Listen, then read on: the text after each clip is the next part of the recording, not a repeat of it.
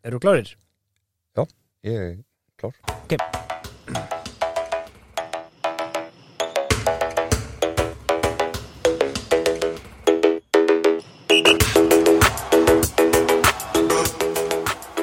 Já, já, tjó, hvað segir Hvernig ertu? Ég er góður, Ekki en þú? Ég er bara smá rámur Ég var að, á körfaldamóti alla helgina Þannig að ég bara byrst ásökun á því Fyrir sann Varstu brjálaður fóreldri eða brjálaður þjálfari? Eh, Ég er bara þjálfari. Búin ekki brjálar Bara til rámur? Já, ég er alltaf kargand og gólandi Ok. Herri, við erum mættir í Tvígrip Jep. Karvan Kortlöð hérna Og það sem tímabili eh, hérna 93-94 tekið fyrir. Mm og það er nóg framöndan í þættinum. Við, hérna, erum að fá tvo viðmælendur Já, ekki síma, þeir mætti í stúdíu okkar í fyrsta skipti fyrsta skiptið. Já, uh, og það er hægt að hlusta okkur öllu helstu veitum. Og karvan.is er með okkur í þessu. Það sem að hérna, helstu stundisjæðlar karvan.is er líkill það sem fara inn á líkill.is og græði bílánið og kristall og söpböi og svo appið góða lengjan. Það sem að hvað? geri leikinn skemmtilegri. Eða ekki. Það ekki? Svo er hérna, erum við með já, mjöð frá Lilla Brugursnu, jólamjöð sem að bara bræðast bara mjög góður, Jólabjörn er kominn. Hann virkar vel. Hann virkar. Uh, Dramakast er á sínustaf, við vorum ekki með það síðast. Það var ekki neitt drama. Nei. við vorum ekki að búa til neitt drama. En það er núna. Og það er í bóði 1966 EHF og Lilla Bruggúsið er með okkur í garðinum mm og bílasala Reykjanes kefbíla.is nú humasalan og margt smátt. Þetta er okkar aðalstunis aðalar Það er ekki að vera endunum nei, Nei. en herðu Jú. 1993-94 Vá. Ég ætla, ég ætla, ef ég Ég er svo stressaður þegar þú kemur með þetta. Þú veist, Ég er bara að fara að svara einhverju spurning og ég munið við hinn og þessu ja, En, ætla, en hvað er með þetta? Ég, ég býð kannastu við Magnús Örn Eyjólfsson? Ekki fyrstu bragði en ekki fyrstu Nei. bragði En þú veist, segðu mig vera ég ætla, ég ætla að spila hérna smá bút af, úr símanum mínum af YouTube. Ok. Við sjáum hvort þú það kannastu ekkert við þetta? Hýttu Á ég kannast þetta? Já. Það var allir að horfa á þetta. Það má ekki mix eða Ekki Maggi Mix En hinn Maggi. Hver? Þetta var Magnús Skeving. Ah, Magnús Já, já. Örn Eyjólfsson já, Skeving. já, já, ok, ok, Já. ok. Þarna var þolfimi að tröll ríða öllu maður. Það sem að allt í hennu dúkkaði upp Magnús Skeving og sko hann fór að sína þess að þolfimi æfingar Já, sem að já, ég stundaði nú ekki, ekki frekar en einhver aður, eða ég veit það ekki hvort einhver stundaði á Íslandi annan en hann. Nei, bara annarlega brói. Já, Já, nema hvað, ég, ég hérna eh, sko hann verður norðanlættamestari 93 mhm. Og hann hefur búið til Seúl 93 þessi tíu bestu í þolfeimni voru. Og hann var hann í þriðasæti svo hann heimsmeistarmóti í Tókjó hann var hann í þriðasæti 93 og 92 verður hann í sjötta sæti í parakeppni. Uh, og hann var náttúrulega Íslandsmeistari hann var engin annar sem tók þátt í þessu held ég, ég veit það ekki, bara, sorry. Hann er eini sem ég hérna þekki í þessu. Já, svo er þetta með þetta. Já, Bara hérna að vera Hægri hnið upp. Já og ég Þetta er bara hérna keppni. Og þú ert bara endar á að vinna eitthvað. Þú veist, ég skil það ekki. Já en hérna þegar var gafri, eh, gafra hérna garfa í blöðunum Já, það var ægilegt mál hjá tollinum og lögreglunni að rússa bátarnir tógarinn voru hérna. Varstu eitthvað í þeim? nei, þú. Nei. Ég hérna Ok, ég var í því. Já, ég segi það. Og við hérna ég og nokkru félag mínu, við fórum hérna nýra höfni Keflavík með fullan. Fullan bíl af hérna alls konar dóti sem við fundum heima hjá okkur. Já, bara tæmdum geimslur og ég veit ekki hvað og hvað og nema hvað, við seldum hérna já, geisladiska hulstur og, og hérna að við týndum ekki diskunum þannig við settum bara hulsturinn. Þeir voru þetta skoðun í sko. Gömul sjónvörp og alls konar drast sem að þeir leta okkur fá fyrir uh, varning sem að er nú kannski ekki til eftirbreytni nema hvað við fengum allir rússahúu líka svona loðhúu það Svo- er vel gert. Já, svo vorum við að keira sagt, eh, frá höfninni og ef fólk er kunnug staðháttum hérna í Keflavík þá er það það sem að Bogga bara er, við höfum náðu að tala um hann. Já, fyrir neðan það, það ekki? Jú, ef við sem að keira upp þar þá bara koma fjóri lögreglubílar uh, eins og sagt er, middle out of nowhere umkringi okkur við erum teknir inn á lögreglustöð og bílinn sem við vorum á, Mitsubishi Colt Já. hann var gjössalega strípaður og Já, það var allt tekið á okkur sem við vorum með og gert upptækt nema við fengum eiga rósahúnar var það ekki bara verðmætasta, eða ekki? á þessum tíma? Já. Þegar ég fyrir 18-19 ára? Nei, nei, ekki þá en samt kannski. Já, já, en ennþá, Já, hún er upp á lofti heima. Já, en herðu, ég hérna við höfum nú stundum rætt handbolta hérna, er það ekki? jú, jú. Og svona aðeins gert grína því sko.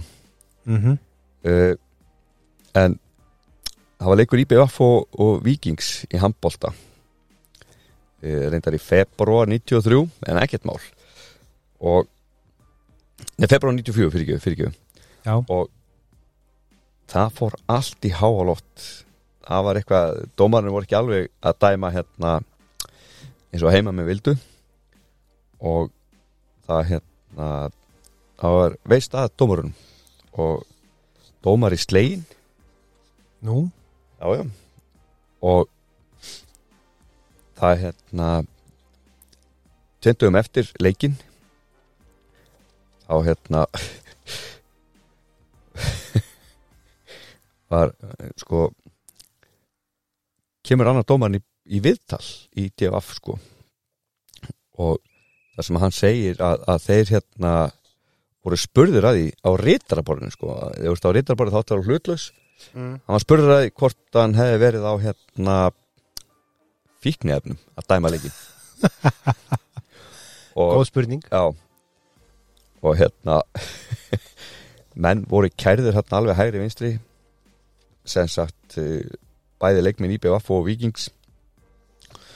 Og dómarinn eins og ég sagði voru með þetta hérna í í fjölmiðla.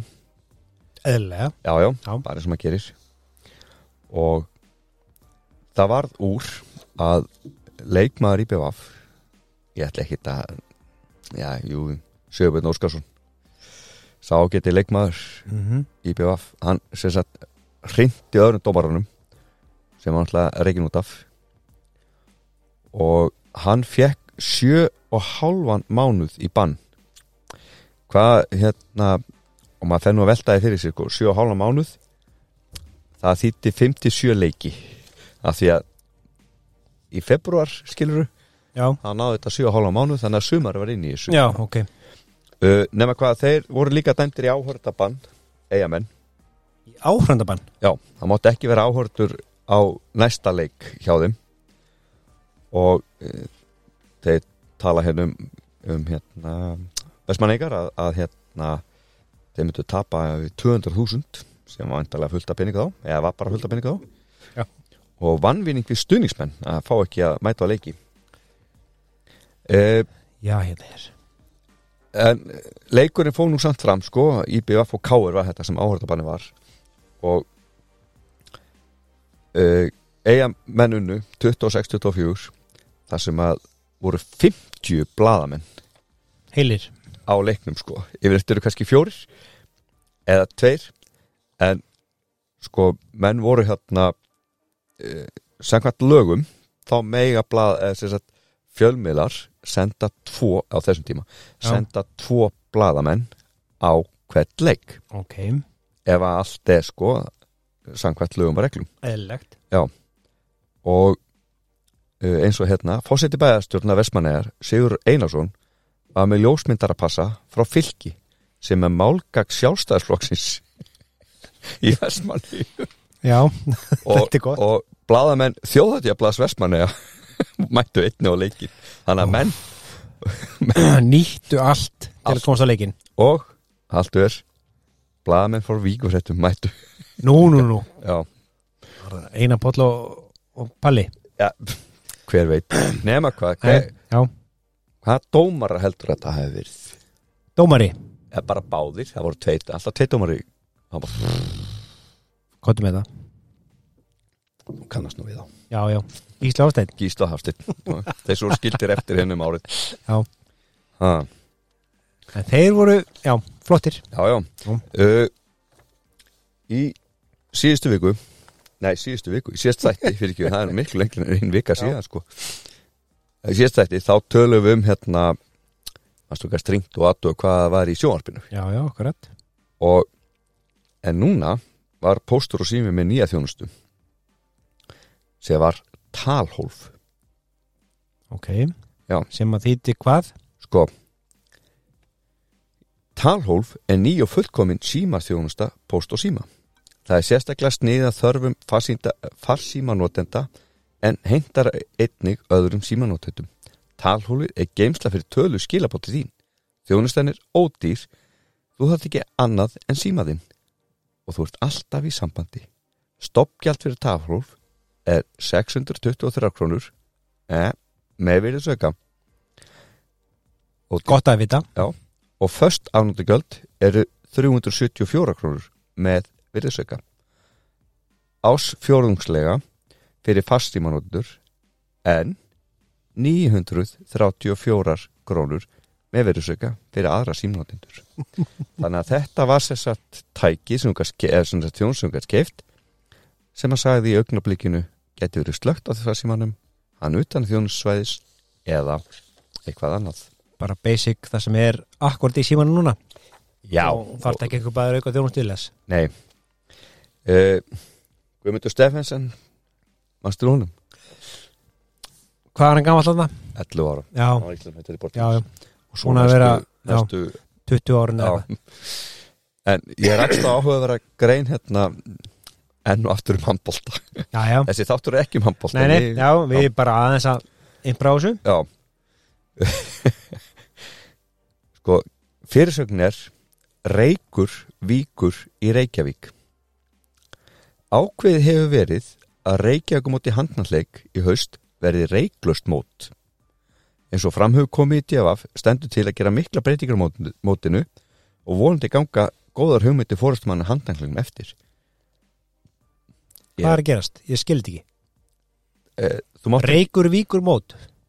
Reykur víkur í Reykjavík.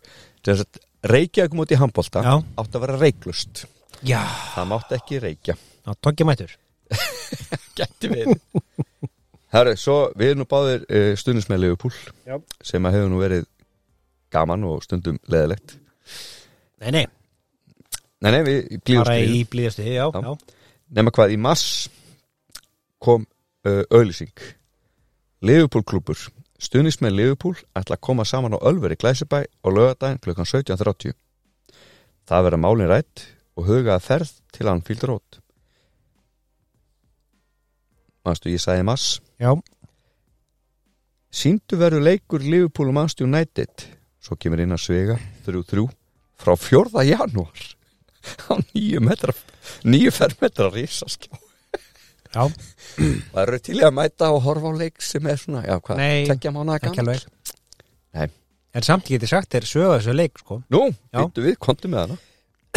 Þá var hérna Þú manns hvar þú vannst í videoleginu Gáðu tjó Já, já, já, það var nú gaman. Þeir voru frumkvöðal Þeir voru með disk á húsinu.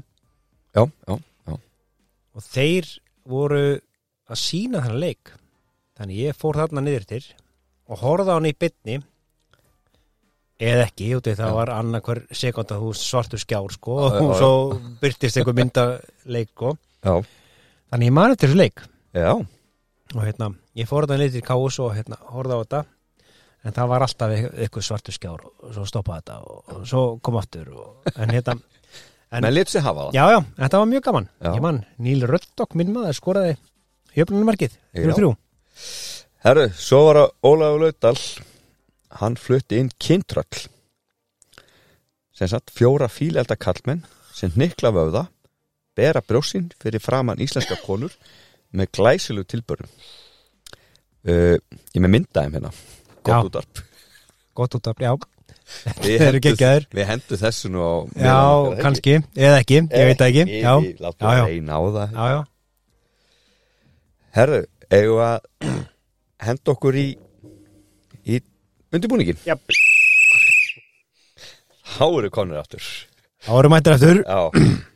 Herru Tímabili 93-94 Síðast þá var Keflavík Íslands og byggamestari er gott ár hérna í Keflavík en sjá hvernig þetta fyrr En hérna Rúna Guðjóns sem hafi leikið með Snæfell úrstildin í Körvalda hann ákvaða að yfirgefa Snæfell að vera í tvö ár þar og fara í haugana hann má segja þessi örugt að ég fari í haugana hans formsatreið eftir. Það verið gaman að koma aftur í haugana mjög uh, þeir hafa mjög skemmtileg líði á að skipa. Maður þekki vel til enda uppalning hjá félaginu, sagði Rúnar. Mástu hann skoraði sigur koruna jú, sem við reyðum upp síðast. Akkurat Nú Jón K.R. og Bó Jonathan Bó, þeir ákveða að vera áfram í Keflavík. Við gerum ráð fyrir að við höldum flestum þeir leikmönnum sem leikum með okkur síðast til kemstjöfil Það er hugur í mönnum og spennandi verkefni framöndan sagði Hannes Ragnarsson sem var orðin formaði kornlæstettar Keflavíkur. En Keflavíkulegum ætlaði einn að taka þátt í Európkeppni, mistarlega og einn í austur Európkeppni um næstu áramót austur Európkeppni Já, það gefur lög setna Já, við komum því senna Nú uh, Njargingar Þeir eh, hérna reyðu þjálfara. En hérna Valur Ingi Myndarsson sem hafi verið með tindastól undan henn ár ætlaði að taka sér þjálfun Njargulisis og það var alltaf gífurlegu styrku fyrir þá. Og einn ætlaði hérna Kristinn Einarsson sem leik með Snæfell að snúa heim. Og Hreðar Hreðarsson ætla að taka fram uh, skóna á ný. Og menn voru bara bjassinu þarna samkvæmt Ólaf Egilsinni formann í Körgastveita Nörgur uh, Nú Hjörtur Harðar hann var hérna ætla að reyna fyrir sér í bandaríkjunum. Hann hafði spilað með keflæk og Falur Harðar sem að uh, Euru Keflæk hann hafi verið námi í bandaríkjunum undan fyrir tvö ár en hann ætlaði að snúa aftur heim um áramótin. Það er merkilegt, kemur ljós á eftir. Já, Svo er eitt viðbótið það. Já. Út í að njárvikingar þeirra ráða val og fá Kristinn og hreyður aftur tilbaka. Þá kom frétt sko í blöðunum. Að njárvikingar eru ekki yfir sér hrifnir að missa alla körfu, körfu knattekstillana til keflavíkur. Já, og hafa gárungar njárvík sagt að njárvikingar ætla að sækja um styrk úr þróunasjóðu samræði þjóðana fyrir að hafa keflingum körnulending já, þeir eru já, þeir eru ekki sáttu við þetta að kefla ekki þeir vinna allt núna. Nei, nei. Nei. Herru, á þingi hérna KKI uh, kom tillega um að banna ellenda leikmenn uh, og hún kom frá haugum í Hafnafyrir og þetta var svona þetta fór sér sett á flug áður en að, að þingi fór fram.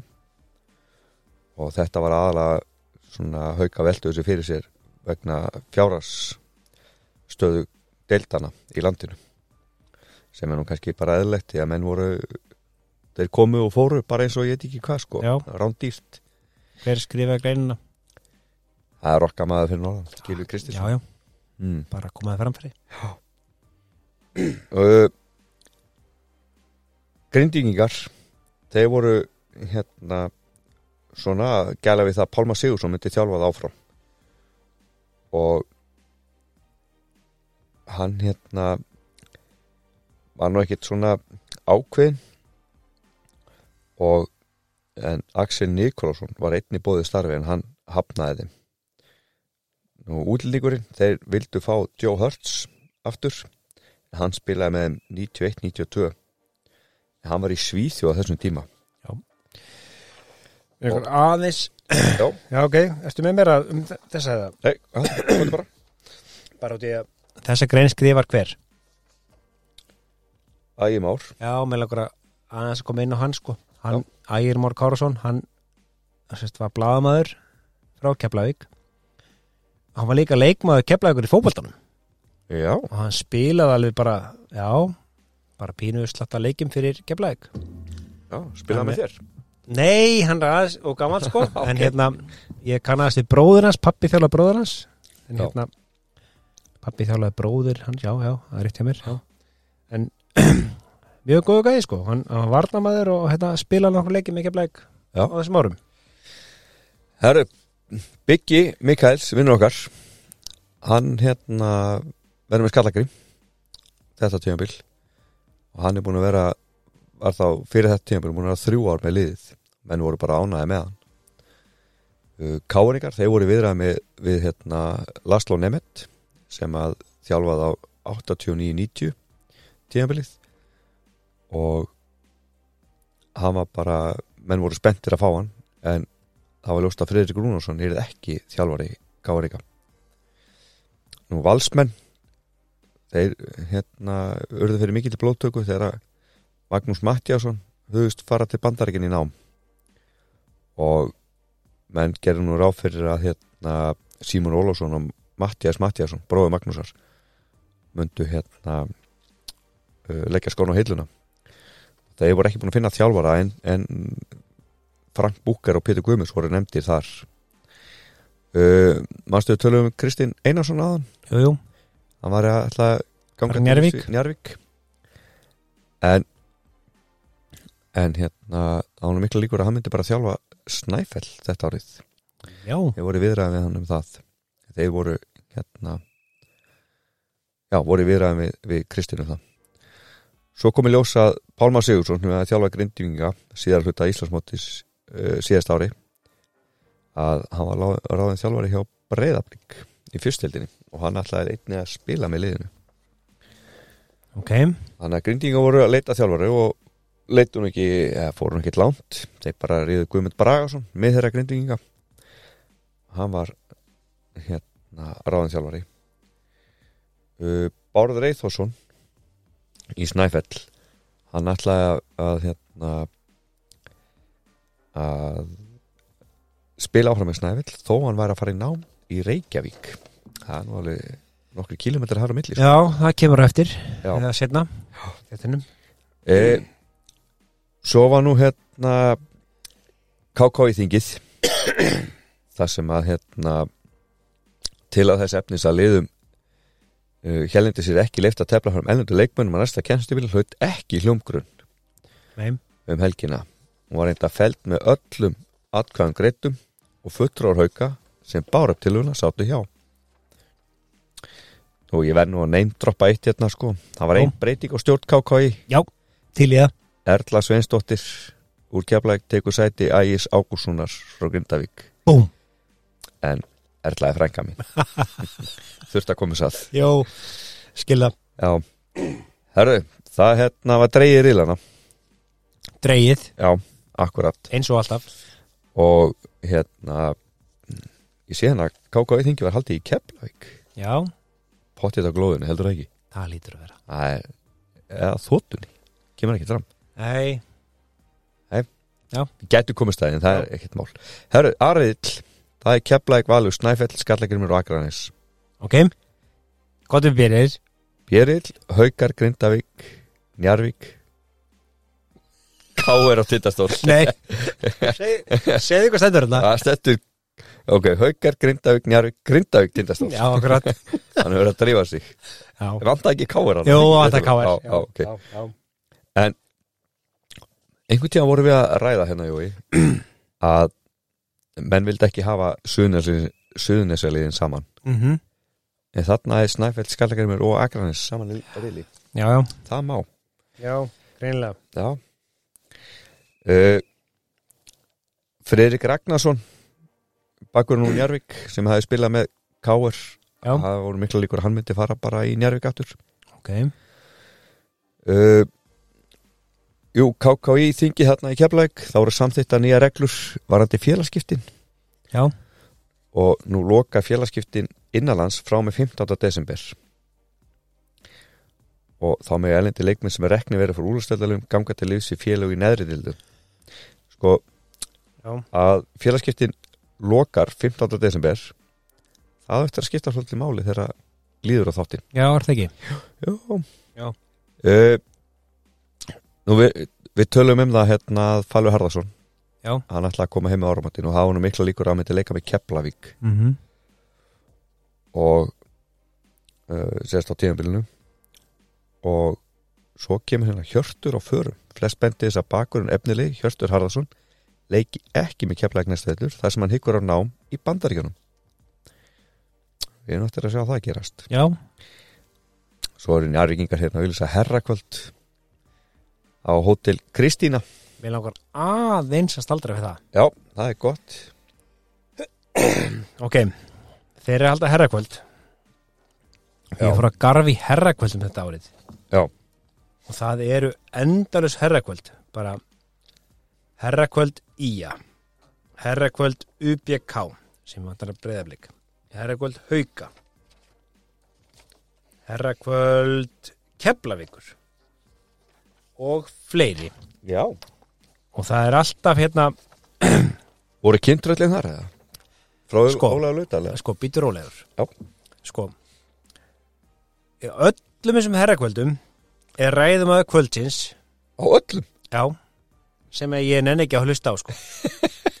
Bara ég ætla að lesa upp í randomið ekki segja hver er hvar. Já. ræðum að kvöldsins Geir Horti, alþyggismæður ræðum að kvöldsins Örsur Skarpiðsson, alþyggismæður ræðum að kvöldsins og sjá það er Davíð Oddsson alþyggismæður já, ræðum að kvöldsins Össur Skarpiðsson, þú veist, þeir eru að flakka mitt eða skiptir svo milli sín. Já, en svo reyndar á einu herrakvöldinu hvar? Í Keflæk Já. þá er sko auglist du, du, du, du, það er búið búið fordrygg kvöldver, kvöldverð og svo kemur kvenkins gestir og í svega aha. Þannig að leið mér að, malli með puttanum já, væntalega en þú veist, Aja. hversu leiðilegt er að fá okkur að já, ég veit ekki, Já. já, alltaf leið þið getið séð atrið í hérna verðbúðinni já, nákvæmlega cirka þætti fjögur já, herðu, Já. svo kom upp En að eitt viðbútt, Já, já, veistu fyrir. hótel, hótel Kristín er eða? Já. Hvað er það? það er baku bílasúlu Reykjanes Já, sko þig vel er gert í þér. aðalstuðningsmaður- Já, nákvæmlega stuðnings aðili okkar hérna Já. Flott í þér. Sponsorinn. Herðu, Já, Það höldum við áfram. já uh, það kom síðan upp hérna að, að Guðjón Skúlason og Keflæk hann hafði átt í viðræðan við nýlega akranin sem að þjálfa og leika með en hann segir hérna það er nú ólíklegt að ég hérna fara upp akranis það er mikið að gerast okkur í Keflæk svo eigum við Kristinn Friðriksson eftir að fara í æfingabúður til bandaríkjana sem er mjög fristandi já, já. Það hefur verið mjög það. Uh, Tindastólsmenn þeir halda áfram að leita í Austur-Európu en forramenn sögurkrókslýsins voru með þjálfara frá Króti í síktinu sem er væntað til landsins. Hann er 48 ára og leka á árunum hinnu fræ og geysi sterka liði Sibona Zagreb í 15 ár og síðustu 13 ár hefur hann þjálfa félagslíði Króti með góðum árangri. Og þeir hérna uh, leist vel á hann bara. Og það hérna uh, þeir voru vonast til að hann geti tekið með sér stóran mann. Að því að Raymond Foster mun ekki leika með tindastól þetta árið sko, Já, það er stórt. já. Uh, svo er nefnt hérna að Snæfell þeir ætla að taka þátt í Eurikefni kefninni Eurikefni byggarhafa að því að uh, þeir náttúrulega fóru í byggarúslinn á síðastíðanbili móti keflæk og töpuðu og en hérna sko keflingar taka þátt í Eurikefni einnig sem og Mhm. haukar en það stendur hérna í, í greinni að umsóknarfrestu rennur út 22. júni sótti maður um bara eða þurfti maður að láta viti með alltaf að taka þátt. Kannski kannski Já, það svoleiðis held ég, Já. frekar já. En hérna á þessum tíma þá var alltaf mikill áhugi á köruboltan Mhm. og þetta, þetta sumar 93 er haldið fyrsta streetball hérna keppni. Streetball keppni Adidas í Reykjavík. Áhugavert. Já, og það voru hérna þáttekundur um þúsund manns. Og þegar mest var voru 6.000 áhörður ég veit ég hvort ég að kaupa en, en ok, ekkert mál. Já, já, en hérna Sigurveri 12 ára yngri. Það voru nú uh, kunnulegna þar allan fyrir okkur. Mm það er Sæmundur Oddsson Davíð Þór Jónsson Jón Hafsteinsson, Nordal og Sæfa Sæfarsson sem er nú þekktastur fyrir að rífa kjátt í söpukvöldu ég er með sög á þessum gæðum ég á líka nokkra sko, ég fór með Já. á Skanjaköp þetta er allt já. saman leikmenn sem að spiluðu fyrir Keflavík Já. í mestarflokki Keflavík já. Þeir sem heita Celtic í þessu móti Já. Unnuta mót Já. Og hérna 12 ára yngri Og ég vona mig að segja þetta En þeir unnu allt sem hægt var að vinna Bara upp úr öllu já, En svo þegar að koma á tapinu Þá kunnuður ekki tapa. Nei, Og fólk sem að þekkti þá Sögðu bara nei Þið eruð ekki okkar bönn við, við þekkjum ykkur ekki lengur. Þannig að þú veist ég man ekki alveg hvernig það kom Hvort þeir einu eða tveimur og setna sko en, en þeir unnu allt sem hægt er að vinna. Já. Svo er hérna í 13-15 ára aldri þá unnu hérna Valur best. Ég ætla bara að neindropa hann hérna Steindur Aðarsson mm -hmm. góðu vinnu minn. Í Kóbói valsari mikill. Hann spilaði með mér körbólta í Guðrúnu í Danmörku. Já, gaman að því. Í gamla daga. Uh, svo 21 árs og eldri í Kalla. Þar þekki ég. Nei, býtu á undan. Já, þetta meina 16-20 ára? Já, þar er bara fótboltingi sko. já, Ólafur Brynjóls og Guðmundur Brynjóls Já, þeir eru bara fótboltagæði sko. já. Já, við höfum nú vantalega mætt þeim upp þegar við vorum, Jú, jú, þú varst að spila og ég á Já, já, bekknum akkurat. Uh, Svo, já, svo 21 árs eldri. Þar er hérna Hjálmurinn mm Einar Baldvin Árnason. Hálmurinn Hálmurinn, sagði- hvað sagði ég? Hjálmurinn? Hálmurinn, já. Einar Baldvin Ég þekki hann. Árnason, ok. Já. Óli Rapp Jónsson Ívar Áskrinsson og Pétur Ingvarsson. Gott lið. Já, ég geti trúið Einabaldur var, með, með, var hérna, fótboltagæði Já. Ég spilaði með hon nokkra leiki og hérna, hann er svona meira fræður fyrir handboltan Já, Virtur lögfræðingur í dag. Já. Og hérna og En svo, já, Gottum hérna Ívar Áskrims, hann er náttúrulega jú, og Pétur Ingvars, hann er að þjálfa kefla ekki dag spilaði með haugum þannig akkurat Síðan er það stúlkur. Það er bara eh, einn flokkur. Og það eru strömbanir og það eru nú þekktar hérna og kefla ekki sko. Júp, Það er Júlía Jörgensen sem er aðstofskólastjóri í Flensborg. Erla Reynistóttir hún er nú gift honum skúla hérna á Karamhúturis mm -hmm. og MBL Kristín Þórrænsdóttir og einn sem við þekkjum bara nokkuð vel. Já. Er, ég ætla bara að kalla hana litla kvikitið, Anna Pála Magnúsdóttir sýsti mín og mákona þín. Já, nákvæmlega. Þannig að þetta tengist allt. Já, já, Ha. já. Þetta er smá grein og við tölum endalast um hana. Ég veit að þetta, já, já, við, við Já, þurfum já. að gera svo skil. Já, já, áhragak Já. Herðu uh, Já, kann nú að taka þetta með þó þetta tengist nú ekki í efstu deild sko. En Rannar Hólm hérna gerist þjálfari Þós frá Akureyri. Og hérna hann hafði hérna lokið meistaragrá í Íþróttafræðum frá háskólanum í Köll og þjálfað þar bæði Karla og Kvennarlið en hann ætla ekki að spila með með hérna Þór, hann ætla bara að þjálfa. Mm -hmm. uh, uh, Peter Jelik sem, nei, Petr Jelik hann, þessi króati hérna hann gerist þjálfari tindastóls og allar einnig að fá hávaksan með þeirra frá Króatíu fyrir næsta tímabil. Uh, Valsmenn þeir reyðu þjálfara en það er engin annan en hver? Ég veit ekki. Uh, Það er ekki komið lag? Jú, ég er að leira, Já, ég er að finna, er að finna. En- Býtu, Hann að hérna, þjálfa kemur það. liðið og hyggst einni leik eitthvað með liðinu?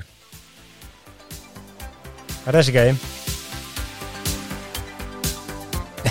Ég bara fann það ekki á þannig Aðeins sveit Já, já. Herru, það er Pétur Guðmusson skrifaði til helgina undir eins árs þjálfarasamningu í úrástöld vals. Þetta er mjög spennandi verkefni sem ég hlaka til að takast á við. Það er ljóst á nokkra breytinga vera á liðinu fyrir næsta tíðabil Magnús, eins og áður er komið fram er á fyrir til bandaríkina og svo er spurning með Símon Ólafsson. En það er alveg ljóst að við erum að styrkja okkar mannskap og við eigum þó margra unga eh, efnilega stráka sem fá örgla sín tækifæri. Í, í dag má segja að forgáðsverknum sé að gangur á samning við elendaleikmann sem kemur til með að leika með okkur næsta vitri, sagði Pétur. Spennandi að fá Pétur til að þjálfa þarna, hann nú ekki þjálfa hann að síðan var með íjar örgulega. Nei, nákvæmlega Uh, Káringar, þeir náttúrulega voru að ræða hérna við Lastló og Lastló ætlaði hérna að ræða við úkrænumannin Artúra Karnisov Karnisov, já. En uh, hann mun ekki koma til Káar og hann gerði uh, frekar samning við Estudas di Madrid á Spáni. Já, Svo í júli þá hérna uh, missa keflingar tvo leikmenn til Grindavíkur. En það er Nökkum Már Jónsson og Hjörtur Harðarsson hafa ákveðið að ganga þetta lýsu Grindavík. Og einni var í kortónum að Einar Einarsson myndi leika með Snæfell eða Akranis og þetta er náttúrulega mikið blóttæka fyrir keflæk missa hérna þrjá menn heldur betur sko. maður.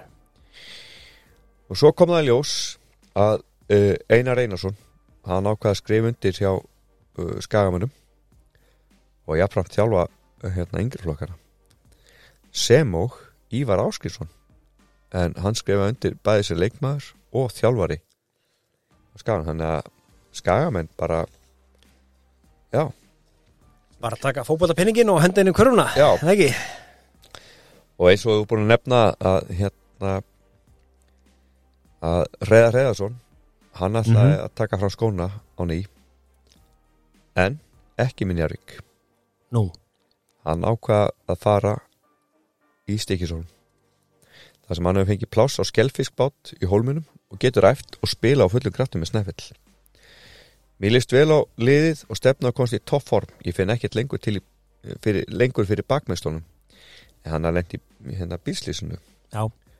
Mjög samt geggjað að hérna ástæðan fyrir að fyrir hérna að hann fekk plás á skelfiksbát Já, það er bara tri, triplað sko. Það er bara eitthvað grjótalt við þetta. Já. En já, flott. bara að vera sjómaður og æfa korra á hullu. Já, Já. Bara, bara vel gert. Mm -hmm. Nú, og þeir sátt ekki öðum höndum hérna í hólmunum því að þeir hérna reyðu til sín elendaleikmann, bandaríkjaman kemur nú þetta fram að hans í kvíturinn Mm -hmm. Akkurat Chip Ernstwales Já. og kom frá Texas það er nú spennandi að fylgjast með honum Já. Tveir og þrýr, en Tveir- samt ekki risi út í Já. Já. væntanlega. Herru, svo kemur hérna í byrjun ágúst Bítur og leður við ætlum að Það eru- Aftur leiðilega fréttir í byrjun ágúst allan fyrir suma Hvað er þetta? Já, ok. Að það var búið að ráða þjálfara fyrir liðið en hann hætti við að þjálfa liðið og hann ætla nú að leika eitthvað með liðinu. Hækkaði bara. Já, ok. Það er í gangi sko. Já, Þannig Pétur Guðmundsson hann hætti við að þjálfa valsmenn. Og Guðmundur Sigurgesson formar Körnardeildar vals hann segir ákveðin Pétur komur sér illa fyrir liði núna þegar æfingar voru farnar að stað fyrir komandi kjenstöpil sem hefst í byrjun oktober við erum búin að ganga á samningi Pétur þetta setur okkur erfiða stöðu og er frekar sárt. Við erum að byrja á því að finna þjálfara svo hægt sé að hefja æfingar segir Guðmundur. Þannig að valsmenn voru bara í, í bölvuðu brasi sko. Já, mér sínst það. Uh, Grindvíkingar þeir fengu já ég man vel eftir þessum gæða sko. að dutti lukkubóttin hefur fenguð hennar kanna. Ok, Wayne Casey. Já, uh, hann var bara 25 ára gamall 1.88 á hæð og öflug þryggjastæði skitta og að sjálfsögðu var að búin að vera í æfingaprogrammi hjá NBA-lið en ekki hvað? Sacramento Kings. Nákvæmlega. Eftir að setja þessa leikmanns á myndbandi er þarna góðu leikmar á ferð sem er mjög eh, fjölhæfur hann kemur í næstu viku og vonandi verða hann út kemstjöfli en við erum mjög óhöfnum ellenda leikmenn ok í okkar herbúm sem Guðmundur Bragarsson þjálfur grindvinga sem er náttúrulega alveg satt. Þeir höfðu verið frekar óhöfnir og oft ef ekki leik eh, hérna endaði að fá Dan Krebs. Já, enn og aftur en, Já. hérna. Já, uh, Nú landslýstjálfan í Körbólta Tóri Magnússon hann tók að sér að þjálfa leiknismenn í breiðaldi í fyrstildinni Ég langar aðeins að minnast á það Já. Bara svona án að segja viti neitt um þetta Það stendur hann ákvað þjálfa leikni Já. og leikni mun leiki fyrst deild í vetur Já. en félagið hafnaði öðru sæti í annar deildinni fyrra eftir að hafa tapað í ústaleiknum fyrir liði IKI Mér langar að vita hvað liði IKI er IKI, já, því að þegar ég var í íþróttskólum þá heit liðið mitt IKI er það ekki bara það? Já, ég er að spáð, þú veist, máttu veist, Og þeir hafa vindalega ekki máttfari Já, IKI gaf hins vegar fyrstil sætið frá sér vegna fjártskorts og leiknir fóru í staði upp í fyrstildina Já, það er pottið svoleiðis. Já, það er skemmtilegt sko. Allt, allt hægt í Já, þessu. Já, nákvæmlega. Uh, Það eru skagamenn, nýleganir Jep. Þeir ákveða að fá sér serpa 26 ára gammal serbnesku miðherri Soran Garviljevic Kóttum benda, áttur Gar Gavriljevic eða ekki Þeir svo kvallaði bara Soran. Já, já, Soran, það er hljóma betur. En Hann hafi verið fastamæður í bjelansli í Júgoslavi meðan það var á hétt Já, Já, já.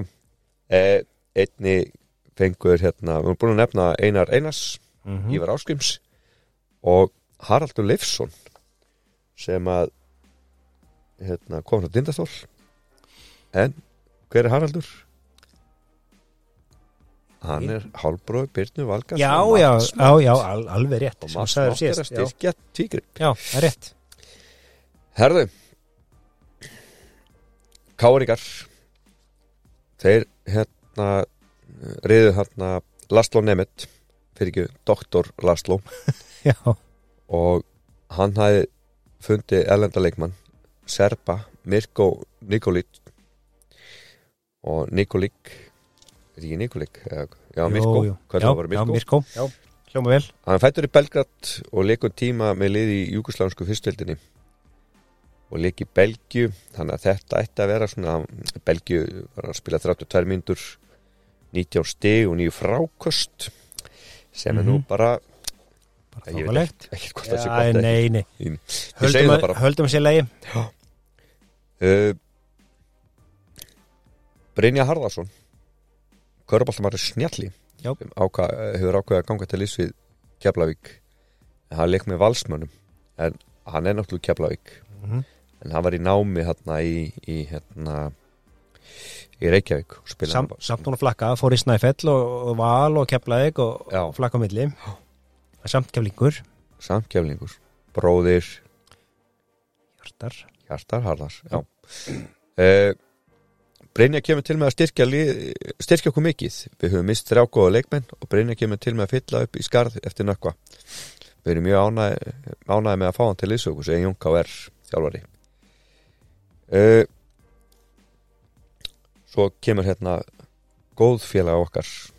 Góðum vinn bara. Mm -hmm. Sverrir ég þól ekki þannig að kalla hann Sverrir Sverrisson. Hann heiti Sverrir. Þór.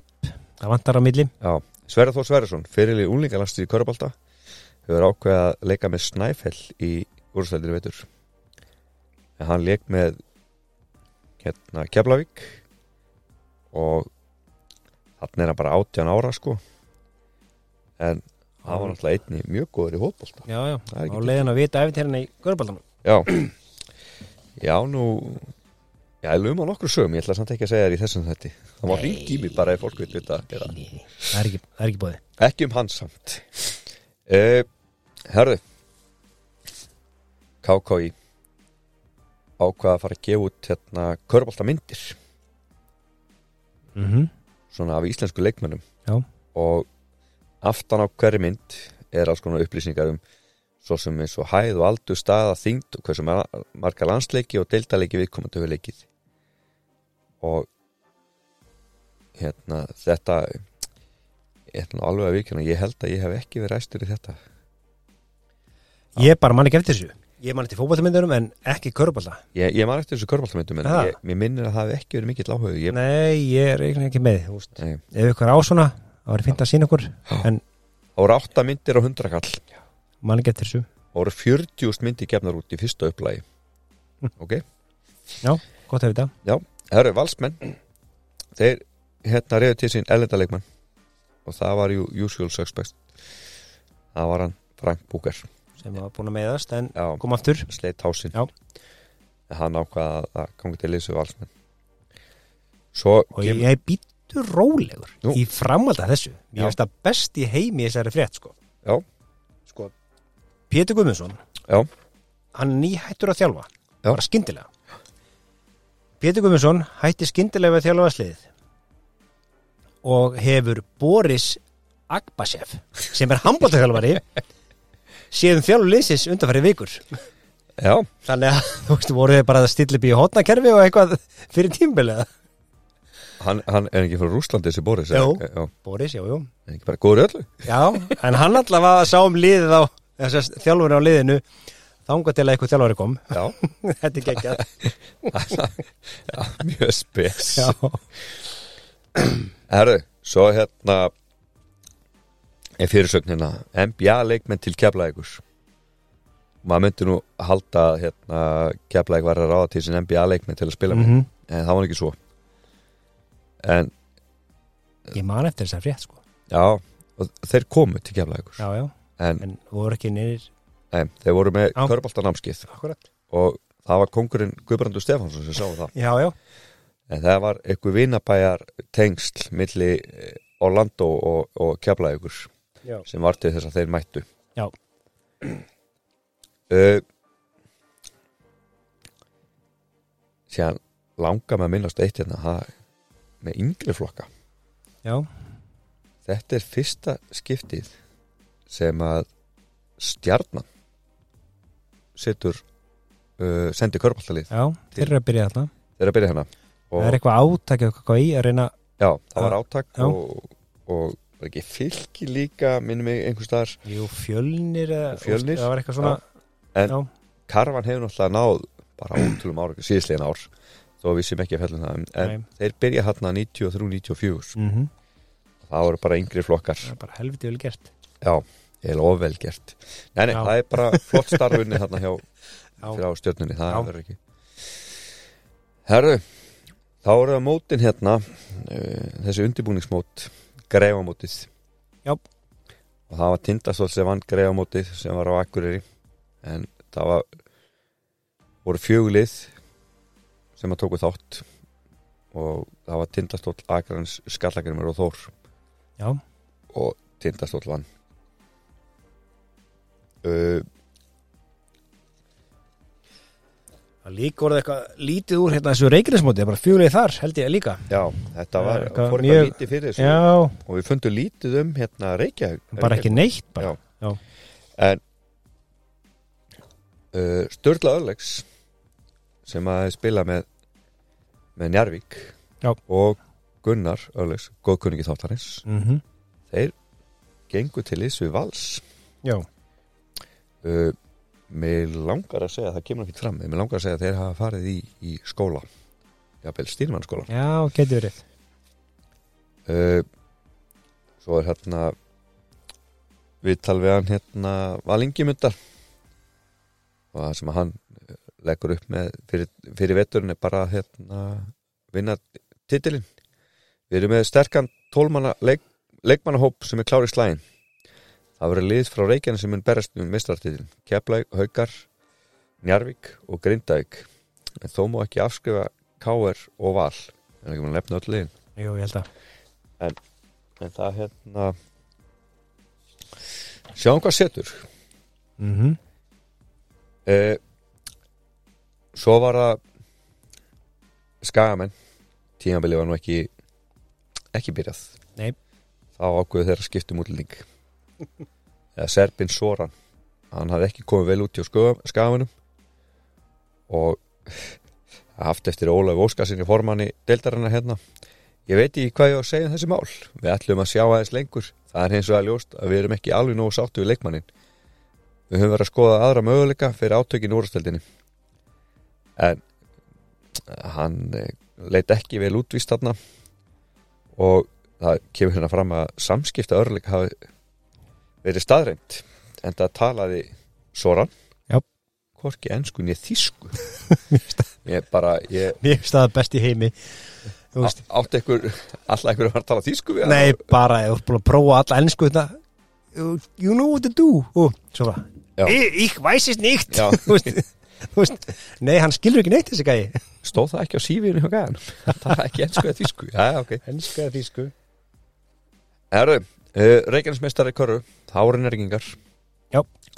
Þeir unnu keflinga í úslitaleg mjög auðvöldlega, 118-88 og þeir töpuðu, njari tapa bara einu leik á mótunum, hálfum til Grindæk svo kemur hérna fram að ekki fengur njárginga afhend Reykjanes byggarinn því hann var ekki á staðnum og fegst engin skýring á því.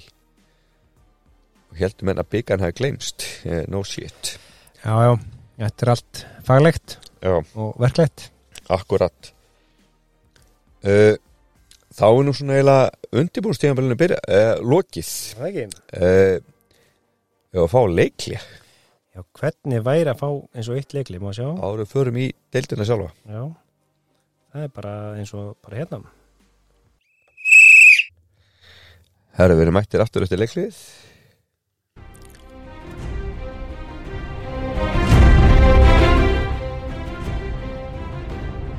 Herðu þá er bara veturinn að nálgast. Og þá þarf maður eiginlega landrótu skafari fjögur.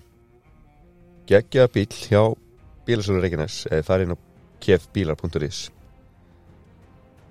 þá er þessi bíl sko, ég hef sittið í þessum bíl. Er þetta rafmagsbíl eða? nei, nei, nei, nei, Nei, nei, ok. ekki drama, þetta er bara alvöru landrót Endur alltaf rafmagn að fara úr sambandi núna. Já. Uh, ég satt í honum þegar allir vegir voru lokaðir frá Keflavík yfir henni í burtu. Ok, Ég fór suðustanda vegina eins og bíl. Ekki sem dræver, heldur bara sem farði og hann óði gegnum alla skabla og allt, það var notabenni rauð lína á vegagerin.is en þessi bíl Land Rover Discovery farði hjá Sigga á hjálfum, hann er nýskráður 2011 hann er rétt búið að tilgera 220.000 já, hann er dísel sjálfskiptur 5 dyra, 7 manna og fjórar 990 þetta er gjöfin ekki gjald. Heldur betur. Þannig að ég mæli með þessum bíl hjá honum Sigga góðkunninga þáttaris Já, en herðu, að köruboltanum Já. það hérna uh, spá leikmanna fyrir Íslandsmótið. Uh, Njargingu var spáð efstasæti og þar ætti komið kemlingar haukar, grindvíkingar valur skallagrimur í sjötta sæti Káar, Snæfell, Tindastól og Akranes í neðsta sæti, tíunda sæti. Já, og uh, spá íþrótta frettamanna, hún var bara mjög svipu ég nenni ekki að fara yfir það eins og sko. Nei, þetta er svo eðlilegt og sérstaklega á því að skaganum er spáð tíunda voru að koma upp og hérna. Já, menn veit ekki, veit ekki neitt hvað er gangið hérna. Voru að láta útlingi sinni fara Já, já, uh, Soran. Já. eitthvað. En það er vittal hérna við Jón K.R. Uh, þjálfara Íslands og byggamestara keflægur sem að eiga titil að verja að bá tveim vikstum mm ég er ekki viss um að lið okkar veikist við þetta en því engi þeirra sem fór var í byrjunarinu Brynjar er komin og Sigur Ingemyndarsson konum forman í eftir að leiki lítið í fyrra. Og svo eru ungir og sprækir leikmenn sem bætast í hópin ég á þó vona að þetta verður strempin vetur hjá okkur. Við vunnum töfaldi fyrra og það þýr að önnulið gera allt þeir geta til að vinna okkur. Þannig að Jón Kári var bara nokkuð bjassitt fyrir tímabilið. En samt og það er allt ekki fram í lógreinarnar komni fardir Já. farða að segja hverju fardir eh, Já, við erum búin að nefna Einar Einars, Já. Hjörstur og Nökkvi. Já. Og vantar, þá vantar ekki hvernig það farinn? Já. Hver? Sverrir Þór Sverrisson. Já, sko af hverju er hann ekki talin upp þetta þú veist hann er talin samt komin í öðru liði sko Já. en ekki farin þaðan. Nei, hann var ekki í mestarflokki já ok. Hann var nefnilega bara í úlingaflokki. Já. Já já ok. Ég brjálaða samt sko. Já. ég er reyður fyrir hönd okkar manns Uh, svo er það hauganir það sem að þeir ætla að hérna, koma við fyrir, það er bara forast fall sko. Og Ingvar Jónsson þjálfari hauga segir hérna við erum í geysi sterkur riðli og sem er nú mun sterkari á pappirum en hinn. Og mér sýnist að kandidatar á þessu riðli verði Íslandsmeistarar. Og hann ætla nú bara að reyna að byggja upp liðið sitt. Ég ætla samt að að segja eitt er viðbót frá honum. Hann tekur fram hérna sko að þá held ég að lið íja að ég eftir að gera ágæta hluti og það getur enginn búka sigur á móti þeim. Í, sem að væntalega eftir að reynast pínur rétt í um og sjáum já, sjáum til. Uh, Grindvíkingar að hérna Guðmundur Bragarsson segir hérna við erum unglið í höndunum sem er talsvert breytt frá því í fyrra þannig að maður veit ekki alveg hverju var að vona á. Þessi strákarleginu eru mjög sprækir og lofa góðu og vonandi ná að stilla sama strengin okkar.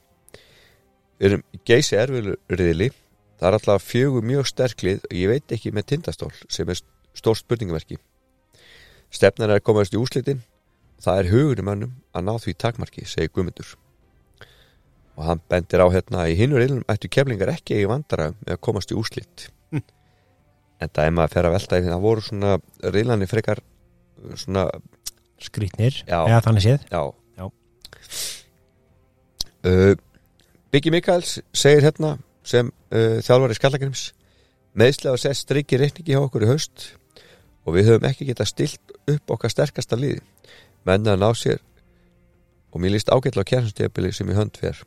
Við höfum mist þrjá leikmenn og fengið nokkra í staðin og uh, Birgir ásand Ermalinski Gunnar Þorstessin og Þorri Jónssoni hafa áttu í meðslum að stríða þetta haustið og Ermalinski hann var búin að vera mikið meittur hann gæti ekkert uh, æft þarna einhverja mánuða undan sko.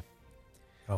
þannig að, að að það verður spennandi að sjá hvað þeir gera sko. En hérna með okkar mann Bigga Mikaels, eins og við Já. þekkjum hann vel.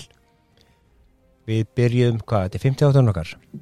Var það ekki bara í fyrsta þætti sem hann var? Á leiðinni norður? Er hann ekki bara 23 þarna eða eitthvað? Já, hann var ekki gamall sko. Já, þú veist, ef að hann var helviti góður sko já, veist, ef hann var 16, 17, 18 ára þegar þósar var að krukki í honum og hann var að segja nei Já. mann finnst það ekki skrítið núna um það, sko. kannski ekki, við vissum ekki hvað hann var gamall. Nei, nákvæmlega, Nei, við vorum- ekkert að pæla í því Nei, Já, en, hérna, já En hann er allavega að þjálfa þarna og búin að vera í þrjú ára núna með skallir, eða ekki? Já. uh, Kristinn Einarsson þjálfari Snæfells ég er hóflega bjassinn á gengi Snæfells í vettur við erum með nánast nýtt lið frá því fyrra og það tekur tíma að ná saman. Ég á vona á meiri spennu og skemmtilegu körbálta í hinurinnum þar sem bara átt að vera gífurlegum tvö efstu sætin það er eiga lið öll lið nema tindastól góða möguleika. Það var, er hrikalega uh, það var hrikalegt fyrir það að vera í þessu reyli segir Kristinn Einarsson. Og hann segir bara hérna að takmarki fara að herra sko og komast í úrslikefna Mm það veit vera hóver þó að það hefur unnið vesturlandsmóti sko. Hver er komnir? uh, uh, du, du, du, du. já hver eru komnir? Já. það var eins og við Chip. Hjörleifur frá Breiðablik Reyðar frá Njárvík Sverri Þó Sverri. Akkurat, hann er kominn en ekki farinn. En býtu Já, ég veit það. Þorvari Björgvinsson frá Breiðablik. Já. Hann spilaði með mér í Danmarku Já. Það er eftir, eftir að tala mikið um Ég er að segja ykkur það Við erum með legend inn í stúdíunni Já, já. Herðu, njárvíkingar þeir ætla sér stóra hluti í deildinni. Ég veit ekki hversu sterkir við verðum í vettur Við höfum ekki verið samfærandi það sem af er þráttur að höfum unni reykjarnismótið og kemlinga þar með tíu stega mun. Við höfum sérstaklega verið ósamfærandi í sóknarleiknum. Hann að segi Valur með hann hefur miklar áhyggjur í sóknarleiknum sko en hann, Mhm. hann á að vona því að björið verið tölvöðu sterkari sko heldur en heldur en aðriðil og það er nú lítil breyting hérna það er bara Gunni og Sturlaðuleg sem hafa farnir sko.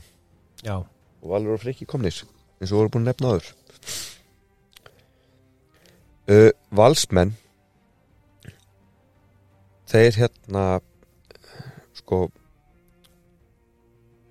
voru í bölvuð brasi þarna sko. Við höfum mist nánast allt byrjanlega frá því fyrra og ég er með nýttlið höndunum skipa ungum öfnölu leikmannum allt í 50% árangu verður að telja skott. En við ætlum ekki að setja sæti í úslikefni sem takmark sem verðum að ná ég vill ekki setja miklu pressu á strákana en það er stemt á úslitin segi Frank Búker sem að búa taka við sem þjálfari af Boris. Þá vantarlega þannig að já, vantilega hann þarf að fara hætta að láta spila Cairo í Já. vinstri hóttinu þannig að þannig að Búkerinn tók við. Já. engi munur að fá bandarskan eða, rúsneska þjálfara. Það er ekkert mál. Hvað það er körbólta og handbólta þjálfara. Já, Er, en hann vil tilenga hérna Jón Pál Sigmarsinni þetta ár hjá Val. Já, en það uh, hann, hann uh, dóan hann um árið. Já, árið árið. En hann á vona að, að hérna kepla ykkur skallakennum verið svona uh, bestu liðin hann í þessu reyli mm uh, síðan er Pál Kolbjörnsson hérna já, tindastól. Það má segja við séum þrý reyndir ég, Sverrir og Króatin veit hann ekki hvað hann heitir ekki. Og mikið ungu strákum. Við leggjum allt traust á þjálfaran að hann geti móðað úr þessu og hjálpa okkur að halda sæti í deildinni. Það er aðal markmið möguleiki okkar á sæti í úsliðkefninni afa litlir. Ef við hugsaum finnst og fremst að byggja upp nýtt og ungt lið segir Pál Kolbens þarna. Það kom reyndar í frétt nokkru áður sko að Sverri var að taka aftur um skona já það er Sverrir. Já og þá kom fram líka þetta er Sverri Sverrisson, bróðir Eyjóls sem spilaði já. Stuttgart. Þannig að þú veist að það er að taka fram hver hann væri hann væri bróðir Eyjóls Já. það er minnst þarna á hver eru farnir. Karl Já. Jónsson í hött. Já. Karl spilaði með mér í Guðrúnu í Danmarku Vá, þú ert komið bara ekkit endalega gott liðið hérna. Ég er rétt að byrja, getur sagt. Já, hvað eru 20 manns að það? býtu bara, Já, ég býð ég var náttúrulega í átt ár sko, hann Já, fór reyndar, já, fram- ok, alltaf leið, alltaf leið fór ákveði fjöldi Já. manna hann í gegn sko. Herðu káningar uh, þeir náttúrulega voru búin að fá hann að serpa hann sem að uh, Laszlo, Dr. Laszlo hann að Mirko var komið með og hver var líka komin? um, Já. David Grissom uh, þetta var örgulega mjög erfitt en takmark er að komast í úslit við erum í svakalega erfiðu reyli sem bæði Njarvík og Grindæk eru mun sterkari enn í fyrra Haukar hafa góðulega að skipa eins og Tindastóll sem er þó óskrifa blað en er með ungt og efnið hlið segi Guðni Guðnason fyrirlið K.R. Þannig að að finnst menn ekkert rosa bjassínir Nei, til alltaf eða að tala sér nýður eða eitthvað, ég veit ekki alveg. Já, getur verið sko. Uh, Skagamenn Það er hérna Ívar Áskrims sem sendur verið svörum. Okkur, er geng, okkur, er ekki, okkur hefur kannski ekki gengið voðalega vel í æfingarleikunum en mér sýnist að vera að smetla hjá okkur. Við unnu borgarnas með 23 stega mun í Vesturlandsmótur á dögunum. Annars hefur verið að tapa eftir framlýnda leik í stikisónu og með 5 stegum mun gegn borgarnesi. En þess ber að geta að þeir náttúrulega voru með skelvilegan hérna útlýting Já, hvað hérna, Soran? Jó, Soran. Við kunum ekki eftir namnið svo er hérna ára deildin byrjað það er svona, já, þetta verið vísadeildin. Hún mun heita það í vetur. Mm -hmm. og uh, dómaranir þeir eru eftirtalnir. Átni Freyr, Bergur, Björgvin Einar, Einar Þór Helgi Braga, Jón Bender, Jón Ótti Ólafsson, Kristinn Albersson, Kristinn Olskarsson og Vílundur Sverrisson. Við komum Bet, já, betur en þá eftir. Já, er það ekki? Heldur betur maður. Svo er aðeins stikla á sögunni hérna e, IKF Íþjóttafélag Keflækur Keflæk Keflækur flugvallar sigur á fyrsta Íslandsmóttunni Körgnalleg 1952 en IKF var síðan að Njarvík þannig að hérna Já, svo er talað um að Íslandsmótið, fyrsta Íslandsmótið fór fram í Írtorsson og Keflækur flugvalli en hún var nú ekki bara marga fiska þessi aðstæða sko. Og njárgingar æfðu í krossinum sem er sem sagt braggi, eða var, Mhm. gammal braggi. Samkomhús fyrir aftan það sem netto er núna. Já, það er minnismerkið maður núna. Uh, svo er hérna stutt viðtal við hérna þá fyrir norðan á Söðagróki að hérna Robert Bunchik sem er ekki svona Robert Bunchik Jú, Hljóma vel. Sem er sér satt uh, krótiski leikmaðurinn og þjálfarinn Peter Jelik. Mm -hmm. en þeir vakna klukkan 6 og mæta á æfingar á mótnana þess að þeir hafa tvisardag Ekki bara þeir, brattir allir. Já, Já. Passaði Já. En þetta á kannski eftir að koma þeim um koll, ég veit ekki. En við munum stótt aftur sinna já, hver veit sko. Já. uh, já, svo bara hóst tíðabilið og Eru bara komin í, við erum bara byrjar í tíðabilinu er það ekki? Ef við að fá eitthvað meira krassandi þá eða? Er það ekki? Það skoða þetta. Já, þú hlýtur að vera með eitthvað gott. Bítur og lögur mm. Nei, nei ekki neitt, Nei, nei, bara, þá bara held ég áfram já, er með þetta? uh, keflingar sem voru náttúrulega hérna, Íslands og byggamestarar þeir fóru í Borgarnes og uh, það sem að heimamenn sigruðu ég veit ekki hvort maður er að segja óvænt eða ekki, væntalega óvænt sko. en sko undir lokleiksins þá hérna, þurfti Ermalinski að fara út að hann misti sig. Sem og Birgir Mikaelsson hann fekk fimm villur, þannig að þeir voru báður út af. Mm -hmm. En Jón Kári Gíslason minkaði munin 87-85 þegar 37 sekundur eftir. Og Borgensinga mistu boltan þegar 9 sekundur eftir og broti var á, Kitta Freiriks þegar 3 sekundur voru til leiksloka. Hann gæti eh, jafna með það skora báðum skotunum. Og fyrir skoti geigaði og það síðar að fór niður. Og þeir náðu síðan frákastan og grýttu bara boltanum með alla vöglin sko, Ella Já, en þeir fögnuðu eins og hefðu verið, já, fögnuðu vel, getur við sagt bara. mm -hmm. Nú, KKÍ sá sig knúin til að koma fram leðréttingu vegna kostunarsamning Vísa Ísland og KKÍ um Vísaldeild Íslands í Körgnatlegg 1993-94 var við semt að samningurinn væri til fjör ára. Ég rétta er að hann var gerð til eins ás en Vísa hefur forkaupsrétt á hann næsta ári. Þannig að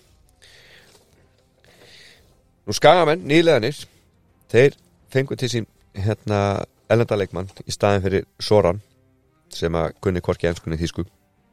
Og það var Dwayne Price. Og hann leik æfingleik með í að gegn leikni. Síndi nú ekkert mikið en skoraði 20 stík það sem að skagamenn unnu 148 og uh, Einar Einars sem einni hefði komið til skafina frá Keflavík hann var ekki verið löglegur þarna. Uh, svo var fyrsti leikurinn í hérna úrástöldinni hjá skafunum, heimaleikurinn. Það gerði þessi lítið fyrir og, og hérna unnu valsmenn. 89-88 í æsileik æsi spenduleik en það kemur hérna fram að Dwayne Price átti afskaplega dabaran dag og kem ekki óvart eða látin fara. Fyrsti leikurinn sko. Það er, Já, það er ekki gott. Nei. Uh, við höfum ekkert tíðan minnst á hérna mistök og reytaraborðin þau jú. áfram þegar að uh, reytar að leik hauka og njörg gerir mistök í fyrirleika hann glemt að skrá eina körf á heimamenn. En það kom ekki að sök. Svo rannað þetta. Uh, Pótt Kolbins hann hérna var alltaf fyrir kámaríkur mm -hmm. ég hérna við erum að fjallum hvaða tíðabil 93-94 Mhm. og þarna er komið inn í veturinn 93 Já. Pál Kolbjörnsson leikmaður tindastól og finnur Káriku fekk afhenda silfur platta frá Kári leikli á sundarskvöldið ástæða var svo hann var kjörun íhjöldum að Kári kemstíðabilið 1989-1991 jájá, betra sent en aldrei eins og stendur hérna sko. Ég er að hugsta bara svona kjartan henni stæl Já, eins og var í sumar Já, hvað gerir hann? Langar ekki að raskat í þetta Nei, Hætti þessu. hann hefði engan að hóa þessu Já. uh, Svo kemur hérna að það er mikil samkeppni í sjónvarpi Mikil samkeppni ríki nú á milli handkvæmlegsamband Íslands og körnlegsamband Íslands á mörgum sviðum enda bítast handboltin og karfan nú harðar um aðtekli almennings og fjölmila en nokkuð sinnaður. Þetta endur speglast fyrir síðustu helgi þegar til stóð að sjónvarp beintleik hauka og njarvíkur í ríkisjórparnum á lögadaginn. En þrándur var í götu, nefnilega sá að á sama tíma og leikurinn þurfti að fara fram vegna útsendinga var handbóltaleikur sama, í sama íþjóttásu milli kvennaliðs hauka og vikings. KKI var sífelt að tilkynna breytingar á leiktíma hjá haukum og njarvík eftir því hvort beina útsendingu væri beina sendingu væri inn eða út og í einu sínbrefi uh, á einu sínbrefinu frá KKI var tilkynnt ástæði að HSI að þið neita að fresta handbóltaleiknum nefnilega tvær greinar ættu í harðri samkjafni og því kæmi ekki til greina að færa handbóltaleikin svo karfan kæmi staði sjó Ég veist að grjótar hjá hósi Já, þeir eru harðir? Já, en litir í þetta er samt fyndið. Já, já. Nei, ég færðum ekki neitt. Ekki að ræða það. Uh, Við höfum nú rætt eitthvað hérna áföllin hjá Val og þau Jú. heldu áfram. Já, uh, kemur stór fyrirsögn hérna. Mattias Hættur. Ég var skorun upp við bakmeisli eftir síðustu sékeppni og hefur verið mjög slæmi síðustu þrjár vikunar Það er orðið spurningum hvort maður fórn í bakinu fyrir áhugan eða öfugt, segir Mattias Mattiasson, körnhallæst maður í val. Hann hefur ákveðið að leggja skón á hilluna og hætta. Ég var ekki slæmur í byrjun tíðanbils en síðan hefur þetta vestnað það er mjög erfitt að taka þessa ákvörðu núna þegar strákan í liðinu vegna strákan í liðinu en það má segja að liðið sé miðherralaust það má kannski segja að ég hef átt að byrja hefði ekki átt að byrja tíðanbilið en staðan var þannig upp að kennstíðanbilið að þetta var ágætt. Ég átti ekki vona að þetta myndi vestna svona mikið. Þannig að þeir mistu sinn eina miðherja stóran post Já, í orðsins fylstu því að þarna var náttúrulega uh, þetta er ekki svo í dag þar sem að stórmaður er svona kannski ekki eins mikilvægur eins og var þarna. Uh, Sigfús Gissurason uh, haugamaður hann á eftir að hérna sko því ég var að fara yfir þetta þá finnst mér nafn hans ansi oft koma fyrir það sem hann var já, Hvað viss hann? já, settur. Eitthvað bras, já, hann var, hann var ekki eh, góðvinnu dómaran, jú, þeir voru alltaf í samskiptum Mm -hmm. en Seifúr Skifrjónsson, haugamaður fekk á sér tæknuvillu fyrir að slá valsaran Guðmund Guðjónsson og var ekki styrtur í vikið. Dómari sögðu uh, slíkt því tveggjalegja bann og þeir munu senda skýslu til aga og agarendar sem kveðum úrskurðin þannig að Já, tveggjalegja bann. Við þurfum að býða sjá. Já, við sjáum hvað setur.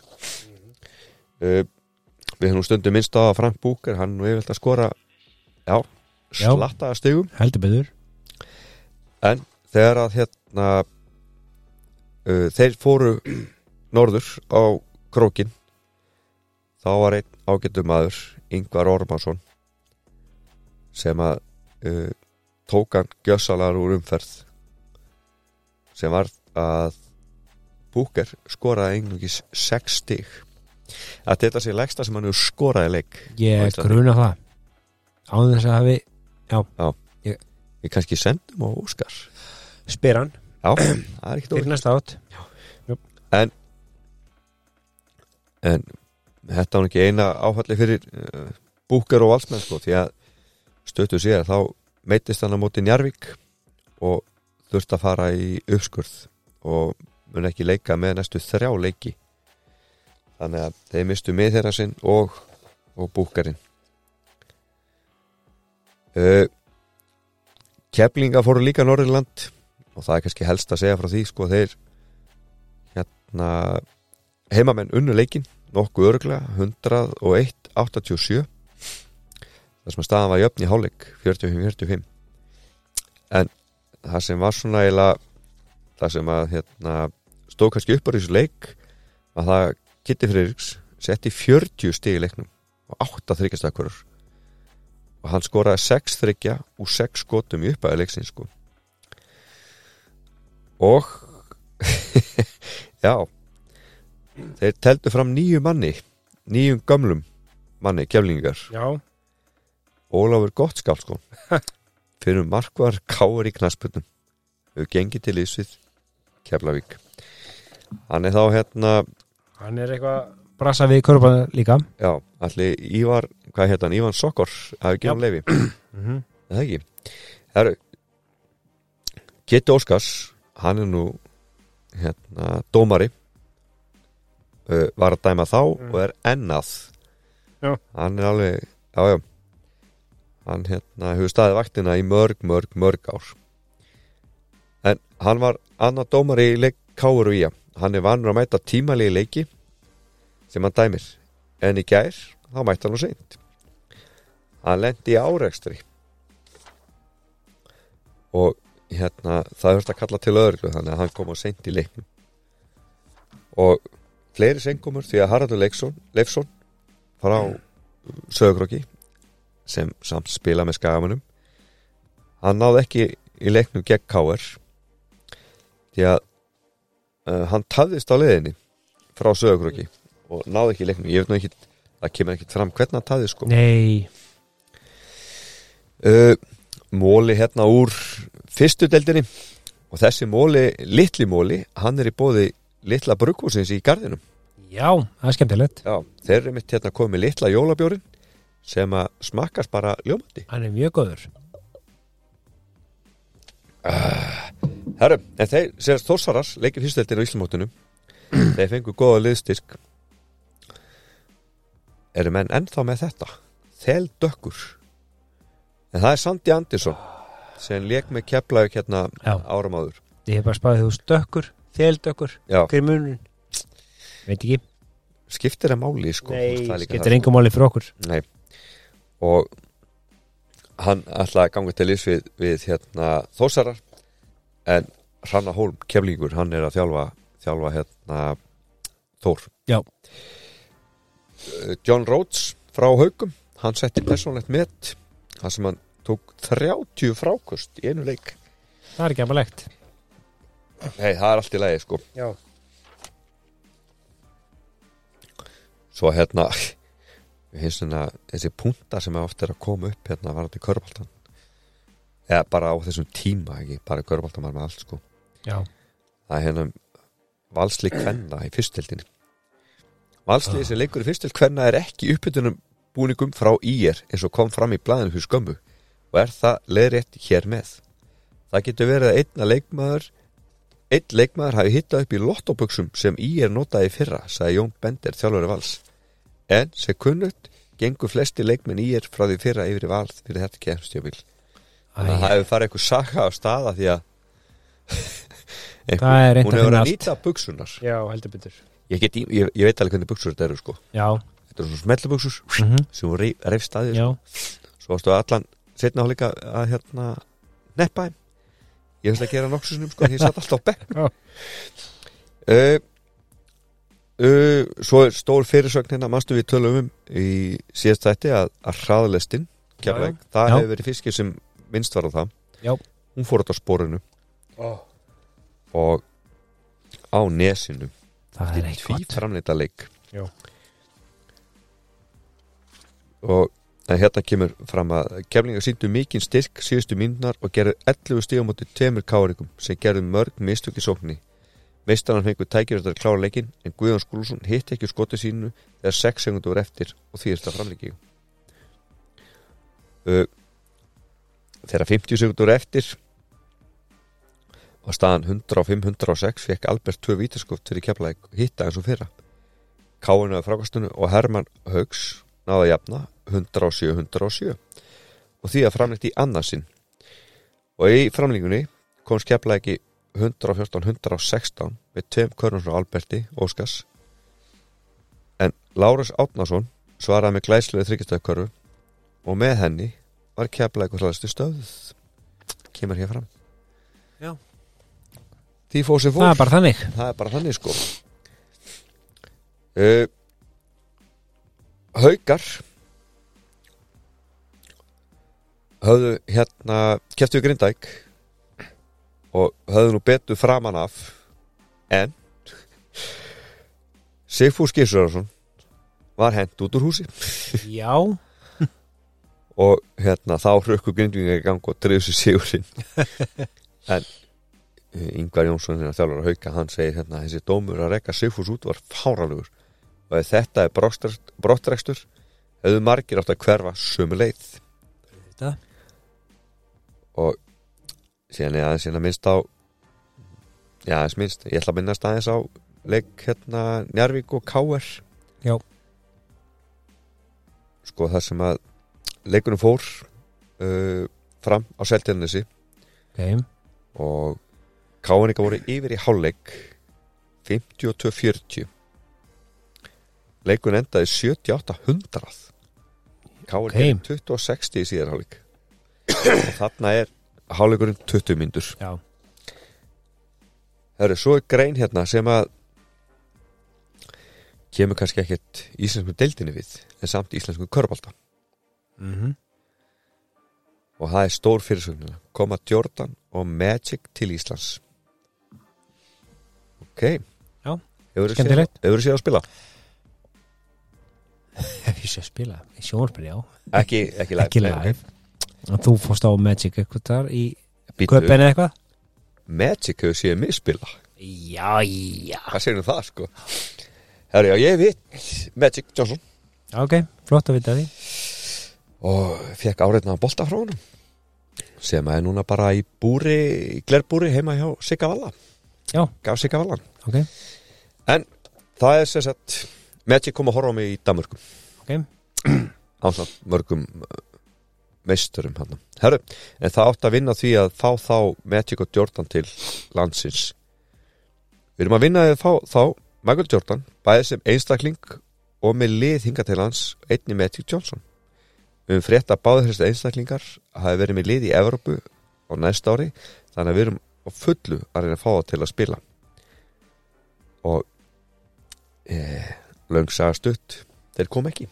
Nei, nei, það, nei, nei. Ég held að, Við hefðum vitað því. Já, við hefum væntalega farið þarna. Já. uh, leikur skagamanna Nei, býttur rólegur. Já, býtu, Hvað er býtu, komin á þá? ég er bara þarna. Sko, viltu skoða þetta? já, ég ætla að fara aðeins í stöðuna fyrst Já. Áður fyrir lengra. Gerða það, Sko, staðan núna í dildinni er þannig. Aðriðill.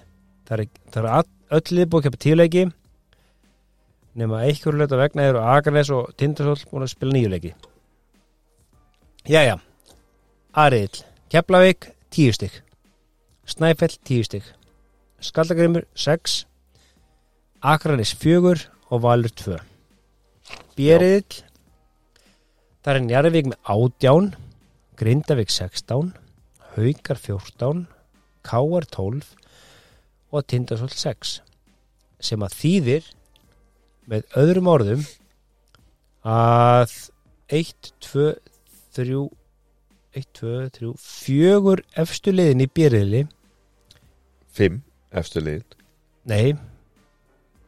1, 2, 3, 4 í byrjili myndu toppa aðriðil líka KR, þeir eru með 12 já, fjögur. Þeir eru 5 nei, fyrir, hvað er að mér maður? Já, já, já, þannig að já. Njarvík, Grindavík, Haukar og Káar ef að þau voru hinum einn þá voru það tópnum Jep, sem að þýðir að riðilega Keflæk, Snæfell, Skatagrimur, Agris, Valur er ekkert svo merkilur, eða hvað? nei, hann er um, alls ekki. Já, en, ef, ma ef maður skoða bara síðustu ár já, þá hefur þetta verið Haukar, Káer uh, Grindavík, Njarvík Já. Tindastóll, við vitum að þeir eru með mjög breytt lið frá því síðustu ár sko. það er kannski valsmenni þeir eru náttúrulega búin að vera í bölvu bara sér þetta tímabil, sko. mm þannig að já, Þannig að þetta er mjög sérstakt Já. Þannig að ok, allavega Þú veist, Keflæk, Snæfell eftir tveim Njarvík, Grindavík eftir tveim. Off you go áfram gakk uh, leikur hérna Akrunisinga og Keflinga sem fór á skaganum fór fram á skaganum sem að kemur hérna fram að eh, flestir vilja eflust gleyma sem fyrst. Eftir slagan fyrirháleik leistist leikun upp í hreina farsa síðustu tíminnar þar sem ekki mátti milli sjá hvort urðu á fleiri mistök, leikmenn eða dómurum. En Keflingar unnu sér leikin 63-84 og hann hérna blaðamenn, hann segir hérna agamann vandamál innan vallar og ómarkvis liðstjórn en hnútur sem skami verða að leysa ef ekki og illa að fara í vetur.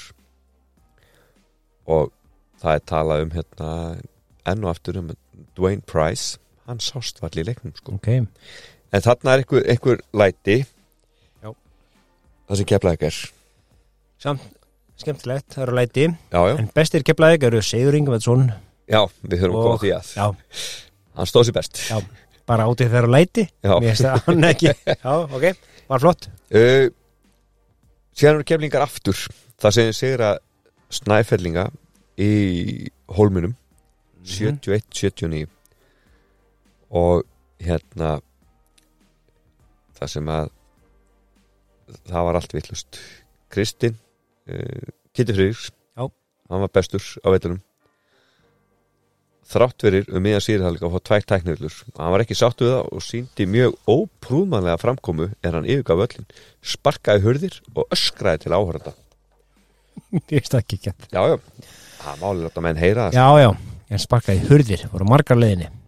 Í Já, væntalega, einn, tvær. allavega einn sko, eða tvær. Já, herru uh, við nú að við höfum rætt um hann að kákáði þingið þá höfum við ekkert verið að tala um fjárhag við nefnum því ekki. Nei, þeir hafa hérna eins og síðast tíðanbili þá fór KKI og nýja brautir í fjáröflun. Er að setja auðlýsingar á almenningsvagna strætó. En núna eru konar í bókaútgáfu og blaðútgáfu jú, jú. Og Og dögunum, á dögunum á markaðin bókum Michael Jordan sem KKI er ekki út Ég veit ekki hvað að segja.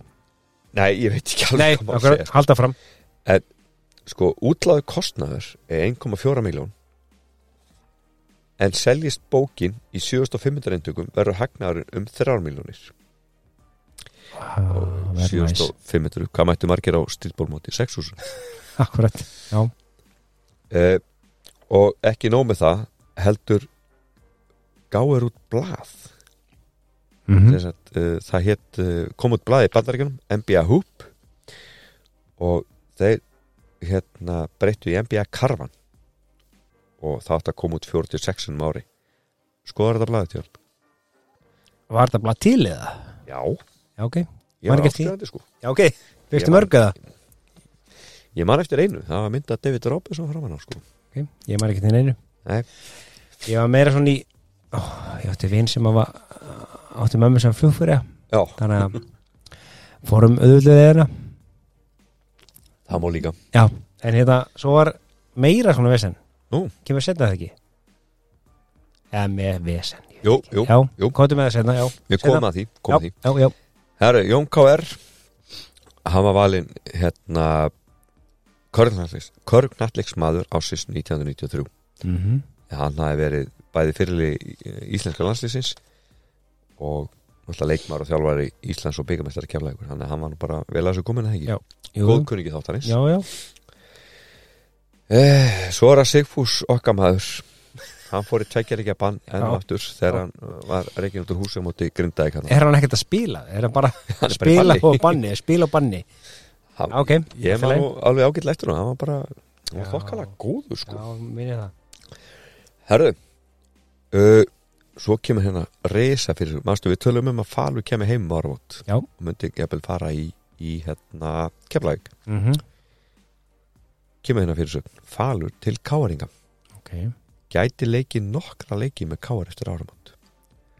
Alla líkur er á því að Falur Haraldsson, eitt besti körfnarleikt maður Íslands, gangi til ís við Káringa og leiki með þeim nokkra þýðingamikla leiki í úrstældin eftir áramót.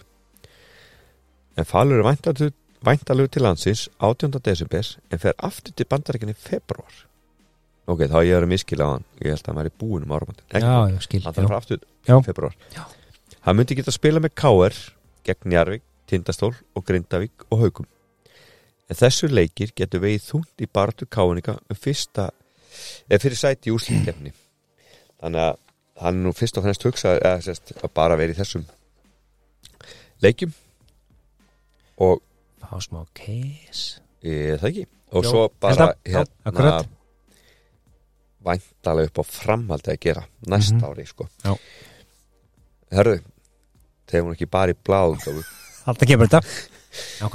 Nei, nei, þeir gerðu meistaratakta en þar sérst var myndband, kennslumyndband þar sem Ingvar Jónsson þjálfur að hauka útskýrir ímins grundvallar atriði sóknarleiks og sýnir á aðgengilegan hátt einfaldan en örugaleiði til að betri árangur í körgunarleik Nokkrir, íslenskir landslýsmenn aðstofa yngvari myndin, myndbandinu og einni John Rhodes leikmaður hauka og myndbandi kostar einugis 2480 krónur Ég Ok. okay. fyrir að þú hefur ekki átt þetta sko. Nei. Nei. En samt, þú veist, ég er hugsað hugsa um þetta hérna, það hlýtur að vera nokkrum árum áður. Þá kom myndband sem heitir bara minni knaspinu skólu kási Já, ég átti svo leis já, þar voru já, nákvæmlega, þar voru sýnt alls konar triks og dótri það hlýtur að vera eitthvað svona við ætlum að gera eins. Já, en mér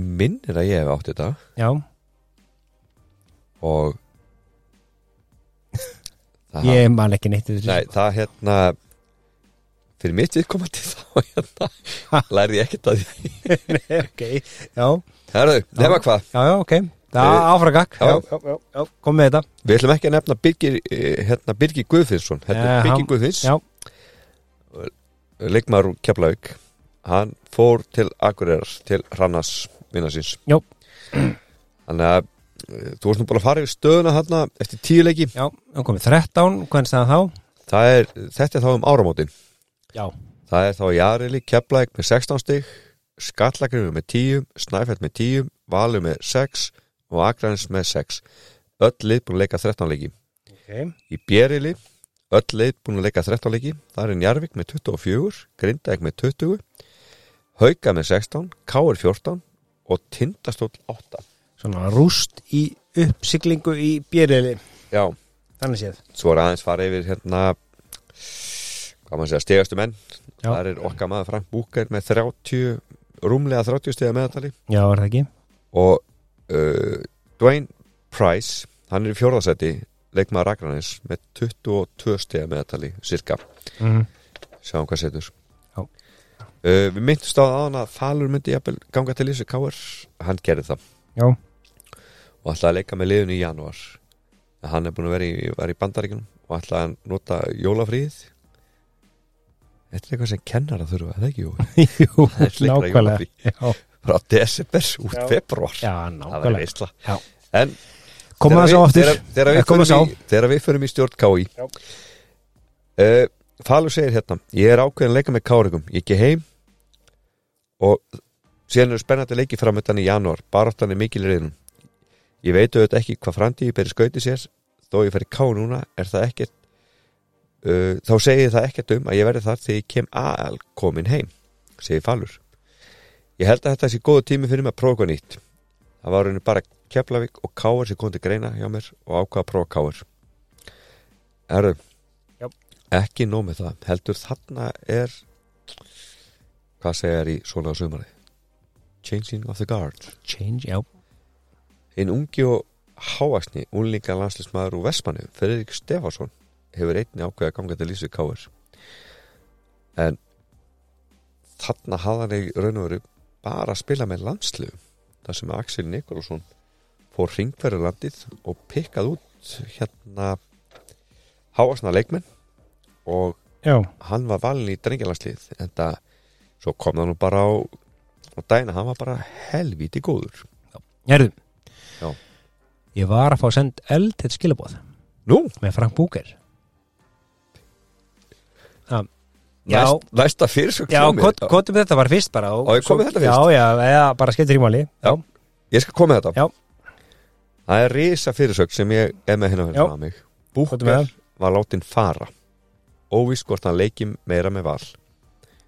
Notabene hann var stegastur Já, já, Frank Búke var í gær reikin sem þjálfari úrstældalið vals í körnumhallik en óvist er hvort hann leiki með liðinu áfram eftir áramót þegar keppni úrstældinni hefst á ný Forrámen körnumhaldasteldal vals greindu Búke frá þessu gær og það kom Búke mjög óvart. Ekki er enn ljóst hvort Búke mun leika, með, leika áfram með valsliðinu. En hann hefur ná, ekki ná góðum árangri sem þjálfari í vetur. Þeir hafa aðeins unni í þremu leikjum og eru að, bot, er að sitja sérst á botninum. Já, hérna, hérna maður. Eða býtu, býtu, ég ætla að halda aðeins áfram sko, já, halda fram Já, Bræi Magnússon er gengið til Lísu Valsmanna eftir að leiki með haugum ok.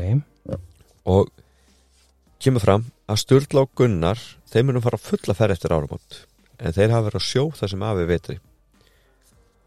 Og ekki að búið að finna eftirmann Búkes en Svali Björgvins var nefndur hann góðkunningi þáttarins. Jú, jú. En hvað séu, ertu með punktum? Búkes þannig? Já, við vorum und áðan að segja að hérna einhver held Frank Búker í ykkur 60 með það ekki? Jú, Yngvar Ármarsson, Já, akkurat. Króknum. Já, nákvæmlega. Hann var geggja að varna maður sko. Og þá bara sendi ég okkur allar besta. Óskar. Já. Bara er þetta lægsta sem að Búker skoraði í Íslandi? Það ekki bara. Já, það passar. Já, Hann leik 93 deildaríku í Íslandi og skoraði bara 5 sinnum undir 10 stig skoraði 20 stig eða meira í 67 leikjum og 30 stig eða meira í 41 leik af 44 what the fuck? Akkurat? Já. Og svo kemur þetta. Skoraði einu sinni undir 10 stig í úsleikefni sem var í loka leikur hans hér á landi. 8 stigum átti haugum í 8 leustum 95 Þannig að Hælis hann er bara Þetta er Þetta er næstu svo djórdantölu sem við Já, varum að tala um daginn nákvæmlega, hann er ekkert eðlöfsi gæi Það er bara takk Óskar fyrir að senda mér þetta, bara eittur á bingo Já, ha, við þökkum Óskarspunktar í bóði hvers ha. Hver er að bjóða upp Óskarspunktar? Já, hver var það? Er það humasalan? Já, það ekki Jú, jú. Allavega núna já, humasalan með okkur í þessu Já. Herru, ég myndi staðins á það áðan hérna að, að, að hérna Bræði Magnússon Já. Leikmaður hauka, hann hefði farið í hérna val. Og Mhm. það var nú ekki þegjand og hljóðuleg sko. Nei,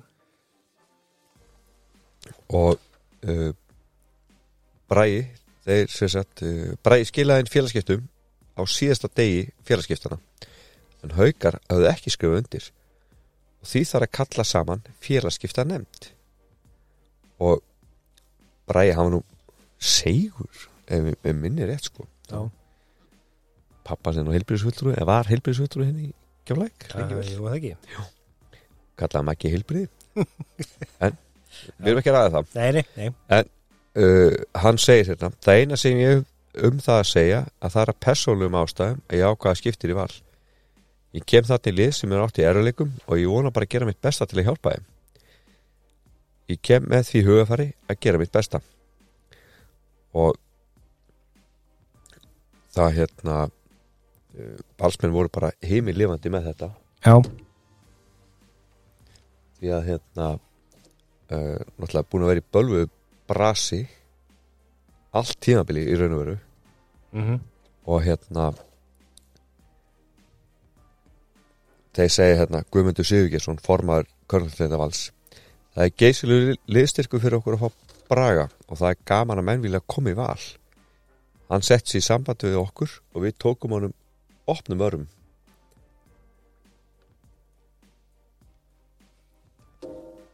og hérna hauka voru alltaf ekki sátti við þetta sko.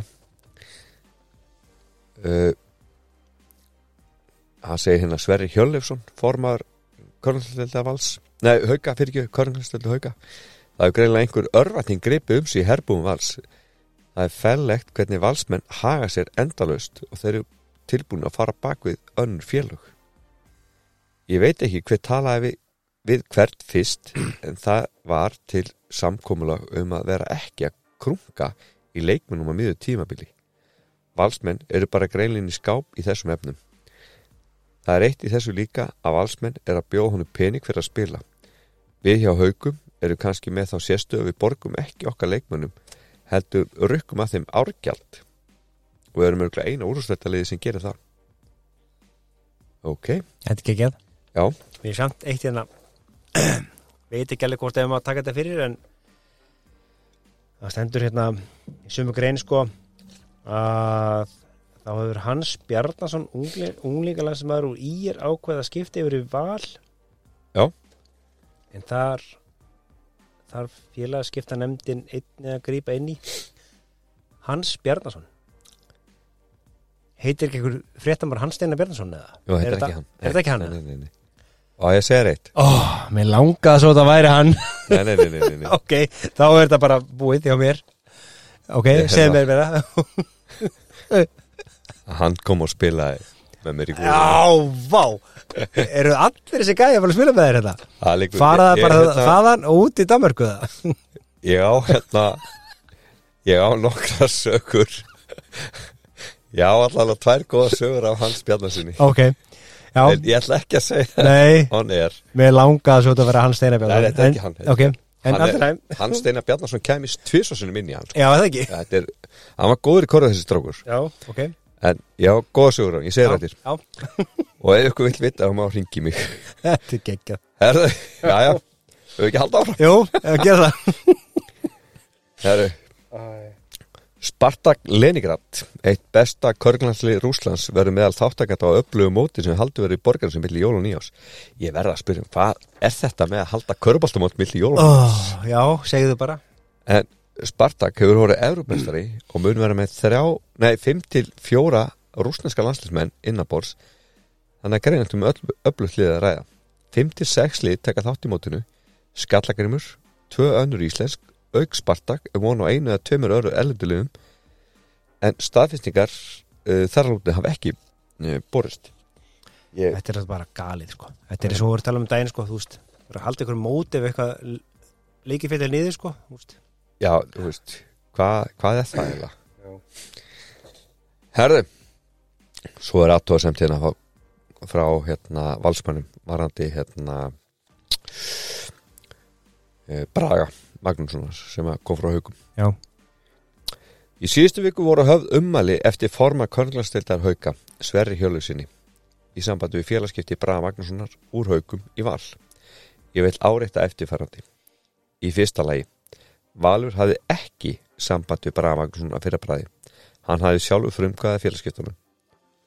Í öðru lagi, Bragi Magnússon fær ekki laun fyrir að leika með val. Við hjá haugum eru kannski með þá sérstöðu Nei, fyrir ekki Bræði Magnússon far ekki laun fyrir að leika með val í þriðalagi. Við hjá haugum eru kannski með þá sérstöðu að við borgum okkar leikmönnum ekki laun. Það er gæsalappir, kóta í hann. Líklega á formar við að þeir greið ekki íslensku leikmannu laun. Ég trú ekki að besti ellendi leikmann á Íslandi, John Rhodes, sé launalaus. Upprópun. Hvaða önnu lið varðar, veit ég ekki, en Valur greiðir aðeins Frank Búka laun sem leikmanni í fjórðalegi. Gæsa lappis, hann er að kvota aftur. Heldur rökkum við að þeim árgjald og erum eina úrvarsteltaliðið sem gerur það. Nú veit ég ekki um önnu lið að Körnastelt Vals er með árgjöld fyrir íslenska yðkendur í báðum mestralflokkum og öllum yngreflokkum. Þannig að bara allir með aðingjöld Sælir. Það er Já. bara... En þó að þetta sé mikið drama, þá er þetta ekki dramakasti, sko. Nei, nákvæmlega Taka. Það kemur eftir Já. Uh, það er frágengi að Frank Búker leiki með val þráttur að þjálfa ekki liðið. Við þurfum að huga Mhm. mörgum árin í þjálfverðin ráðin. en vonandi fæst botni þessu máli fyrir jólaháttíðinars það var gott og viti menn, góðkunningi þáttarins Svali var ráðin þjálfari þannig að Svali Björgus var kominn Já. uh, manstu við tölum um hérna hvað hérna, Spartak Leningrad liði, já, já, átti að vera stór mót í borgarnasi mm milli jól og nýjós Jöp. en það var hætt við það. Já. og hann segir hérna Bjarni hann er uh, Bjarni Steinarsson formaður Körnastildar Skærlækjamis ég veit ekki hvað er að gerast í Körbóltanu hér á landi. Eina liðið hér sem ákvað að koma var fyrstöldalið Þós og Akureyri. Önnu lið hættu við meðan annars að þau sögust ekki hafa efnað að vera með en þáttakan átt að kosta what? þáttakan átt að kosta 100.000 já, já. Og svo þetta er komað að svaðið og allt saman. Bara já, við, við, en þeir eru hissa á þessu. Við tölum um það daginn að laun Péturs var í 350 mm sem var bara rándýst við vorum búin að umreikna það í hvað 1200 hús Já, já. þetta er þá reiknaði fljótur, þú starfrækjan nei, Já, ok. já, þetta er að fullta pinningum já, mikið. Til að fara í borgan og láta rústa sér Ég veit eða já. liði sko. en þeir eru mjög svektir já. Þetta er auðvitað mjög slæmt fyrir þá sem sagt, rússana. En þeir tóku þessu vel og svo er tilbúin að koma þegar við kemum svona móti á hvort sem er með vorinu eða næstu jól. Ég skil bara ekki, þú veist það kemur jólafrí og þá þarf það að setja okkar mót. Já, bara takt í jólafrí maður. Njóttu þess. Já, nákvæmlega. Herru, Snæfell, þeir nýttu jólafríð vel, þeir letu mm Ernst Welts segi þetta rétt? Já, já. já, hljóma vel. Chip, allavega. Chibi hann var látið fara. Og í stað hans kom Eddie Collins já, nokkra sögur á honum. Ég læt það ekki fara. Já, já, ok, já, já. Eins og svo margar, já, Já, en hann hérna Chip Enswell, hann stóð ekki undir þeim væntingu sem gerur til hans, við teljum okkur hafa vanta öflugur leikmann. En hann er ákveðum að fá annan elendar segir Ólafur Sigursson Gjaldkerinn hjá Snæfell. Og þeir voru ekki deini með það.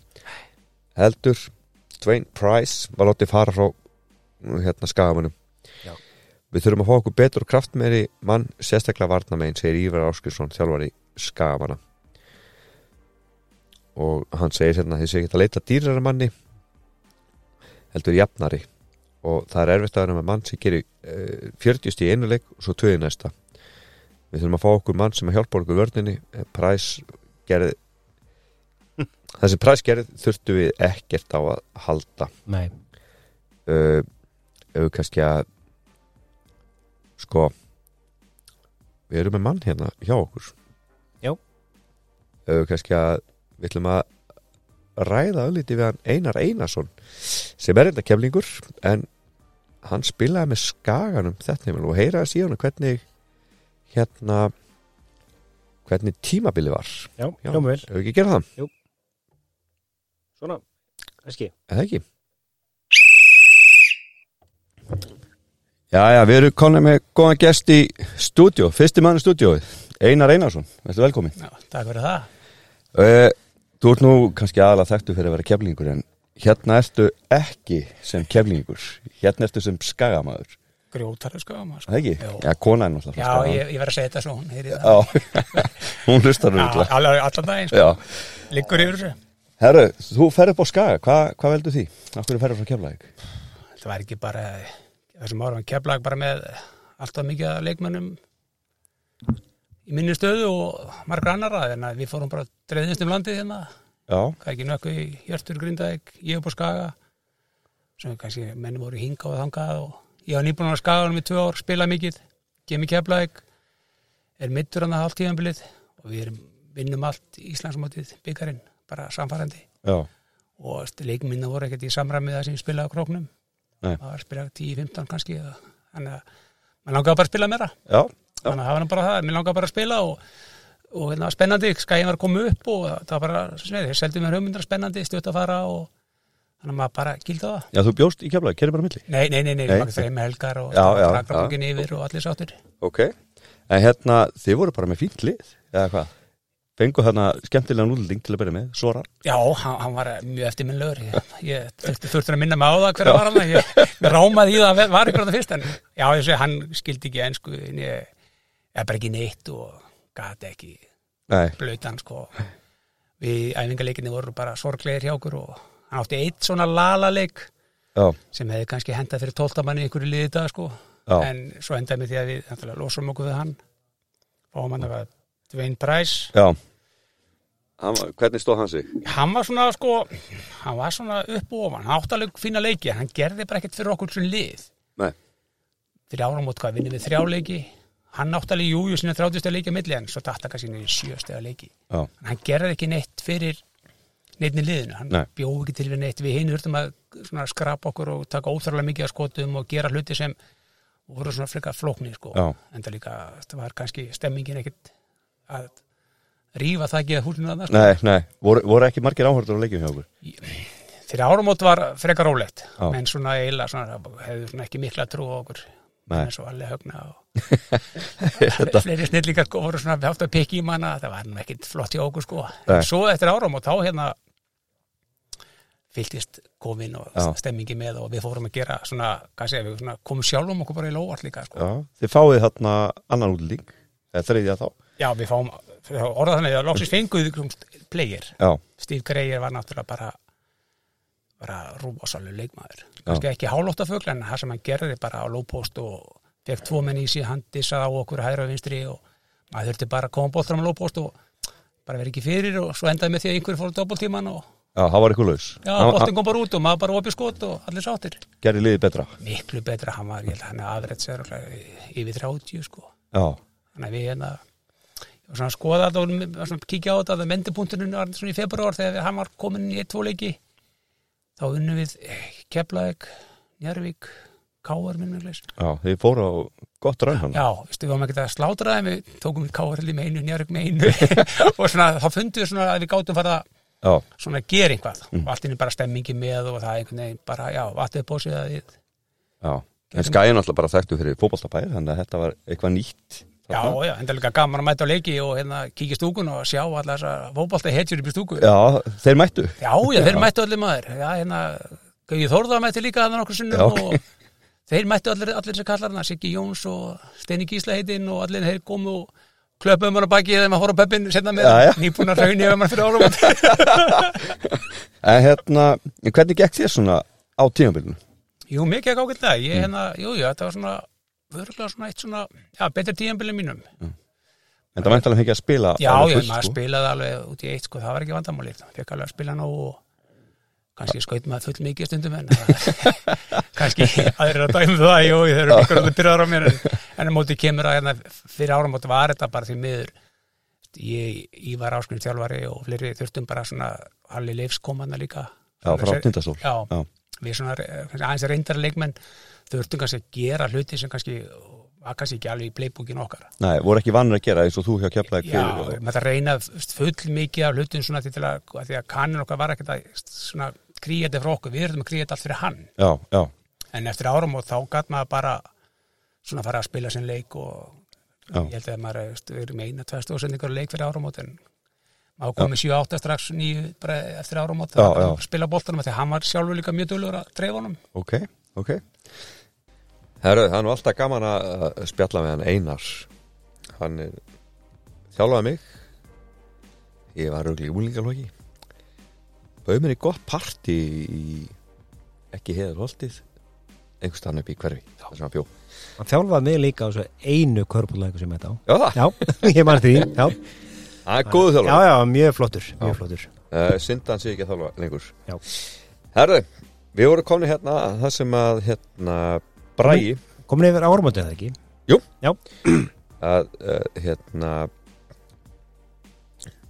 sko, Bræði Magnússon sem að gekk uh, úr haugum yfir í val. Já. hann var raunlöglugur okay.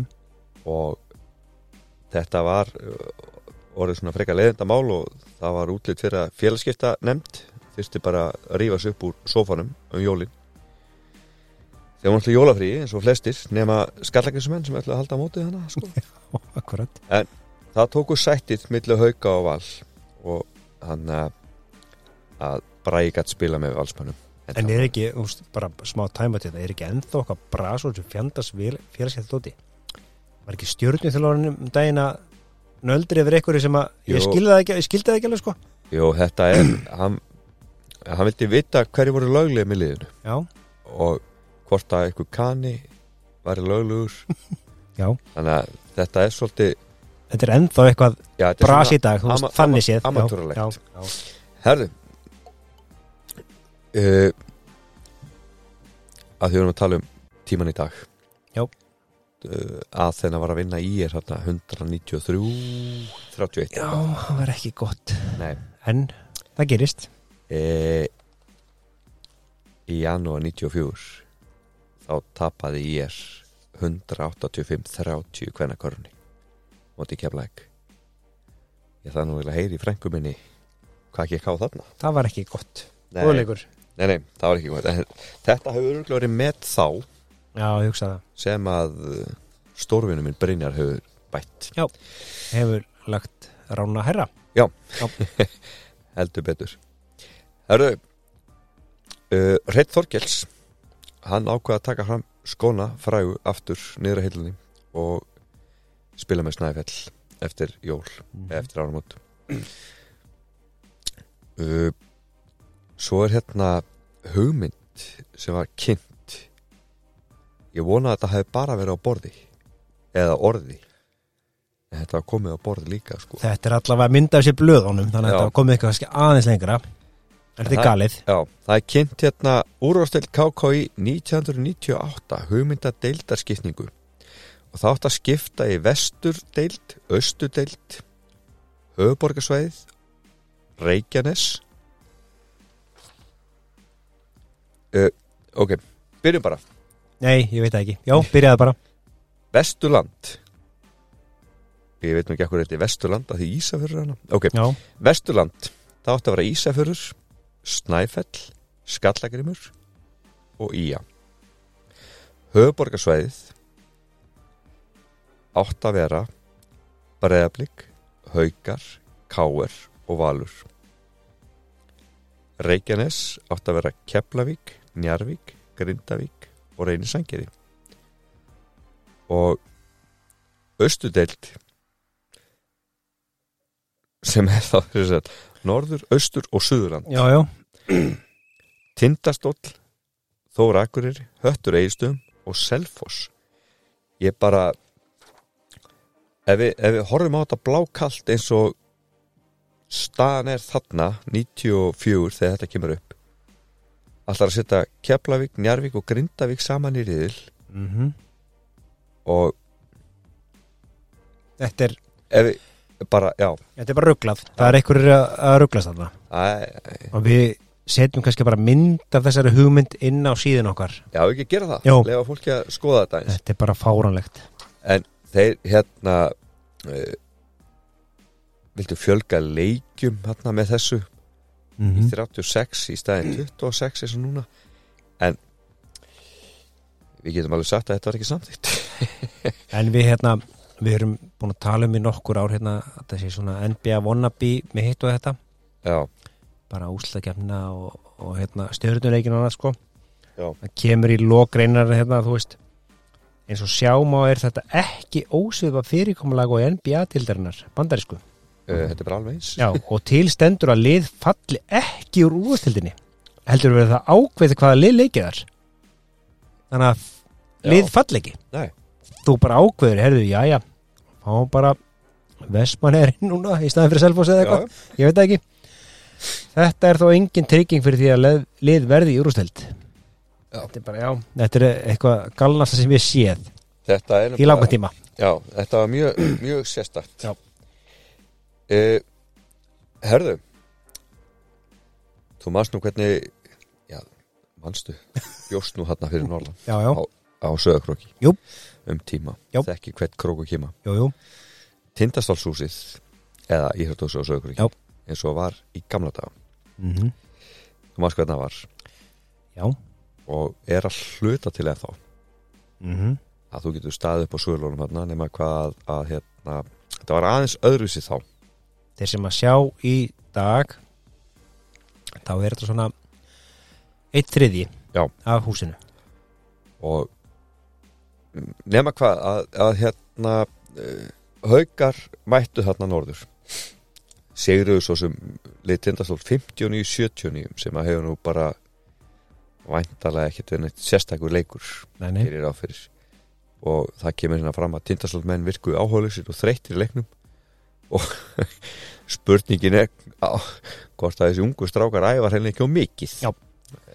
Þegar við glemt kvíldin, mástu, ég tala alltaf um kvíldin þegar við vorum saman í já. Hvíld er mikilvægt. Já, líka reyndar þegar voru að byrja af klokkan 6 á mótana Já. í byrjun tímbils þeir voru aðeins klokkan Já. 6 eh, svo kemur frettarittari hérna þetta er Þórhallur Ásmundsson djöfaf á sögurkröki það eina sem glættu auga í setnáleik var er eitt stuðnismann Tindastóls dróð upp risa nektamind skamt frá körfuboltaspjaldi meðan haukar tóku vítaskott þannig að leikun hefur ekki verið mikið Nei. fyrir augal Ef þetta var eina sem er gladdi augað. Já. Herðu. Já. uh, Förum til keflaðingur Þá kemur þú sterkur inn. Uh, Já, já. En uh, það konum Ég man eftir þau þegar ég sá þetta að þetta komi virkilega óvart. Nú, að Jonathan Bó leikmaður keflaðingur sem hefði spilað síðislega þrjú ár og hafði bara verið askoti góður. Þar á undan með káir það var reikin og ástæðan var hefðuna vandamál utavallar. Og Jón Káur Gíslason sagði hann við bara tilneittur að taka þessu ákvörðun. Menn geti ekki lefsi hvað sem er. Voru búin að aðvara hann oftar en einu sinni og það döði ekki. Og því veit annar að gera en að láta hann fara. Þó að sé erfitt rétt fyrir byggarúsleik á móti Njárvík það er svona spoiler en ekkert mál. Ok Þið bara haldið fyrir eirun já, já. og þeir fóri það að leita öðru leikmanni sko. Og um, nú er einhver að hugsa hvaða agavandamál er þetta?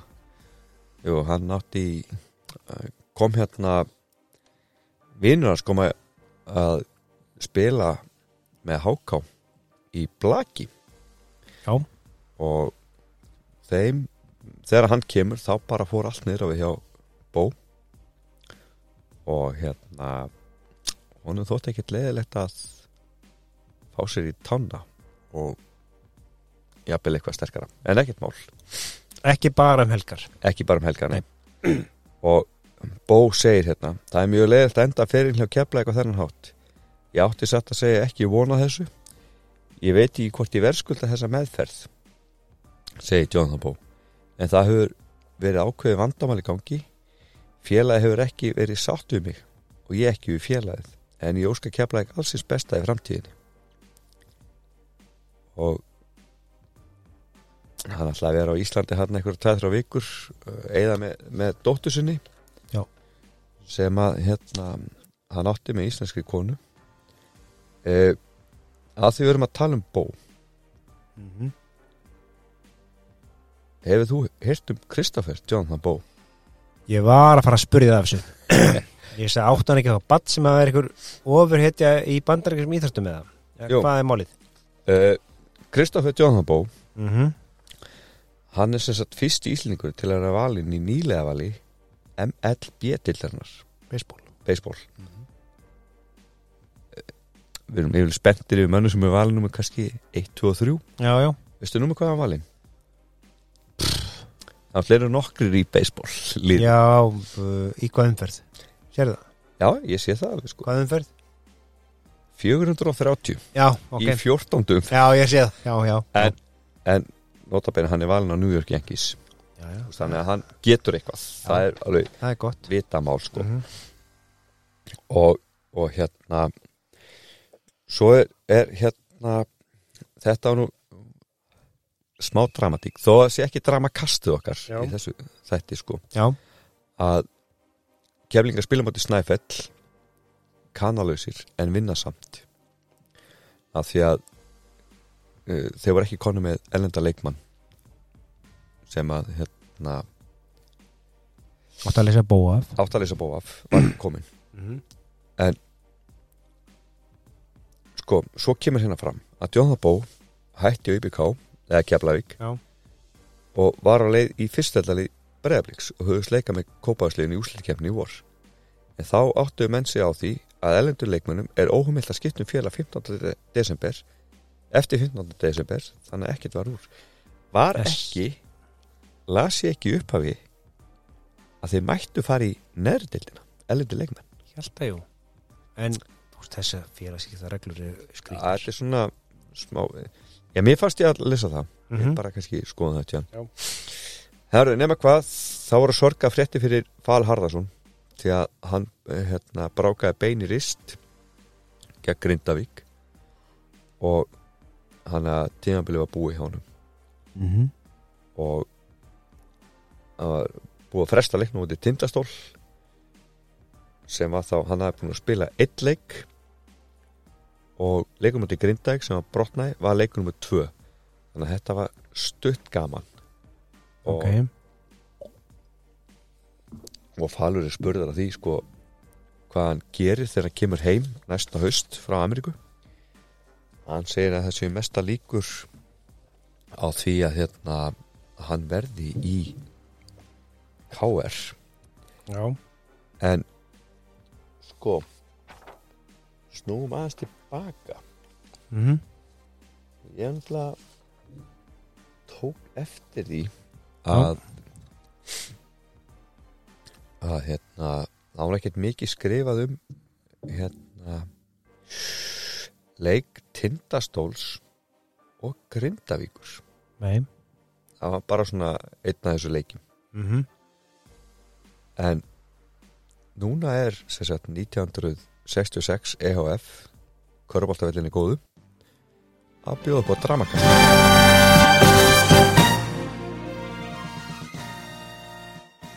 Já.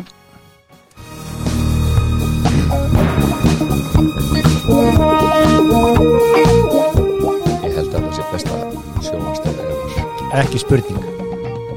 Nema hvað að uh, Björn Björnsson frettaritari uh, Morgablassis á sögurki hann skrifar hérna góðan pistil Dómarar í aðalhuturki Körnallegur er eins og íþrótt sem einna sterkasti vakstabróttur er hérlendis þessa mundir. Mjög mörg íþróttafélag er að koma upp með góð keppnislið svo sem fyrstild sannar og úrvarslættin hefur sjaldan eða aldrei verið sterkari en á þessu keppnistíðanbili. Þetta byggist á mjög mörgum mjög reyndum og þraut þjálfu leikmönnum og öll eiga lið það samert að hafa leitað til annar landa og fengið þaðan leikmenn sem bæði styrkja liðin verulega og einni hafi þessi menn oftar en ekki uh, oftar en ekki á hendi þjálfun til þessi yngri flokka og stöla því þannig að uppbyggingu íþróttarækjarinnar. Þess vegna uh, það er þess vegna hörmulegt að jafnlega því að liði úrstæld verði betri og leiki betri körbálta skuli dómgæslan á leikjum deildina verða sífælt slakari og léleri ár frá ári.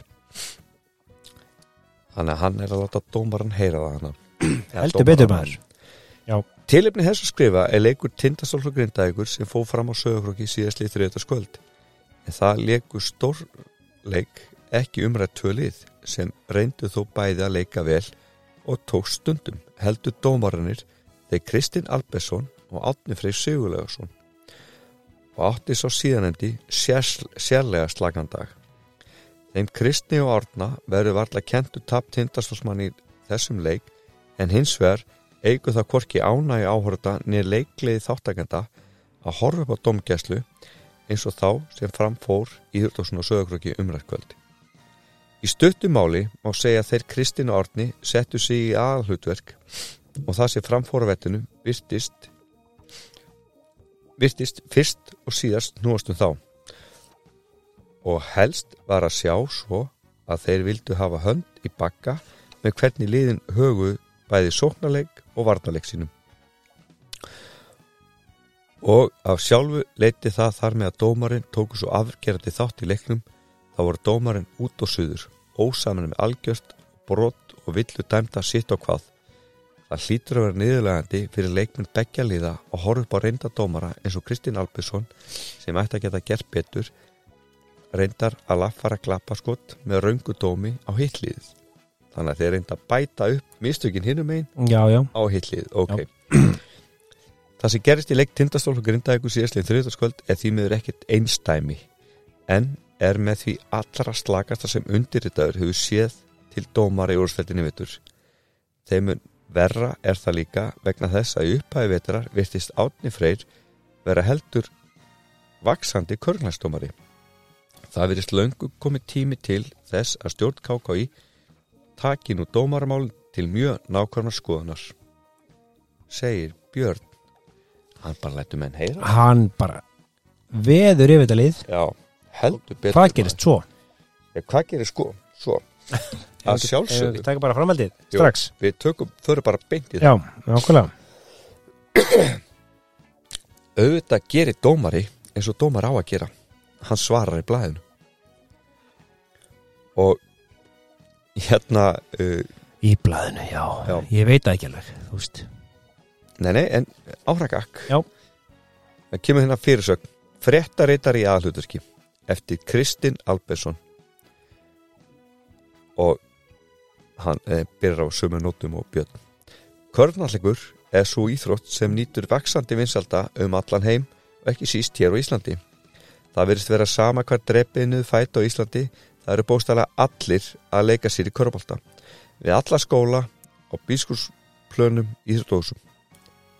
1966 koma sterkirinn þarna. Sko. Heldur betur Þetta er svo sannlega mikið ána efni fyrir alla körnklansins áhuga menn um all land. Skemst er að minnast tvekja frábæra byggjárusleikja um síðustu helgi sem við hefum þetta eftir að fjallum Jú, jú, uh, og teki undir með þeim sem sögðu að byggjárusla helgi hvenna hefur verið mikil sigur til hvernfólki því aldrei hefur, fyrr hefur sést ja, góður og skemmtilegur byggjárusleikur hvenna. Já, já, það má alveg rósa þeim. já Tilminn þess að skrifar er grein eftir Björn Björnsson. Hvað sagði Björn Bjarnason að ok, Já, Björn Björnsson, fréttaréttar morgublassis á sögurkrokki sem byrtist í morgublæðinu í gær. Undirritaður. Það er bara daginn eftir sko. Já, hann Það komið bara einn og bara byrt fljótur á betur.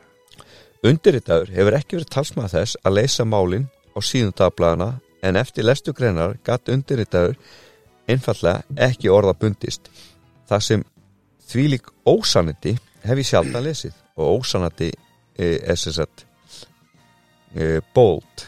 Það sem sagt er feitletrað. Já, já, Ljóst verður við lestur í upphæðu greinar að umrýttu fréttaritari lætur það skína að hann vilji körnklagsist íþróttinni allt þitt besta og því hlýtur hún að skrifa þessa grein körnatlegjum og dómurum til framdráttar eða hvað. Ég fullirði að samhliða miklum öðrum vexti körnatlegs að hafa dómarmálum verið tekið förstu tökum. Ég er hins vegar ekki vissum að menn gerir sig grein fyrir því vanþáklata starfi sem á sér stað innan samtaka körnklagsist dómara. Körnklagsist dómarar taka þrjú próf á hverju kemstíðanbili. Í upphæðu kemstíðanbili í óttúber, eftir jólafrí í janúar og áður en úsleirkemni hefst í april. Þessi próf eru tvennskonar. Annars vegar skrifleg próf úr leikreglum en þar er krafist 85% áragus til þess að við komum til standi prófið og hins vegar tvíþætt þrekkpróf. Engin dómari fær að dæmi úrasteld sem ekki stendst bæði prófin. Í september síðastlinn hittust dóm, hittust dómarar þrísvar í viku og byggus undir komandi kemnistegjabil. Í oktoberbyrjun mættu dómar í tveggjadaga æfingabúður á laugavatni þar sem var farið yfir leikreglur, vinnubröð, samrættar og svo framvegis auk þess að dómar tóku eitt af uh, framanendu prófum. Ég var þar. Er það? Já. Mætti þetta básu Já, Veitu? Hvað gerður þar? Ég, Kvötu með það? já, góða sögur. Já, kvötu með það? Herðu, ég fór í... klárir þetta? Klárum þetta, svo svo Ok, segja hvað ok. ég gerði. Ok Svo ég aðra sögðu Já Uh, af þessum að sjá að dómar að leggja sér alla fram með að gera dómgæslu eins góð og undir. Ég vísa því ummölum fréttaritra Herðu, býta aðeins. Bása Nei, nei, nei. Nei. Ég vísa því ummölum fréttaritra MBL. Ég veit það Ætli þetta sé fiskir sem mistur á MBL? Ég hugsa það Ég sá þetta líka á Kristinn Albersson MBL Við eignum honum það núna Já um, uh, Já, ég vísa því umhverjum fréttaritara MBL um að domgæslan verði sífælt slakari ár frá ár beint til föðurúsuna Ég spyr hvaða kunnáttu hefur umrættu fréttaritari til þess að vera með yfirlýsingar á borðið þessar? Búm! Jéttu sokkiðin sko. Já, nákvæmlega. Hefur fréttarittarinn yfir höfuð lesið leik, leikreglur og kann að þær nægilega vel? Fréttarittari MBL og það kemur sér punktur. MBL punktur. Já, þetta er bara ís Já, á sögurkrukki hefur sjálfsagt leikið eða kynnt sér körgnarleik í nokkur ár og er því vel að sér leikreglum vist hann treystir sér til að dæma störr dómar og þann hátt sem hann kýsa að gera. Mér skilst að fréttarittar sér skólastöru grunnskólan svo sögurkrukki. Býtu áfara að draga hann inn í skólastöru. já, já. Gaggrinni hans á störr dómara má líkjast við að ég geistist fram á reytvöldin og gaggrindi kennslu á sögurkrukki og fullist að hún sem verði sífært slakari ár frá ári að ég hefði heyrt orður om þess efnis eða heyrt eitthvað tala um það Varst þú kennar á sögurkrukki? Jep Jep, jep Eh, Kitty alveg að dæma því en ekki Nei, mál. en já Herru. Segða sérna Áragak uh, Slíkt myndi ég aldrei gera þar sem ég hef ekki hundsvitt á kennslumálum eða störrum skólastjóras Jájá Það lærið Það læðist hins vegar aðmanni sá grunur að tilumni greina hafi kannski verið framist að dómaran dómarana heldur sér komin prókjörs og bæjastjórnar skjálti í menn fyrir norðan. What? Ekki ætlar undirrittar að halda því fram að dómarar gerir mistök, auðvitað gera dómarar mistök og sjálfsagt að dómarar í leik e, tindastóls og grindækur gert mistök. En örglega örglega engi sem réttlætti svona greinaskrift að hálfur fréttarittarans á sögurkrokki Staritin er svo að dómarar eins og leikmenn gera fullt af mistökum hverjum einasta leik Þessi mistök er einfallega órjúmalegu hluti að leiknum og takmarki á leikmunum og dómarum er að hafa mistök eins fá og mögulegt er. Umrættu fréttarittari uh, umrættu fréttari vegu gróflega æru minni þegar að hann lýsi því yfir að undirrittaður hafi viljandi dæmt ránglega. Önnreis ósanandi hef ég sjaldan heyrt en slík ásögn teki mjög næri mér. Ég spyð því e, rætnu hugsunar fréttamansis fái hann til þess að hugsa og skrifa svona Já, ég spyr því hvaða rætnu hugsanir fréttareitnars fá hann til að hugsa og skrifa svona ok, endur spekla þessi skrif kannski frekar hans eigin hugsanir? Ég veit það ekki, ég fá frábið mér alla slíka hugsanir. Mér finnst ekki ósækjur krafa að minni hálfu að fréttareitarinn byggði mig opibela afsökunar á þessu ummælum eða standi við stóru orðin, stóru allt í hástöðum Ég held að niðurlega greinar fréttarinn megi snú upp á hann sjálfan og segja löngu sér komið tími til þess að morgunblæði taki nú fréttarittaramálin til mjög alvarlega skoðunar. Vissulegur störð dómara yfir, eh, ekki yfir gaggrinni, hafin yfir gaggrinni, en það verður að vera gaggrinni en ekki tilbúinusur yfirlýsingar sem einingu sem ætla til að meiða en ekki bæta. Já, við eftir meira Ó,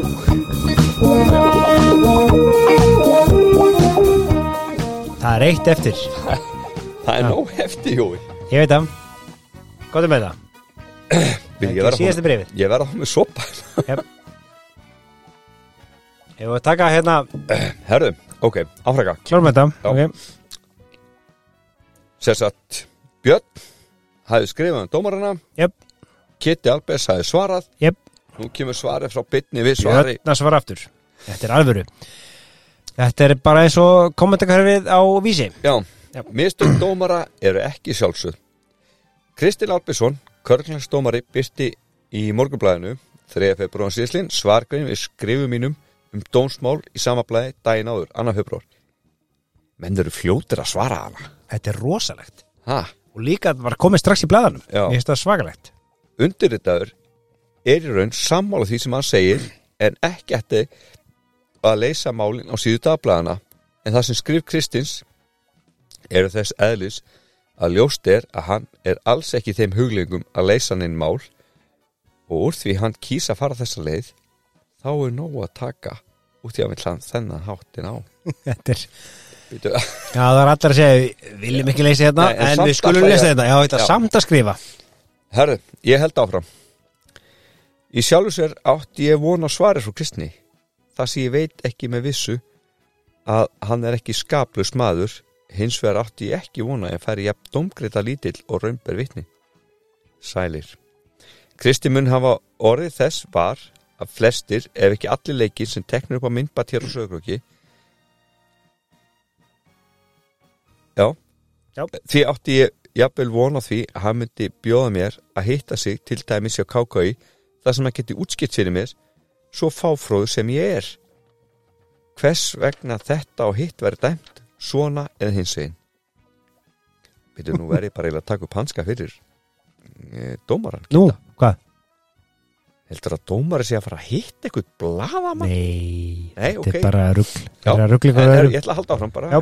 Kvotum með þetta Þetta gerir Kristinn ekki en notar grein til að útskýra fórtfúst en vanþakla starf við dómkæslu auk nokkra bollareikinga um innrætti mitt og pólitíkska hugreiningar um innrætti og fram, uh, framávoni mínar í, á pólitísku vettvangi mun ég ekki ræða en það sem starf mitt er dregin umræða þá má ég gerna koma fram að ef ætti að meta hæfni mína og samstagsminna sem kennara þá þætti það sjálfsagt ekki trúverut mat ef ég byggi til prófið sjálfur.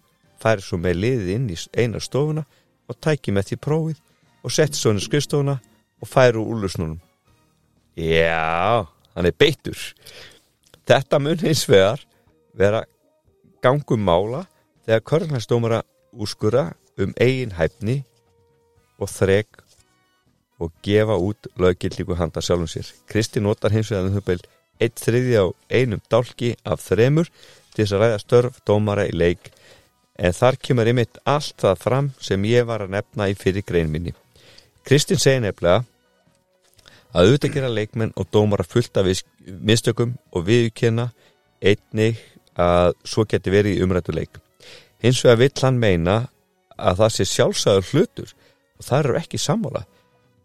Því að þó að leikmenn bróta af sér og reyni eftir að ganga svo langt sem und er má dómari aldrei setja sig við setja sig við hvorki að leikmenn leiki upp á að hagnast á brotum nýja heldur að hann telji órjúalega hluta af leiknum og raun sjálfsa að dómari gerir svo og svo mikið að vitlisum Já, og að lokum Kristinn Albarsson telur að það ekki ósækina kröfu að ég byði afsökunar á umræ, ummælum mínum í nefndi grein. Því er til að svara að ég sé ekki til þess neina ástöðu en það læt ég mér í léttu rúmi líkja hvað Kristinn Albarsson tekur næri sér eða ekki. Þegar samtökin, samtök körnlagsdómara ná samstöðu um það með liðum úrstældar og KKI að fengni verið eftirlistómarar á leik Íslandsmótins og gengi verið fram að því að fá ellenda dómara til þess að dæma með hinnum íslensku.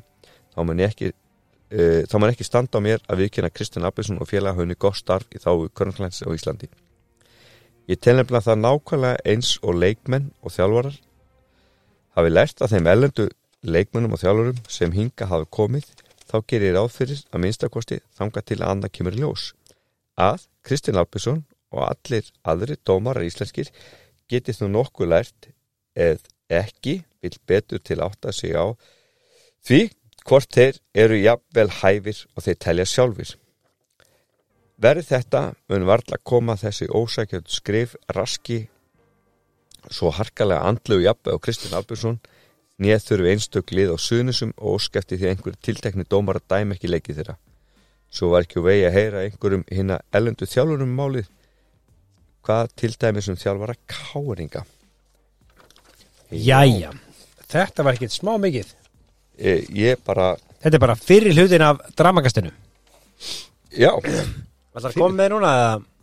með hvað? Hvað ég ger á lögatni? Já, kvotum með það Eh, Ég vil smá þetta já, ég tók dómarapróf. Ok, fórstu á lögvætt eða? Já, ég fór lögat. Já, mannstu hvað árða, árða var það? Uh, já, þetta er örgulega ekki að skipta máli sko en bara, þetta er örugglega bara þetta ár 90 og 93 ok, og hvað þurftu að gera? það þurftu við að standast þrekkpróf ok, við fórum í skrifnispróf ok, og við dæmdum leiki við spilum sjálfu körfu já, þar sem við skiptust á, á að dæma. Ok. Og svo var settar upp alls konar aðstæður. Og svo var bara spurt hvernig myndur að leysa þessu? Ok, en flott, eins og hann segir Já. þá voru dómaranir já. þessi elitu, já, elitu. Elitu gömlu. Þeir sáu um að dæma aðra dómara. Já, ég skil. Þannig að, eins og hann segir sko þetta er svona svipað eins og hann myndi setja próf og fara með starfsfólki sitt og sjálfur leysa prófið og standarsprófið þannig að hann er að lýsa rétt frá hérna, Björn, já, en ég og aðra sögu. Ok. Að góðum félag okkar sem ákvað á ákvörðum tímpúti bara hann saði við okkur. Já. hann saði ekkert við okkur. Nei.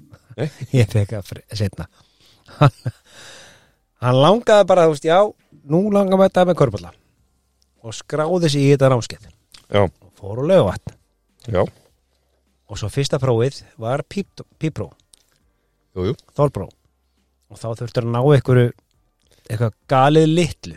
Já, ég veit ekki alveg hvað það var veist, eitthvað 5 eða eitthvað, 6 eða eitthvað. Ég náði prófinu sko. já, mannstu hvað það var? Ég man ekki en, það var eitthvað 5 eða 6 eitthvað, fórrætt nema hvað, hann mætir þetta allur uppheppaður fer í píprófið og feilar. Nei, næri ekki píprófinu þannig að hann var svo brjálaður. Hann fór út í bíl eins og hann sagði grítti öll drastliru í bílinn og gerði heim og hætti restinu hann nefndi ekki lengur í hérna þetta áttur í. En, en sko þegar ég var já, þá langar mig að segja að þú férst bara herðu, kvílir í klukkutíma og tekur aftur. Já. mér minni En- að það var svona sko. þetta var svona sko hann sagði mér þetta. Já, já, og hérna ég hló ekki eðlilega mikið. Hann var bara svo brjálaður til sjálfur sig að hafa feilað á testinu sko. Já ég Já. get bara tróð því. En þetta var sko uh, mjög lert og slíkt já, ég skil það. Og en það þarf svo leiði sko. Já, já. Og ég, hérna komum að því í lok þáttarins já, að jafnaldri minn, Þorger Jón Júliusson, Mhm. hann náði bara stórkurslum árangri sem dómari. Já. uh, Jón Haldur, Jón jú. hann gerist dómari. Og þeir eru nokkrir sem að Já. náðu bara góðum árangri. Ég var alveg ég ætla ekki að segja ég verið góð dómari ég var fann að, ég minnir að hef dæmt tvoleiki í fyrstild hvenna ok, eða sem sagt ekki, nei, ekki fyrstild hvenna heldur uh, annardild að því að ekki úrstild þar. Þannig að en herra, ég var að hann með þáttin hvert eru komnir? við erum segðu komni, mér það við erum komni hérna dit, dit, dit, í Borganes viltu ekki teka hel helganar Helgajónas Já. Í februar í februar ok, uh, góðkunningi þáttarins Já. Helgi Jónas. Hann var nú búin að slá í gegn hana með úlingalandsliði og uh, í bandaríkjunum? Nei, ekki úlingalandsliði, hann búin að spila um úlingalandsliði en hann var koðin til bandaríkjana í skóla. Og Já. hann var bara búin að slá í gegn og vakti mikla aðtegli mm -hmm. Og menn voru spennti fyrir því hvað hann myndi gera. Það er skemmtilegt. Þar sko þó hérna hann fekk sendinga heimann harfisk, Já, opnaði í, í hérna búniklefunum og þá hlupa allir út. Það var bara alveg galið sko líktin af líktinn þannig að Já, hérna, það er gaman að því að lesa þetta. En uh, aftur heim í Já. Borgarfyrði eða Borganes fyrir Já, ok, uh, þar sögð upp úr. Jöp. þegar að uh, hérna eftir tapleik skallagrims móti skagamunum mm -hmm. það sögð upp úr milli Elvas Sigur Elva uh, ekki, jú, Þórulssonar og Bygga Mikaels sem endaði með því að, að byggi rak Elvar úr liðinu. Svona, ég er ekki Pínu. frá að sé smá drama sko. og uh, hann segir hérna uh, Biggi Mikaels þetta voru fyrst og fremst samskipta örleika milli mín og Elvas sem reyði þeirra ákvöru minni að víkja honum úr liðinu. Í vetur hefur honum verið að skipta í vetur hefur hann verið með að skipta svo mikið af því sem þjálfarinn á að sjá um og lögadaginn tók ég svo þessi ákvörun og það var ekki bara hann heldur fylgdónu tveir bara fengur nóg. Gunnar Þorsteinsson og Þórður Helgason. Já, og byggi heldur áfram hérna. Um hérna tvo er það að segja að þeir mættu korir í síðustu æfingu fyrir káleikin og því eru ekki liðinu. Hvort þeir hættir veit ég ennþá ekki en það er svo til nýkomið upp. Mér þykir það miður ef svo er því ég hef ekki átt í neinu samskipti að við þá. Ef þeir eru hins vegar ekki tilbúinur að klára tímabilið uh, taka bara aðri menn við. Þannig að það var nú smá drama þarna í í borgansi já, og svo hérna færa nú að tjá sig hann Elvar, mm Sigur Elvar. Það voru mörg atrið sem gerði það að verkum að við gátum ekki unni saman það er margt sem betur mátti fara í þjálfurliðsins ég er mentaður ísröldakennari og hef bent á ýmislegt í þeim efnum og tjáum um þeim mál uh, sem vara fyrirlið liðsins, sagði Elvar Þórósson ég er ósána byrgir um að andin í liðinu hafi ekki verið góður. Vissilega voru menn mis ánæðir en það hefur á hópnum sem hefur snúið aðalega þjálfum liðsins og þjálfarum og þá hlýtur að stiða það að Þórður og Gunnar hafi sagt skili við liðið. Að mínumatti er búið að kera liðið áfram að miklu álæði síðan í ágúst á þess að þjálfarinn hafi nokkuð tíman gert einhvers konar könnun á því hvernig líkanlegt ástand menn var í og ef hann hefur ekki þekkinga á að gera slíkt eða mjög öðvöld á að fagfólk í það. Og svo hann spurði hérna hvort að brottræstunum hafi komið honum óvart. Í raun ekki, því eitthvað var að gera og öðvöldast fyrir þjálfaran og stjórnina að losa við einhverja fílubóka sem er búin að tjá sig um málið. Ég vona bara að liðinu gangi sem allra best tildinni. Það hlýtur að batna. Er þetta ekki svona kaldæni? Það lítur alltaf batna Já, Lítur alltaf batna ég Og held, þetta er verið farnir ég held það sko. Og hann hérna spurði húst að því að búið að loka félagskeptaglögunum innanlands Já, allir maður horfði ekki bara grasi grænka og snúið sér að golfinu þannig að svo í lokin. Já, Ég verða að klára þetta já, já, Hann sagði bara ætlum að horfa ekki á grasi renka og snúa sér gólfinu? Annars er ég ekkert farin að hugsa um hvað ég gerir á þetta köruboltan En við félagarnir þrýr sem eru hættir þeir eru þrýr sem hættu. Já, Já, tveir fóru með honum. Erum að spá ég held að loka hófa næstu helgi? Mér veist það geðveikt. Vel gert Þeir eru alltaf bara Já, já, búið ykkur Já. höldum loka hóf að um að gera. Já, það er geggjað. Herðu, uh, skagamenn. Nýleganir þeir tókst að vinna Njarvík á ævintýralega hátt. 104-103 og sko uh, þegar hálf þriðja mínúta var eftir var staða 96-95 og skamenn með eh, hérna, já, 96-95 þegar Mhm. hálf þriðja mínúta var eftir þá var Ívar Áskinsson fann út af og Steve Greyer uh, einni fann út af með fimmillur en skamenn voru með einstins fórstu þegar 30 sekundur voru eftir Eh, Rondi Robinson Rondi Robinson jafna á vítaskotum 102-102 broti voru Ísaki Tómasinni er 8 sekundur eftir, hann skora á fyrirskotinu og kom gestunum yfir 102-103 Sók Skaman mistóst og broti voru að val yngjumöndasinni þegar 6 sekundur eftir Vítaskott vals rataði ekki rétt að leið Einar Einarsson náði frákastinu bruna fram völlin þar sem broti var á honum og klukka sýndi 2,9 sekundur eftir Það mátti heyra, sömnál detta er einu tók fyrraskotið. Hann hélt rósinni og skoraði. Sérskoti rataði einn ofan í og áhortu gengur gjössanlega göflunum. 104-103. En nærgang hittu ekki úr sérskotinu. Teitur vill líklega glemur einhvern skor beitt Já, allir ekki. Já. Uh, Káningar þeir letu hérna Mirko fara. Já. Og ég er ánað með hreinskilina hjá þeim sko. Þetta er nú bara gert til þess að spara. Það verður hérna eitthvað áfram. Já. Við erum, við erum bara að taka hann á rauna sko. Já. Það er ekki flókið. og, og menn uh, í vesturbænum þeir voru ekkert á, á þeim buksuna þeim myndi ná hérna úslita sæti Nei. uh, svo við tali Bára Eithósson hérna úr, úr Snæfell Já. hann er í stýrimannskólanum en hann æfiði hérna með leikni uh, á virkudögum og um helgar kerðan uh, vestur og æfiði með þeim þá Gerir það ekki eftir. Nei, ætla ekki gera þetta Nei, nei, þetta er ómikið. uh, þá er nú komið okkar upp á slið Ekki, eða ekki. stjörnuleikurinn Já.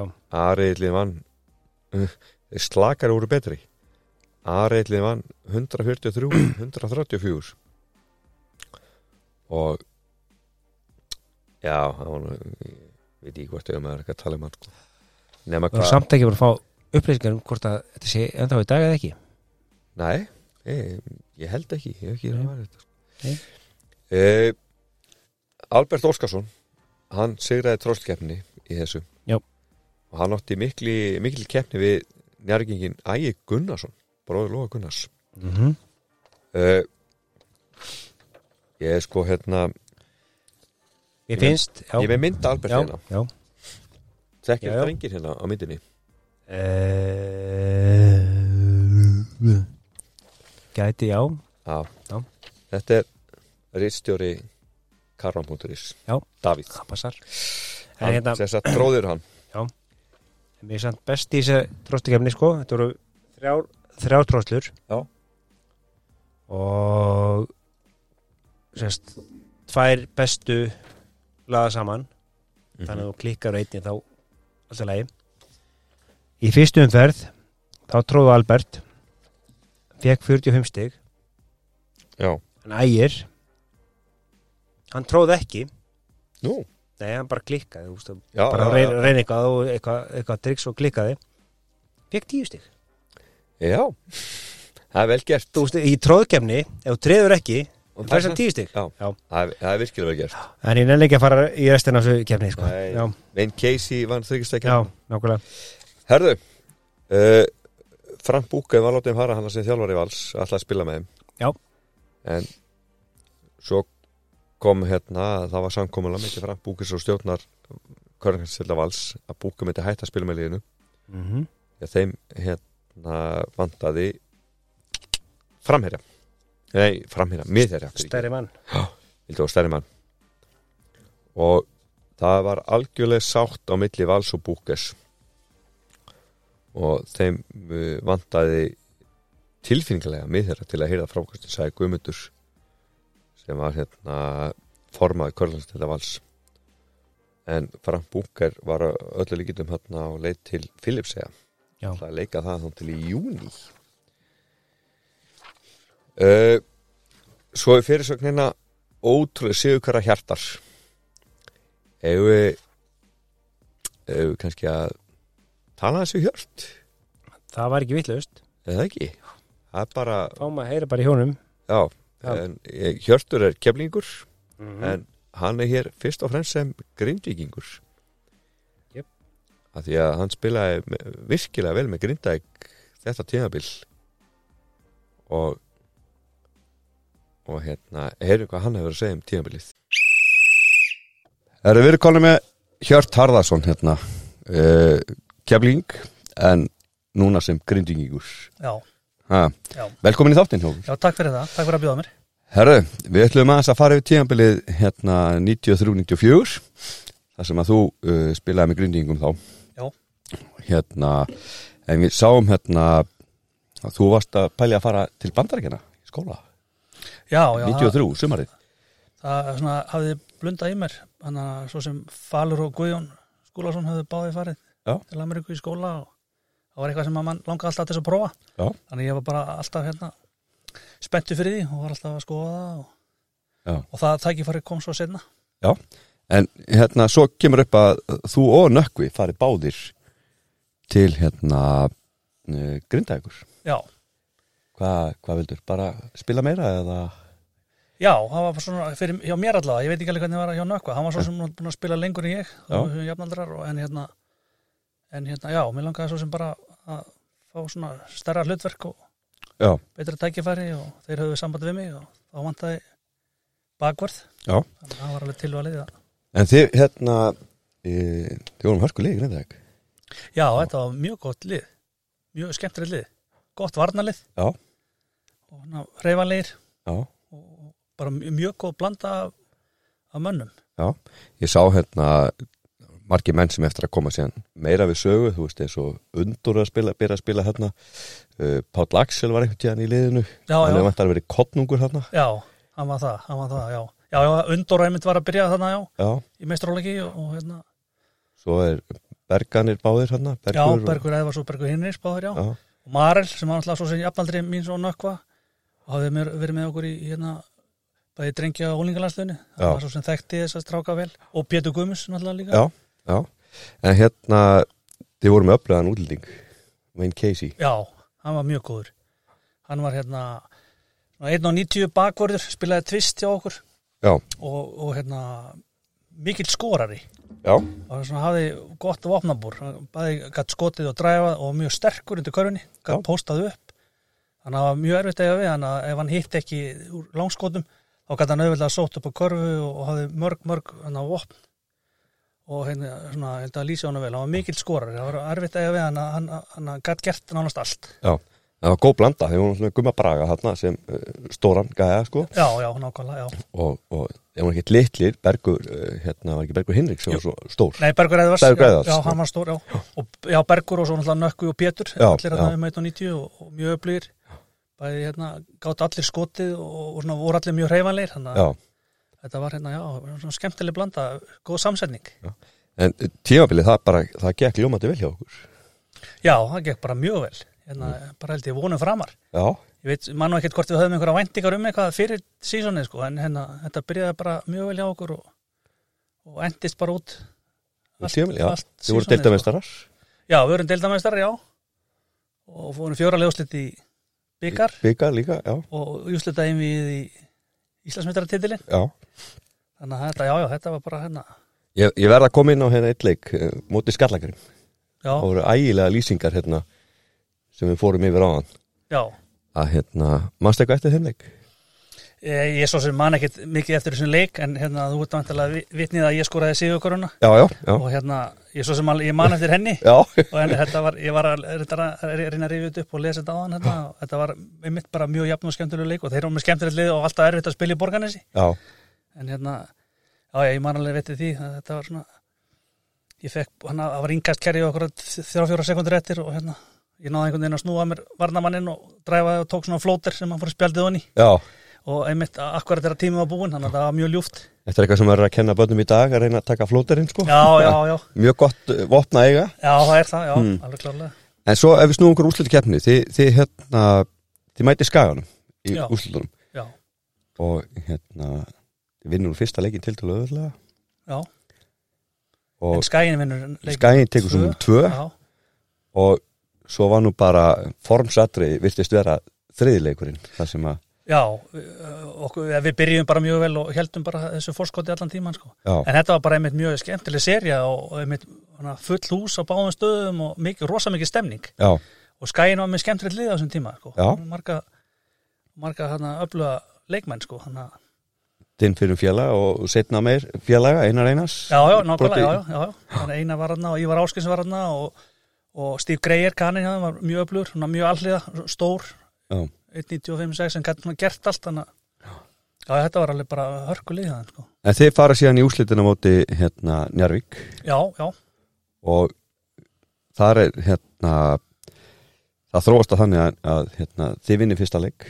Já, og svo bara skiptist þið á. Já, þántilega fer í úrslita leikin já, í Grindavík, í Grindavík, já, mannst þetta þeim leik já, ég man þetta þeim leik. ekki ætla að reyða upp eitthvað gömul sár sko. Nei, nei, nei, nei, nei, það var náttúrulega bara hörkuleikur og reyðist á síðustu sekundu, Já. eða skilur við, hann hefði getað dottið hvori megin sem var, en, en að, og það var einmitt bara líka skemmtileg sérja, rosa mikið stemning og hérna, en þeir tóku það í þetta skiptið alltaf, Já, eins og talaður um aðan að þið, þið áttu kannski ekki vonaði að fara langt eða hvað?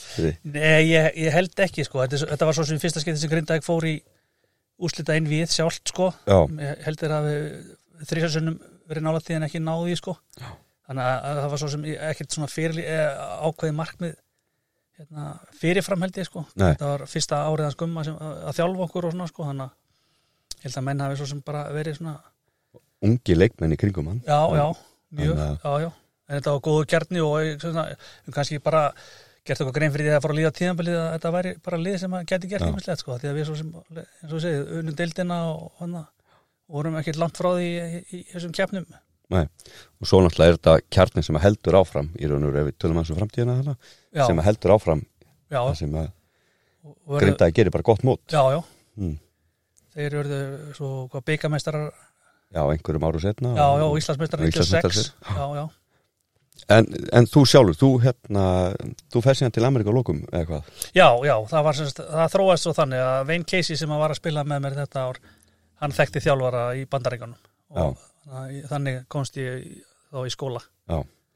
sem var bara alveg frábært tækifæri, já, mikil upplifun. Herðu, við bara þökkum fyrir Já, fyrir. þessu sinni, við höfum kannski eftir að hóið aftur. Já, takk. Hjörtur Haraldsson, grindíkingur þetta sinn. Herðu, það var nú heldur betur gaman að heyra Hjört rifið þetta upp. Þetta tíðabil hjá okkur. Hmm. heldur betur. Já uh, Jonathan Bó sem var látið fara hérna frá Keflavík hann hérna uh, gat ekki leiki á Íslandi. Á þetta hérna félagskipta vissininu og hann segir svona það er dýrt að vera hjá Íslandi með að maður hefur ekkert að gera þannig ég ætla til Chicago og býða ég er með umbóðsmann þar og ætla að leita fyrir mér Ellendis eða annars þar á Íslandi Það er möguleiki fyrir hendi að fara til Venezuela, Hong Kong eða Ástralíu. Og ef hann fer til Ástralíu þá taka grindvíkingar hann. ekki spurning En honum hefur, sko, gæðin með sagt upp út af, já, bara drikkjuversinni. Já. Hlustaði nú. Honum hefur enn fremur verið bóða að ferðast um landið næsta sumar og við höfum kákaði og kynna körnhallik. Þarf ekki einhverja fyrirmyndi það? Já, Ég meina, hann var, hann var geggaði leikmaður, en, come on. Ég, fólk bara veit ekki betur bara hann er flottur og vann eitthvað og sendur mann í skoðanferð En uh, hún er langar að spila næsta vitur á Íslandi og, og hérna hann vill vera hérna áfram greinilega. Líður vel hérna. Sjáum hvað setur. Já. Svo hérna uh, valsmenn þeir eru búin að vera í brekku allt tímabili í greiðin. Þeir vinna, eh, vinna hérna Grindavík.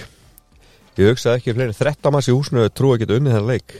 Við sjálfur, þjálfarinn, liðstjóri og einn ef við vissum að það henda okkur betra spennandi Grindavík en flestu öðru liðum. Þannig ekki spurning við áttum skilja að vinna sagði Brynjar Karl Sigursson sem að treyði val óvænta sigur 76-75 á hlýðarenda með tveimu vítaskotum þegar tvær sekundur eftir.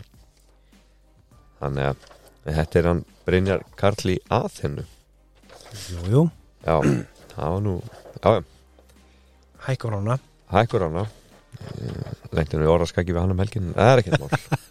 Ja, við, við skiptum þá skoðunum já, já, segja. já, uh, og valsmenn heldur áfram þeir sigruðu Snæfell í stíkisólmi 83-85 og uh, leikurinn það var allt án til þrjármyndur eftir. Þá tóku hefamenn góða spett jöfnu kost 5 stugum yfir þegar 36 hundur eftir að velja leiktíma. Valsmenn reyndu þá skot sem geigaði en besti maður vallarins Bræði Magnússon náðu frákastinu glæsilega og skoraði og fekk víta auki sem að skoraði reyndar ekki úr enn á valsmenn frákastinu reyndu þryggjast að skot til að jafna.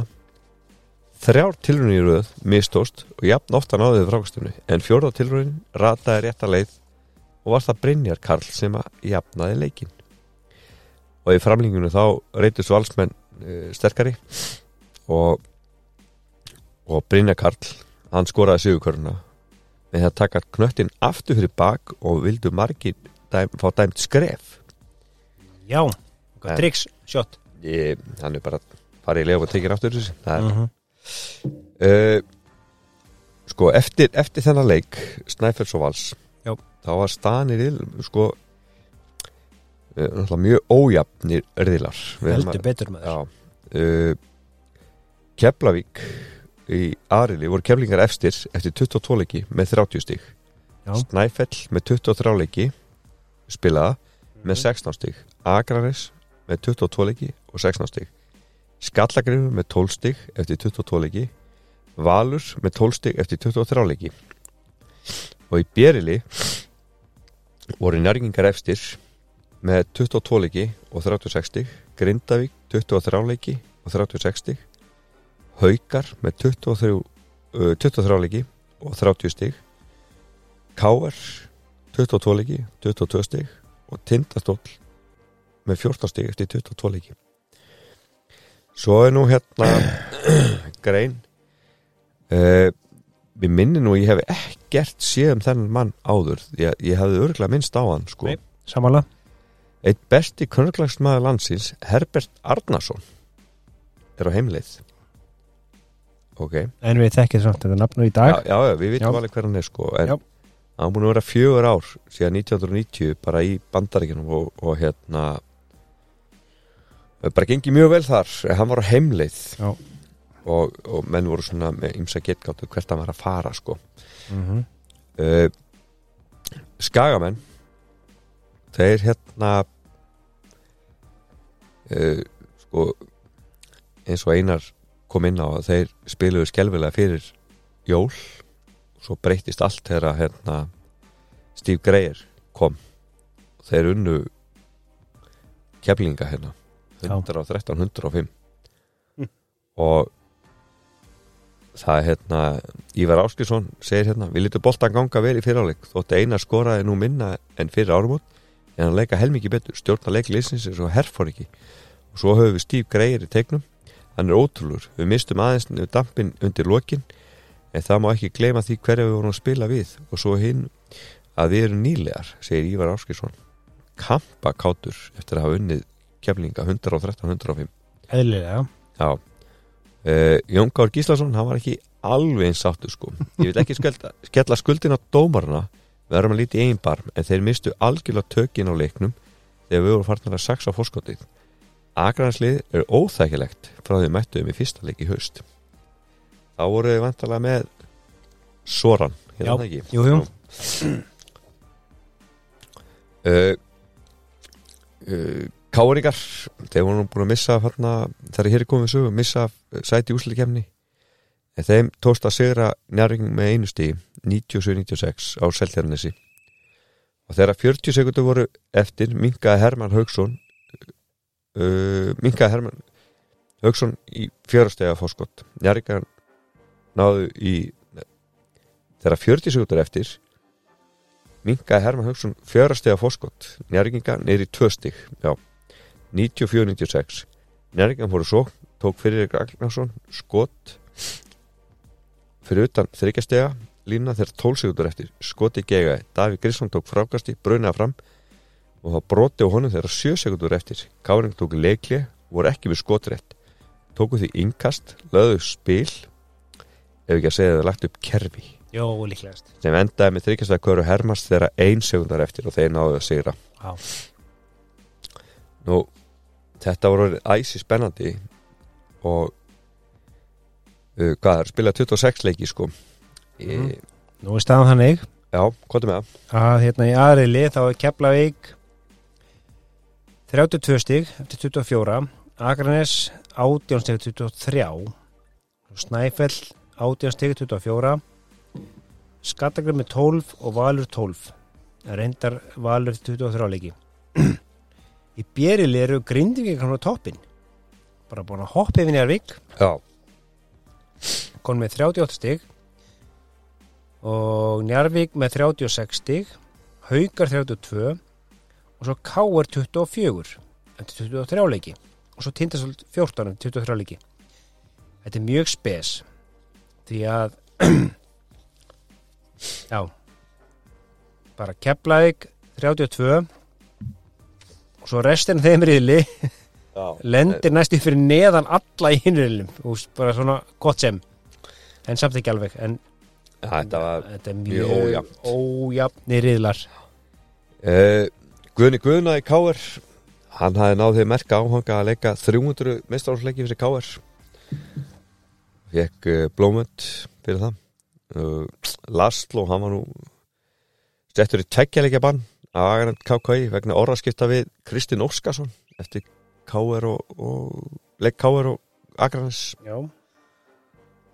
og Bendit Guðmundsson hann stjórnaði KR-leginu já, fiskir sem ég á minnst á, minnst á hann. Já. Herðu uh, þá eru komni hérna það sem að að það er hérna minnst á landsmót UMFI Já, segðu og þar var uh, Mér finnst það merkilegt já, af Já. því að sko það voru átta sæti sem voru laus í hérna á landsmótið í Körbólta og það þurfti bara að grípa til hérna keppni Þetta er bara svo fyrir ólupillegana Já. Já.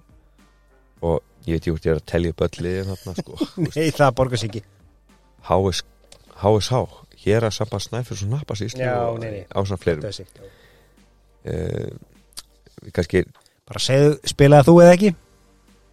ég spilaði fótbolta Ekki köruballa? ekki korfbólta Nei, ok ég ekki það þáttunum snústu mig Nei, ég kom keflaði ekki í úrslita já, það er vel gert skoraði þrennu í, í móti Viking Ólasík Mm. mm. 3-2 Það er gott að þeirra En akkur varst ekki í körfunni? Ég bara ég vissi ekki að það er korfbólta ég bara, sorry. Ég er bara í fótbolta. Já. við, Ok. við fórum hana bara til að já, Þetta, akkurat. það var há sumar. Já, já. þannig að það var engin ekki, við vorum ekki pælið í en uh, já, það er þess að aftur að koma í ljós hvaða lið hérna, við komum að því setna, hvaða lið fara hérna í, í álauga vatn mm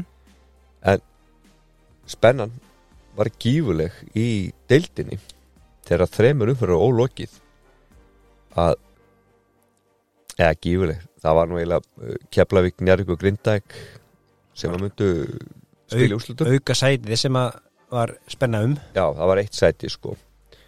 Og það var raunveru Akrains eða Snæfell annarkvort sem myndi komast áfram. Mm -hmm. og uh, þau áttu nú eftir að mætast innbyrðis uh, einni hvaða lið myndi falla sko. Það var einhvern skallækir mér að valur. Já, eða tindastóll. Jafnvel. Þannig að, að það var nú aðal spennan sko. Uh, við tölum um það Friðrik Stefánsson að við gengið til lífsið káringa. Sem að bara spila með aðstæðinu og hann hérna tróð í í korfunum í korfunum, í korfunni Já. Á hérna Seldarnesi sem var til þess að spjaldi losnaði og hann fekka bara í höfuð maður hægt að sögma tól spor í hann þannig að það er að loka uh, Íþjóðarsson og Seldarnesi og káningar höfst að finna sér nýjan heima völl til að spila næstu leiki. Þetta er eitt sem er mjög langur að vita veist, á þessum tíma og kannski í dag þú veist, þú mætir bara í þetta hús vissulega eru körfur til staðar Já, en það er aldrei einhver sem mælir bara, er þetta rétt eða löglegt? Þú veist eins og í gamla daga eh, á þessum tíma sko, þá bara trillaður körfunum út og, og var í- upp sko. En já, þú veist það er enginn að tjekka þú veist, er þetta rétt lengt eða neitt, þú veist, ég skildi alveg þú veist, maður var svona ég var stundum að setja upp körna henni keflaðik Já, já. og þetta var mann bara horfði á þetta bara, já, þetta er er hérna svo, svo hérna, pumpaði þetta niður og íttu körn upp sko. Já, en, það kemur náttúrulega liður á sama, þú veist, þetta er sama bæði lið sko en, já, en hérna, þetta ætti að vera sama þetta er löglegt ætti að vera það sko. Uh, Valur og Skallagrimur þau mættust í hreinum úslitaleik hvort liði myndi hérna uh, í rauninu falla. Mm -hmm. og ef að borgarna sér unnið þá eru valsmenn fallið ef valsmenn sér með 27 stugum með meira þá falla skallingsmenn uh, Sigri valsmenn með minna en 26 stugum getur skallingum komst upp fyrir val í loka umfyrinni með því að vinna aðgræðins og valur tapir fyrir kemlaðik þannig að þetta var orðið æsi spennandi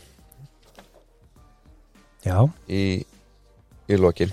Skemmtilegt uh, það fór nú svo að, að hérna, valsmenn unnu með já, bara ekki, ekki kannski minnstamun Nei, en þryggjastefmun Já. það sem að staða var jöfn þegar þrjásíkt úr til leiksloka að Ragnar Þór Jónsson tók þryggjastega og smelt honum niður og uh, unnu skallagrim með þreymur stegum mm uh, þegar Bó var látið fara Já.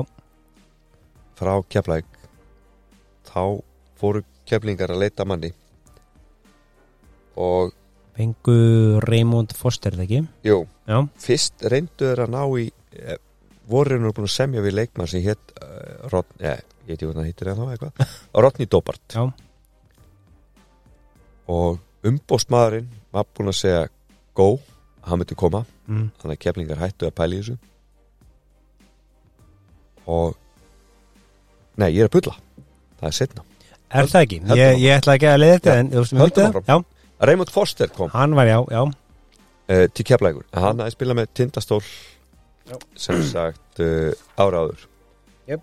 en hann lendi bílslýsi bara hérna nokkur uh, 200 metrum frá þessu við sittum í dag. Já, já, nákvæmlega bara hérna á hotninu og hann hérna talaði með viðbeinsbrotnað og gæti ekki spila meira með keflingum þetta tímabil Já. og menn voru svona fabulegur um þetta hvort hann gæti verið með ekki sko en hann hafi spilað mjög vel með keflingum frá því að hann kom mm -hmm. Fyrir bó Já, í staðin fyrir bó Já. Og þeir voru strax fann að vinni að, að finna annar leikmann mm -hmm. fyrir Foster því að hann eh, sko fyrst að tala um höfumeisl en svo var brjóskassin á reyðbein og eitthvað svona í vesinni Það er ekki gott Þegar þú ert að reyna að spila kemnisítrótt Nei uh, og þetta var rétt fyrir úsliðkjafna sko Já. uh, Káanikar þeir færðu leiki sína í, í Östuberg í brjóldið Út af út af körfunum. Já. það var ekki Já, búið að- fríka að gefa leifi á þær. Mm -hmm. uh, Meira Foster Raymond Foster hann var ekki með í næsta leik en það er að kvíla sín nokkra daga. Það er alveg öll að vera með okkur úslikefni hann reyndist ekki vera brotinn og ég er mjög ánægði með stöðu mála segja Hannes Ragnarsson. En hann var formaður körnlastildar kemlaðið og uh, læknin hafi sagt við Raymond að hann er í góð eftir viku þannig að hann geti orðið með í hérna í úslikefni uh, Akranes nýleganir þeim tókst að sigra Snæfell 99-77 á heimaðalli og við það voru þeir komnir í úslitin Nokkuð vel gert í þeim Já, Nýlegar sem nýliðar, allir sko. spáðu bara Prump og frætti já, voru ekki allir sem spáðum næst Jú.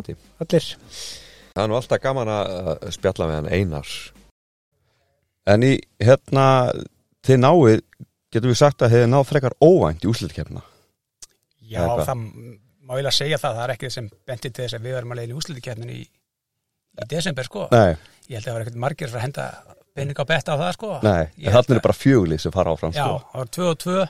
Já, Riðlarnir voru nú svona, hvað sé þetta, henda okkur ágætlega því að keflag voru svona bestir í okkar riðli og svo voru við hinn að reyta hvort öðru. já, já, Og svo þið vitið eftir með rönnið, það náðu við svona að stela Sigurum að sann Jærvík, Káver, Keflæk, sem hinliðin kannski voru ekki að stela já, og svo náðu við að vinna innbyrðisleikina móti hérna, Snæfell og Skallagrim sem stu svona heimaleikinnir sem svona töldu tvöfaldar já, voru alveg líki leikir. Já, En þið hérna, þið sem sagt lendið á móti deildamestarunum, Grindavík í, í úslitunum jú, jú. Ha, þeir voru með mjög gott lið þarna þessum árum. Já, en þeir segja það var svona, hvað ég segi, þetta komið svona okkur líka svona mörgu leikmönnum sem hafa ekki spilað svona fullu húsi. Já, fyrsta leik mætum til Grindavíkur. Þegar við mætum, þá er uppselt. Já, það er bara fyrir aftan bekkin hérna bara pallanir og bara brettin og því hvað, hvað og mínir margir leikir, leikmenni í skaliðin bara hefði ekki séð svona. Nei, og við komum inn og menn voru bara, bara, bara horfið í kringu svo það var bara að stappa húsið. Já, það er bara, þó sé ekki pláss rittara Nei, megin nei, eða nei, leikmanna nei, nei, megin, nei. þá er samt tróðið þar sko. það, það var sko, ég held að sko, margir leikminn okkar liðið hefur bara ekkert sé svona. Nei, en ég, var alltaf ég sjálfur sko ég gerði ekki den kannski þegar Axel Nick og fleiri kalla voru þá. Já, já, en hérna, þetta er náttúrulega bara galin stemming og bæjarfélið bara, við vorum ykkur þrjálfjóra rútur bara og já, sem fóru á líki já, já, Já, ok. ég var að koma hann maður og það var bara, ég mátti þakka fyrir að komast inn í klefa sjálfur sko, ég ætti bara sér skilriki bara, er þetta varkallið minn? En þið, þið tapir fyrsta leiknum en svo vinni næsta Já, við þá náttúrulega var sama upp á skaga, við náðum að hérna, fylla kofan hjá okkur Já, og byggundum brjálaða stemmingu Já. og einhvern veginn svona höfðum yngur að tapa. Við höfum einn og lundir og það var bara undan að vinna tvo. Já, og með Greyer í stuði þá bara, hérna, minni ykkur það er framlengingu ekki leikurinn. En ég man það bara hann, ég held að hann hefur skorað síðustu 20 stíðin bara. Já, þá bara er, gefið hann og komið ykkur í burtu. Hann sér um þetta. Já, hann, hann, ef, það var þrýra á hann þá gefur hann kannski bóltan Já. En síðan hérna þriði leikur í Grindæk, hann var svona eiginlega leikur kattarins um húsinni Já, þeir bara hérna, þá, var húsið alveg stappað, sko. Það maður þá hérna, kannski röglega fyrsta líka þrjálíki, mann ekki, maður er svo gammalt maður. Að hérna, það var alveg, og þeir líka stemmingin í húsinu var bara, og þeir sko var ekki alveg sátti við að. Nei, nei, Sko. Þannig að við svona einhvern veginn vorum litlir í ykkur og áttum í Já. lagin breyki leiknum. Kannski orðin sattir ja, Já, ég var löngorni satti, sko, en það var einhver sem bara rak okkur áfram, sko, en við einhvern veginn svona, við komast í úsliti var náttúrulega bara algjör sigur fyrir okkur, sko. Já, en að vinna einn, einn leik og koma sér átta leik og svona búið til svona smá pyrringi grindaðeg og smá stress. Já, en það fó, fó snemma það var ekki marga myndi búnar þeirra konur í 15 stíða mun og við vorum bara já, á heilan mæta leikin já, já. En hérna, ertu ekki að fylgjast með korun upp á skaga núna? Núna er fyrstildinni Nei, mjög lítið, ég er bara ég er bara að sé hvað staðan hefða með sko en Já, ég annars, já, Jón Þór vinni minn hann er að halda þessu gangandi. Já, og ég tek einn auðvitað hring með hann og þá svona ræðið málum Já, ræðið málum, förum yfir þetta og, og minnum á hvað við vorum Já. þetta, ekki þetta. Herru, Einar, bara takk fyrir að kíkja á okkur hérna í Tígrip. Ég maður ánægjan. En svo kom í ljós að, að Raymond Foster hann er ekki með í hérna útlkefni og þá kemur dópartinn inn Já. uh, Jón Káer hann segir hérna ég talaði við dópart á lögadaginn og hann var frekar neikvæður á að koma. Síðan hringdi umbóðsmaðan í mig um kvöldi og sagði að hann vildi koma. Við, gáum ákveði svarum miðnætti. Síðan var sundaði nota til að gera klárt út við að flug með það gera allar pappir klára. Klóra 11 á sundarskvöldi ringdi umbóðsmaðans aftur og sagði að dópart kemi ekki. Þá að byrja upp á nýtt. Ég rættu um Mike Brown í hátteginu í dag, sem sagt á mánudegi mm -hmm. og hann er tilbúin að koma. Og hann ætlar að taka á mótunum klúna hálf sjö í fyrramálið. Vonandi kemur hann, já vonandi. Hefur heyrt þetta nafn? Rob, Rodney Dobart. Já, hann kemur nefnilega fram eh, kemur við setna mér já það ekki? Jú. Jú, jú, ég kannast mjög vel þetta nafn. Eh, svo er hérna grein eftir eh, Sigmund og Steinarsson. Að hann er að gaggrína hérna þegar tölum um norðudeldina og suðudeldi og austudeld og hvað þetta kallast allt. Jú. að hann segir að uh, hann efast um að félagum sinni tilbúin í aukin ferðarkostnað með það sem er samdráttur í þjóðfélaginu. Það Já. vantar allt Sammála honum, hann veit hvað hann syngur. Já. Uh, Bó Manstu sem hann látið fara á kemlaik Já, já, mann ég. Hann spilaði með KFI Já. Æfingaleik Gegn Snæfelli á í, í, hérna Ísaferi mm -hmm. og þessi Snæfell sigr, sne- sigraði 128 og Bó gerir 20 stig. Þar sem að KFI er að undirbúa sig fyrir úsleikefni annar til Karla. Já, ég veit nú ekki af hverju að hérna hvort það myndi fara að spila þar eitthvað, það kom ekki fram. Nei, nei. En loka staðan í riðlunum er þá þannig þegar að búa að spila 26 leiki öll lið með 26 leiki að kepla ekki með 36 stig í Arili Já. Ía 22 Snæfell 18 Skallagur með 14 og Valur 14 Grindavík er efstir í Berili með 42 stig og þar með dildameistarar Njarvík með 40 Haukar 34 Káur 26 og Tindastól 14 þannig að hérna, Njarvík sem byrja svona vel eru aðeins að Já, þeir gáðu mikið eftir já, heldur betur með Já. En uh, eins og ég nefndi á hann þá voru, voru menn mjög spenntir að fá Dóbart mm -hmm. til keflækur en það var náttúrulega var ekkert úr því sko. Nei. og sjálfsögur reyndan að koma stað hjá NBA-li já, já, Já, komst ekki Þannig að hann ætlaði nú að sækja hann að Mike Brown Jónkáður og hann mætti. Og það voru 150 manns á æfingunni fyrstu æfingunars jú, jú. Og Siggi Sig sá Gólaværi gólvari og, og hérna fyrir starfsmæður í þetta í keflæk Já. hann sá mest eftir að hafa ekki selt inn á æfingu. Jep. þannig pottið geta grætt pinning á því. Já, nákvæmlega. Eh, og það, er- menn tala um að það hefur verið erfitt að, að lendi í þessu vandræðum fyrir keflinga. Að náttúrulega fyrir utan að, að hérna Dóbart, nei hérna Foster hafi ekki getað verið með. Svo ætla Dóbart að koma, svo kemur hann ekki og það er Mike Brown er mættur. Uh, þannig að liðin sem mætast í úslitunum Já. var Njarvík á móti Keflavík og Grindavík á móti Akranes og eins og þú sagðir aðan þá gáu njárgingar verulega eftir eftir þessi leið á mótið Jep. og hérna mistur hún af sæti, efsta sætun í berili og DFF sýnir þetta svo vel með tölfræði mynd sko. Spurning hvað þið setur myndir einn sko þú veist þannig að njárvikingar eru að byrja svo vel sko og svo hallar þetta fæti. Já, þeir og hérna, í nóvumber eru með 100% árakur já. Og svo bara koni 56 Þeir að minnka og- þau lið sem eru uppleiðið eru sérst Grindavík og Ía. Já. Kepplæka líka á niðurleið hérna Mhm. á leiðin í hérna. En þeir hafðu þegar þarna komið söguð á náttúrulega spurning hvernig brámyndi standa sig hann náttúrulega ekki spila neitt leik. Nei, nákvæmlega. Og þeir voru ekki búin að spila vel keflingar. Mhm. uh, grindjungar við að fara í úslikefni eða eftir við með vera eftir bara rétt á ég ætla Já. aðeins að klára hérna. Ok, að þeir voru eiginlega uppleið allan uh, allt tíðabilið ok, og sama hjá sko skagamönnum Já. að þeir eru með 17% vinningslutvall í nóber enda í 70% og eins og eina segir að þegar, þeir fengu Steve Greyer þá bara fóð lið að spila miklu betur með að leinar mm -hmm. svo er minnst að hérna byggi vinnur okkar Mikaels. Hann er farið til þessum Nó, já, já, á þrjá mánu í þjálfaraskóla. Það er ekki amalegt. Honvet Budapest. Og æfa með liðinu. En uh, Erman Líski hann spilaði þar á hann kom til landsins. Já. þeir félagi fóru þangað. Að kíkja á aðstöðuna.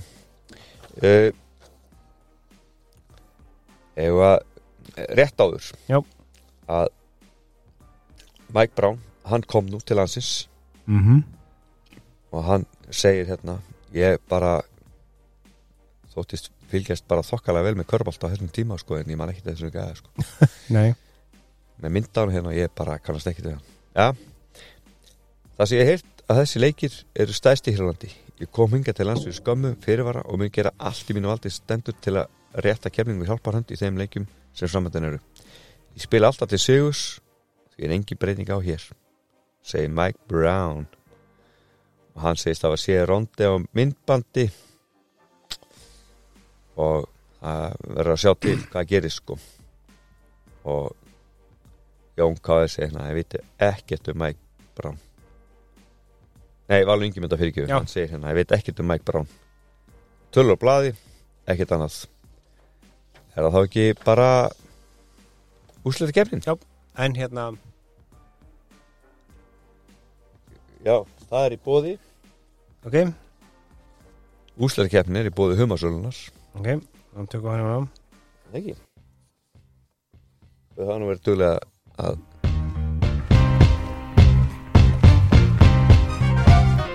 There it is.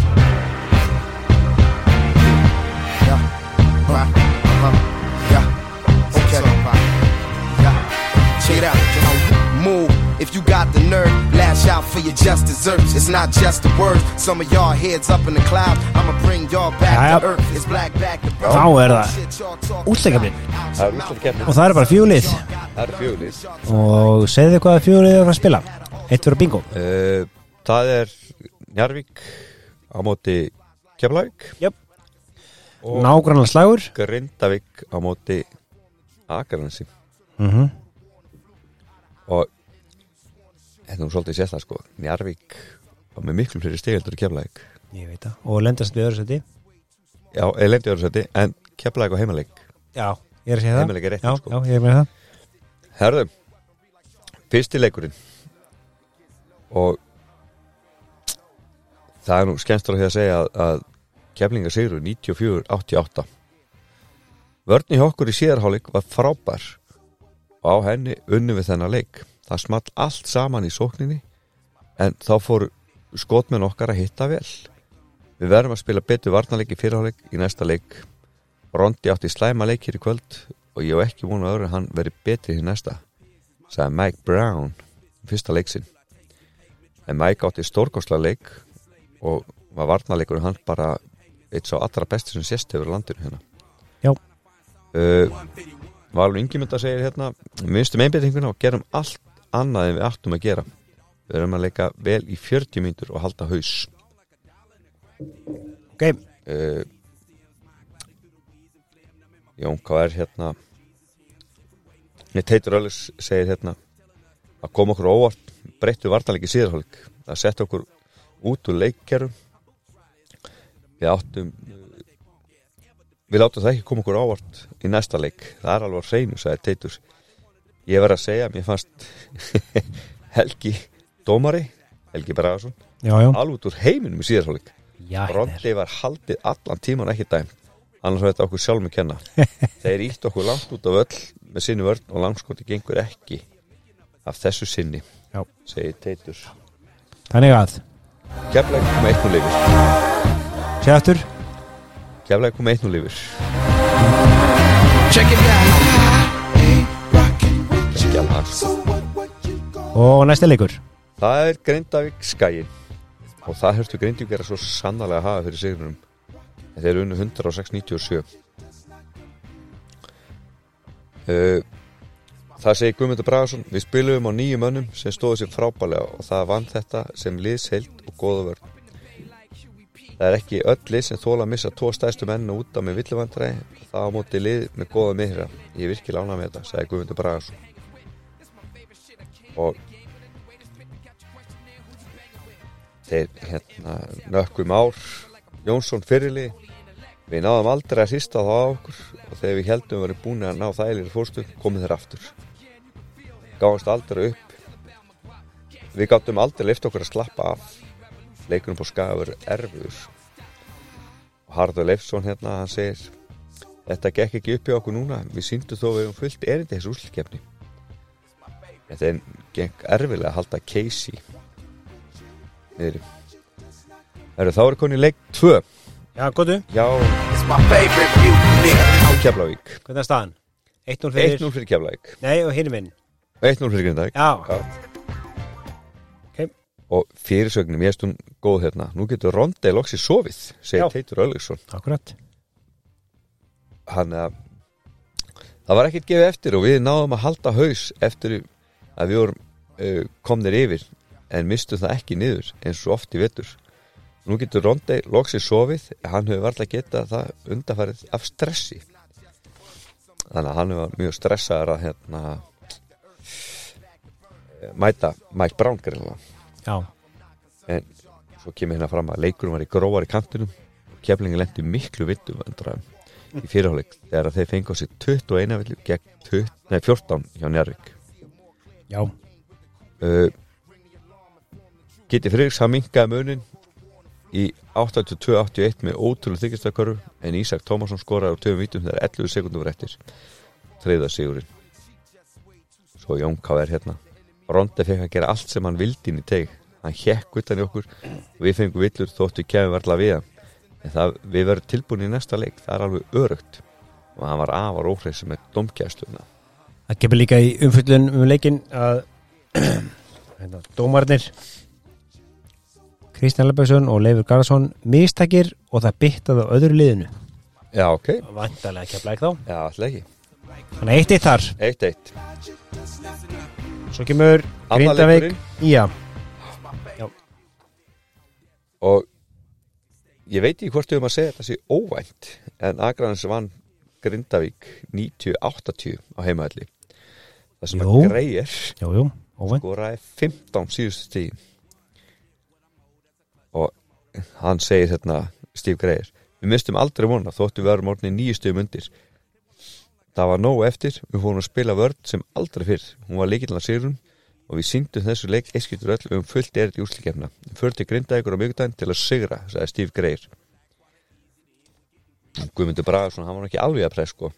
Ég veit ekki hvað kom yfir okkur við vorum með gott forskott en sennilega höfum menn alltaf að fara að tefja leikin þá kom óverki í sóknarleikin hjá okkur og sama tíma fóru þeirra hitt og flestu sínu skotum það er ekki við dómar að sagast en mér hans bergur út að aka í lokin við Já, já. tökum þetta í þriðaleikur sagði Guðmundur, en alltaf dómar Já, já. sko. Auðvitað. Þannig að eitt eitt þar líka já.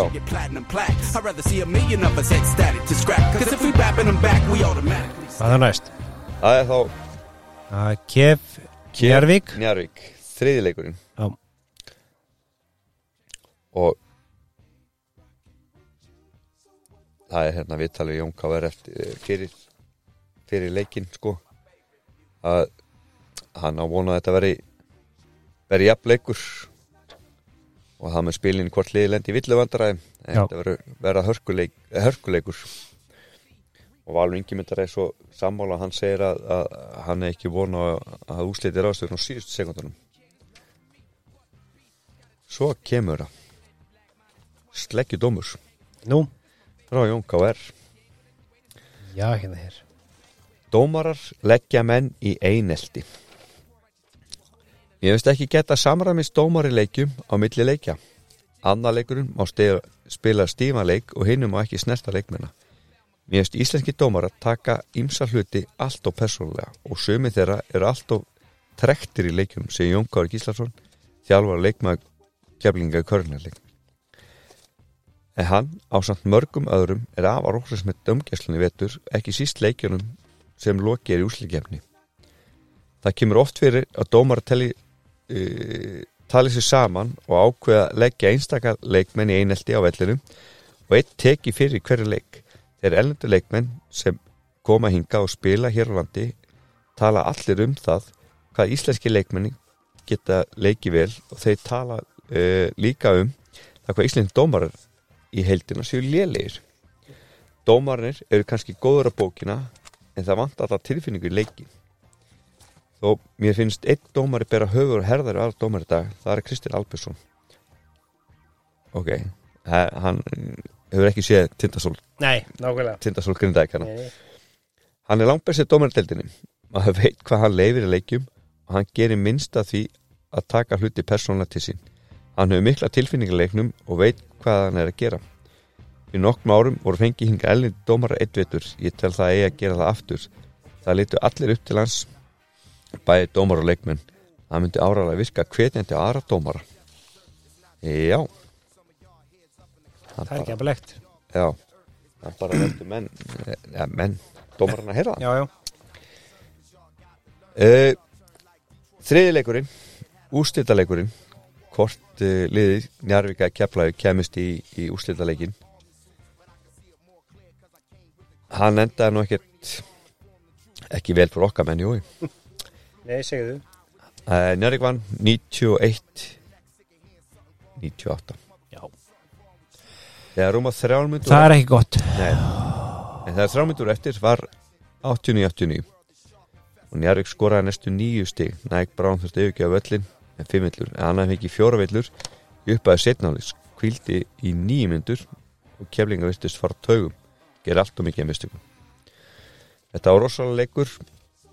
Og þá má segja að keflingar hafa vorið fyrir áfalli þegar bránlegt í villuvandra því að bitna á varnarleik þeirra. Hann er gríðlega sterkur varnamaður segir Rándi og Guðjón Skúlonsson segir hérna við heldum ekki haus í sókninu til lokin aðum aldrei að stilla upp í kerfi. Þetta er rosalega svekkjandi en það er samt fyrirlega hvað við höfum komist langt eftir að hafa orðið miklu áfællum í vetur. Ég vil óska nærgum til hamingju. Vonað hefinu mestar til að slegja okkur út. Eða það. Já, ég veit ekki. Og hérna já, Jón Káver segir að hérna Mike Brown hafði ekki komist inn í leikin að þessu sinni. Og ef við höfum haft Raymond Foster þá er ekki að spyrja leikslokum segir Jón Káver. Og hann tekur hérna fram að leikun hefur verið vel dæmdur. Uh, Teitur Ölegs eftir þennan þriða leik við verðum svo sannlega að hafa fyrir þessu því keflingar voru með gott lið og, er, og það fer engin með sigur keflæk á þess að lagt sig fram. Stemningin húsinu var rosaleg. Það heyrist ekki mannsins mál fyrir að háa. Það er útilega að koma skilila på milli manna. Þannig að þetta var hörkuleikur. Heldur byrður hann talar um hann að Kit Albers. Ég man, ég held að sé tímabili 91 92 að Kit Albers að dæma hann að keflaði Gnarrik Já. það er eitthvað, rífa, eitthvað leikmenn að rífast. Og hann bara lappar upp að leikmanni ég held að það sé gauði skóla bara tók í hann, bara svona lítinn krakka sko, bara reyf í treyjuna, bara, bara maður ætta þessu. Sé það í anda dag sko. Já, nákvæmlega Hörðu Þriðileikur, grindaðikur og skagamanna Ég tala um skagamann, finnst mér alltaf að tala um the hérna, tala um Já, er. Loksins, loksins. Eftir þrjá misjæfna tilrunir til að komast í úrslit úrslitarna tók skrindingur loksins að komast í úrsliti Þeir unnu skagamenn næstum auðvöldlega 94-77 Ég hefur með 26 að fórstu hann á tíma. Og ég var ástims þjálfari skagamanna hann var, hann var ekki alveg sáttur sko. Það var ekki sáttur eftir leikin ég held að spennuhallega komi í liði setnáleik að tölum að taka, taka eina sókn í einu og spilum svo lið það gekk ekki eftir. Og þeir gringingar fóru að, voru að þryggjast að hverju beint í andlita okkur. Það er aldrei gott segir hann hérna. Nei, Þannig að það er Grindavík Njarvík í úslitónum En smá innskott hérna með litla brugghúsinu. Jöp. að Þóra Akkur þeir treyðu sér sæti úr að stöld Hrannar kom sannar og hafa búið að ganga frá því að hann myndi þjálfa áfram og mikla líkur á að Sandi Andersson er áfram með. Já. þannig að við fögnum því bara akkurat. næsta tímabil svo er hérna við tala við Jón K.R. sko fyrir úslita leikina Njarvík og Grindag eða Grindag og Njarvík hann heldur að Njarvík vinni þetta Ólafur Þóri Jóhannesson sem ég aldrei heyrt á minnst fyrir leikmaður Grindavíkur, hann heldur að Grindavík vinni svo er hérna Grindavík á heimalíkin, eða ekki? Grindavík heimalegin Já, akkurat Eh. Gott að úst, það kom fram sko það hefði ekki að verið verið að tala um það hvort að hérna þryggjastæða línan á Akureyri var of nálægt körfunni. Það er það sem er að segja. Hver mælir þetta? og karfan og lág Já, akkurat. Og það var hérna sko að dómarar komast að því að þryggjastæðalínan á gólfinu á Akureyri væri 10,5 cm og nála körfunni og karfan og lág og uh, hann viðurketti það nú hérna aðarsteinn sem að sá um hér þósin þetta væri satt Er þetta honum að kenna það að það? ég veit það ekki sko. Já, ég bara skildi ekki, þú veist Ég, þú veist, ef þú ferð að spila bara í eins og bara Grindavík í Já, þe- þetta er að þú sagði sko þegar maður körnur er lausar á gólfinu Já, það er voru langt inn á vellinu Já, líka bara láta síðan síðan niður Þú veist, hver mælir þetta? Á maður bara treysta öllu Þú veist, þetta bara er ég veit ekki En hann talar um að hann þurfa bara að ríða upp allt gólfið sko. Já, Já, kannski ekki alveg þeir sjáum þetta á Full Akureyri. dramatist en Já. já. Uh, fyrsti leikurinn Njarvík og, og hérna, nei, Grindæk og Njarvík Ja.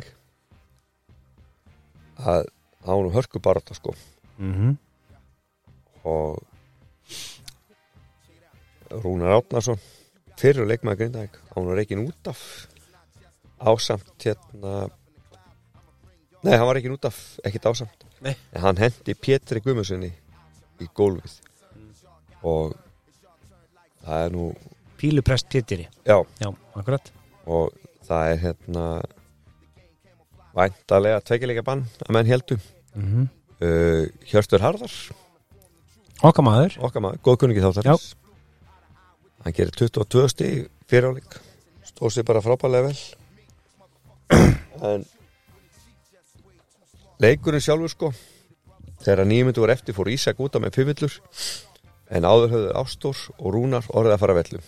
Ástór vantalega er fimmillur, hann var alltaf á fimmillur Já, uh, og Rúnar fyrir að reikin út af. Teitu var þó ekki að að gefast upp.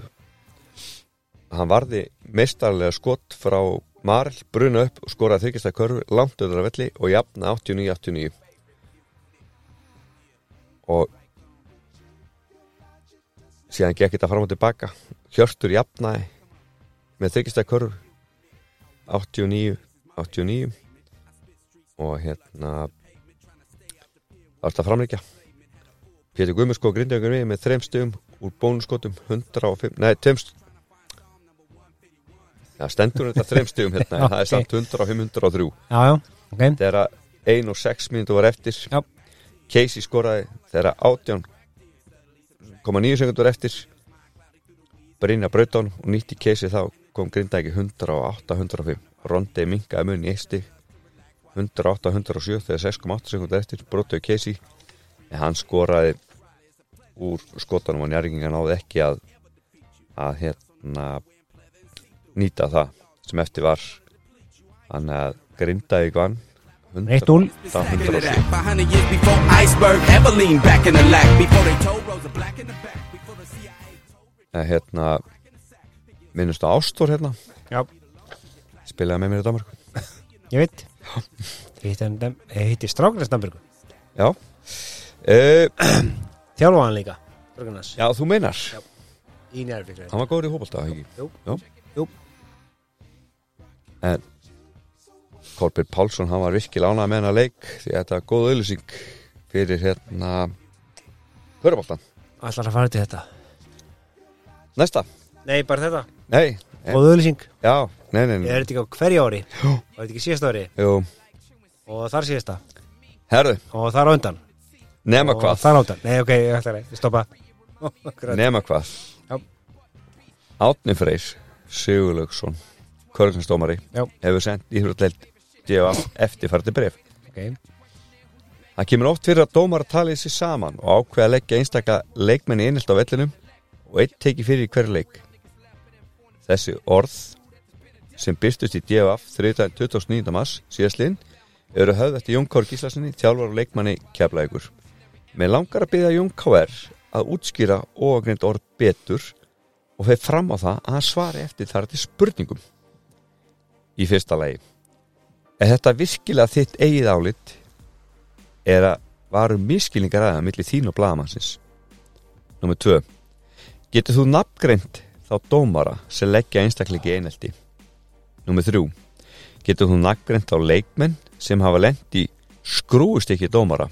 En þetta margir leikmenn? Númer 4 Hafa leikmenn íbygg Já, kefla ykkur Já. Vera meiri laðir einelti en aðra leikmenn liðana Númer 5 Í starfi sínu þurfa kennarar stundum að taka einelti meðan nefnda sinna eins og þú veist eflust Hefur mikið einelti verið í skólanu þínum? Ó, undafarið já, nákvæmlega Getur það eftir vill hafa rugglað þig og þú yfirfært starf þitt úr skólanum inn á leikvöllin þar sem menn henda bolta á milli sín og kasti í körnum.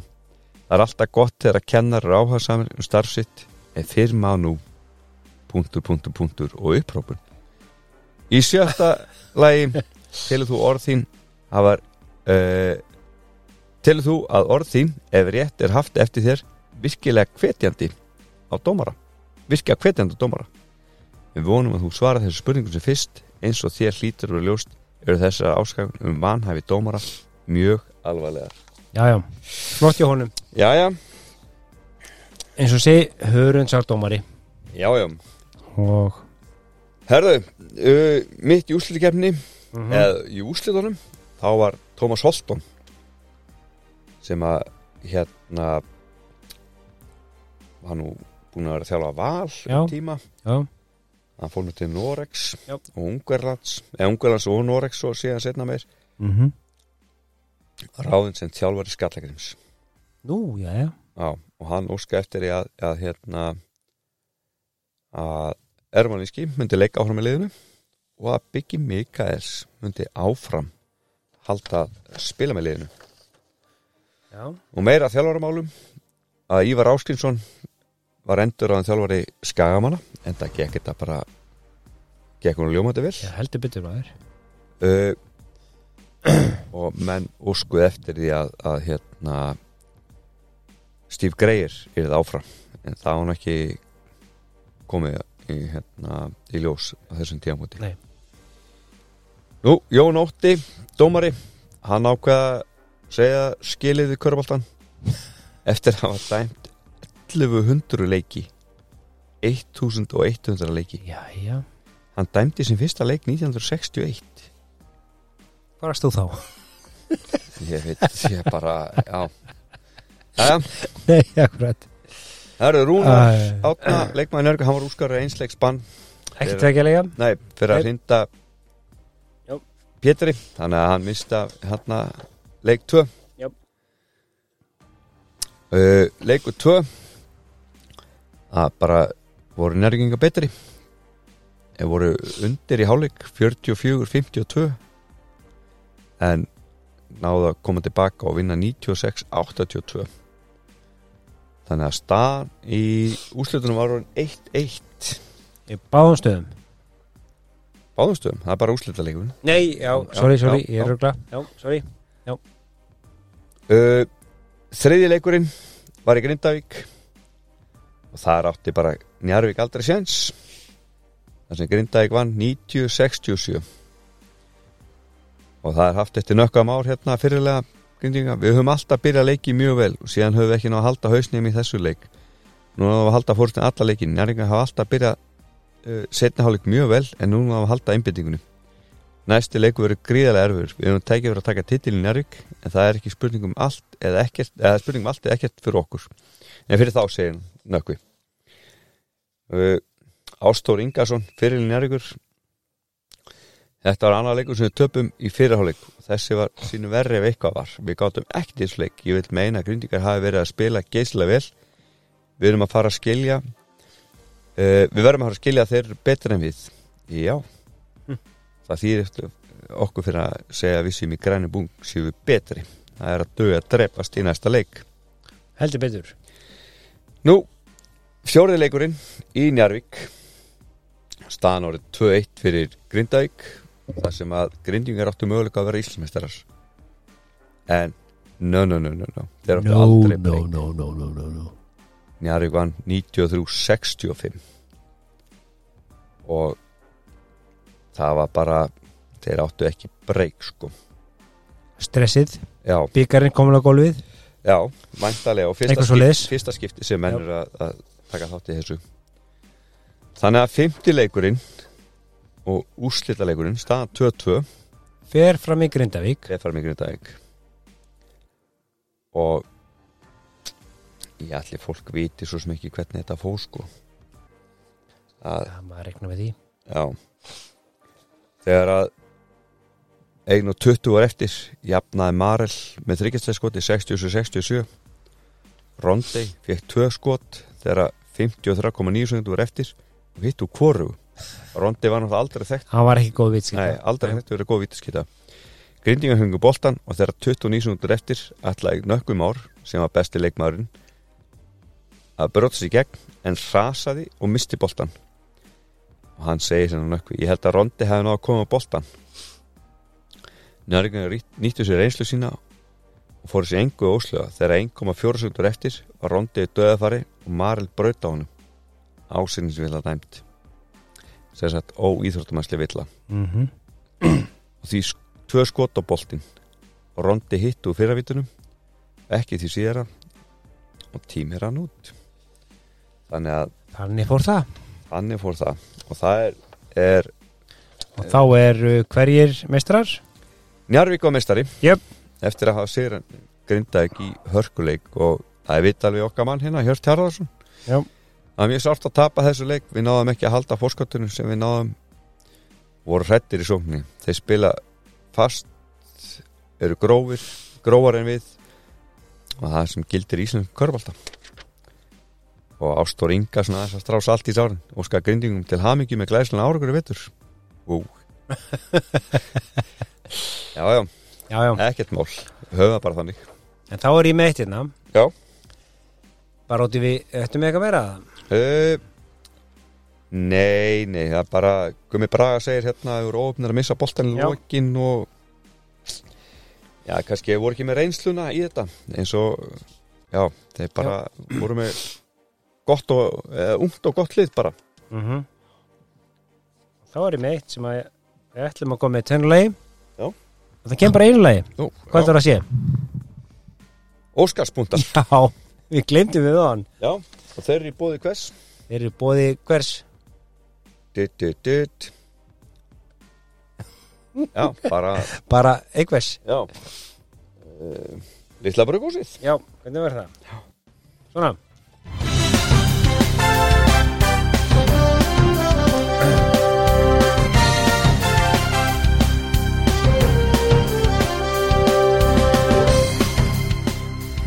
Þá getið bara að lesa þá alla án þess að hafa áhugjur Það sé að spóra ykkur Já. Eða kannski ykkur með byggarn, ég veit það ekki alveg. Það kemur bara ljós. Þannig, lækna í þessu. Og eitthvað annað undir. Já, já, hvað er það? Hvernig væri það? þessi sé herðu, já, já. Þessi átt að koma eftir en þessi komið núna 93-94 Njarðvík vann 2-8 leikja útivelli í úslikefni fyrst 98-91 í Keflavík í undurúslum og svo í Grindavík 68-67 Njarðvík læntu undir í báðum einvinum nú leitt múti Keflavík og nú leitt og nú tvö nei, og nú leitt og nú 1-2 á múti Grindavík þannig að Njarðvík er unnu líka tvo síðustu leikina í báðum einvinum wow, Já, skiljið þetta ykkur er það? Já, vonandi. Já, eða ekki? Frank Búker skoraði flest stig í einu leik þegar hann skoraði 50 af 87 stigum vals í tapleik á móti Skallagrim í þriðja leik tímabilsins. Búker átti eitt fimm stóðstingar þannig að valsmenn skoraðis nýju körfur í leiknum án hans tátöku. Búker átti, átti þrjá leiki með 42 stig eða meira á tímabilinu. Grindag var dildamestari í fyrsta sinn en fram að því höfðu aðeins Njarvík, Keflavík og Káer unnin deildamestar titilinn. Síðan að úslutikefni var tekin upp. Gumi Braga, Guðmundur Bragason, Já, já, þjálfaði grindagulegið og þetta var þriðji árið í röð sem að spilandi þjálfari vann deildarmeistar titilinn. Jón Káer vann hann 92-93. Grindavík töpuði fyrsta heimaleg tímbilsins á móti Njárvík um miðjan óttúber. Er unnu síðan alla hérna 12 sína í deildinni. Svo kemur þetta. Þeir unnu líka fjóra fyrstu heimalegi sína í úslikefni og voru því búin að vinna 16 heimalegi röð þegar þeir töpuðu með einu stígi í óttaleik um titilinn út í Nervík. já Þannig að þetta er er þetta tjóka? þetta er svo er rosalegt sko. Já, Það var ekki auðvelt fyrir Njárvík Nei, það var ekki auðvelt fyrir liðin að kera brautina Því Grindavík var með 12 veit Njarvík 12-1 og 11 e, Keflavík 11-2 sem voru gríðilega sterk á heimavalli en það unnu 35 af 30 í heimaleikjum. Svo kemur verkilega Grindavík tapaði heimaleik sínum á móti Njarvík Já, Njarvíkingar töpuð heimaleik sínum móti Grindavík. Keflavík tapaði líka heimaleik á móti Grindavík en eina liðið sem að kerði Reykjanesbrutara og vann var Káar þegar vann einsti sigur á móti Keflavík í februar það er ekki tvíframöndur Jó Já. Allt Keflavíkuliðið uh, skoraði jafnmarga þrista já, í þessum leik þegar Keflavík tapaði fyrir Káar þá skoraði allt Keflavíkuliðið jafnmarga þrista í leiknum og Káringur Hrafn Kristjánsson. Já, lifum maðurinn sem setna átt eftir að gera Káringum að tvöföldum misturum Já, Njarvíkingurinn Rondi Róbusson tók flest frákost í einu leik þegar hann náði 33 frákost á mútið tindstól Manstu, Rótskerri 31 31, já. Hann tók 25 af frákostum undir sinn eigin körfu. Rondi Róbusson hér í Njarvík skoraði 50 stig í leik 1 í úsleiknum sem er í fyrsta og eina skipt sem leikmaður er að skora 50 stig í úsleik vinu Hann skoraði, ní, nei, skoraði 297 tveggjastega körfur og 0 þryggjastega körfur tímfélinu Það var ekki mikið að reyna fyrir Ég þetta finnst það ekki skrítið Nei. tölfræði. Hann hitti líka aðeins og 51 og svítalinn sinna. Já, við komum inn á það, í Samt náði hann að skora 678 stig í 26 leikjum eða 26 stig af meðaltali leik John Rhodes, okkar maður í haugum Já, Hann tók flest frákost í deildinni í þriðja tímbil í röð. Tók 17,6 frákost að meðaltali í leik. Já, það er virkilega vel gert hjá hann maður. já. Já, og var þar með búin að taka 1318 frá, frákost í fyrstu 72 leiki sínum. Ok, Já. valsmaðurinn er Ragnar Þór Jónsson, kannstu hann? Já. Það? Ok, Já, hann skoraði flesta þrist á tímilinu. Nú. 82 í 26 leikjum. Ég held að sé yfir maður Securitas í Íslandi Já, ok. Já, Er hann, Hann var, hann var góður Hann var góð þryggstæðskita er hann mögulegur samstarfsafðri? Að fá Securitas Já. Annar valsamaður, Frank Búker, var í fjórðasetti með 59 þrista. En leik þó bara 13 leiki. Ok. Jón Kár Gíslón gaf flesta stóðsningar. Í einum leik hann gaf 13 á móti IA. En í þeim leik tók Jón Kár sjálfur aðeins tvö skoti leiknum. Hinn áttunar gamli Sverriður Sverrisson, okkar maður. Okkar maður Hann stál 95 boltum í 26 leikjum tímbilinu. Eða nýju fleiri en næsti maður. 3,54 meðaltæli. Það er mjög vel gert hjá hann Svo kemur hérna uh, Þjóóttur anskoti. Aðeins tveir leikmenn náðu að taka við 16 þryggjastega skot í einu leik. Frank Búker tók 19 og hitti á nýju í leik með varamöndi skattakrim. Einar Einarsson tók Góðkunningi. 17 ja, Góðkunningi Góðkunni, tók 17 og hitti úr fjórum í leik á móti Keflavík. Í Keflavík. En hann var með 6 af 29 skotum í leiknum. Já, ekki góð tölfræði en þannig að hérna er Óskarsbóntunum lokið. Já, þeir voru í bóði Lilla er það ekki? jú, jú. Það er ég ætla að klára eins hérna örfáði punktar bara eftir heyrist alltaf, ég var að tala hérna alltaf. Já, ég, þetta Ég að það, já. ég, já, Já, bara, jú.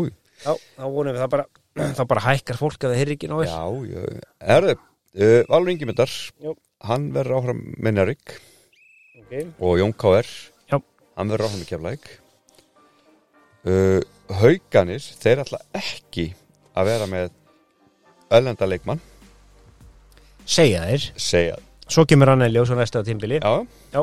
og og hérna þeir vonast eftir að, að hérna Ingvar Jónsson veri áfram þjálfari en það búin að Mhm. ná bara fínum árangri uh, Guðmundur Bragason hann hafi hérna vildi hætta sem þjálfari og þeir öllu aftur að reyna við Axel Kárasson nei Axel Kárasson, Axel Nikolsson fyrir ekki. Já, já, og svo fór nú að, að hérna Guðmundur Bragason hann var alveg besti leikmaðildarinnar og uh, Sverri Sverri Sverri Þór Sverrisson úr Snæfell hann var besti nýliðin og Rondey, besti eldi leikmaðurinn.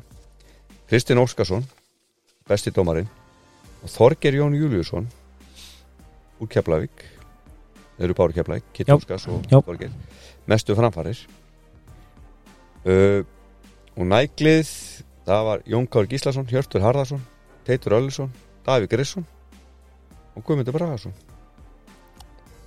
Uh, uh, Rondi hann skoraði mest allra og Guðjón Skúlason var með hérna bestu vítanýtinguna.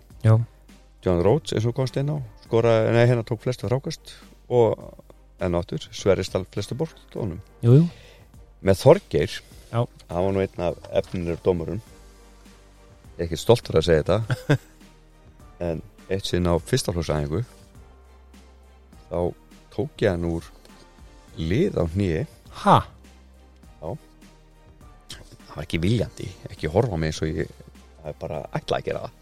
Að kannski, ég veit ekki hvað ég gera. Ég ætla að blokka hann, hann stoppaði, ég kerði aftan á hann eða hljópa aftan, þannig að hann fór úr lið eða, já, þannig að hann þurfti að hætta að dæma.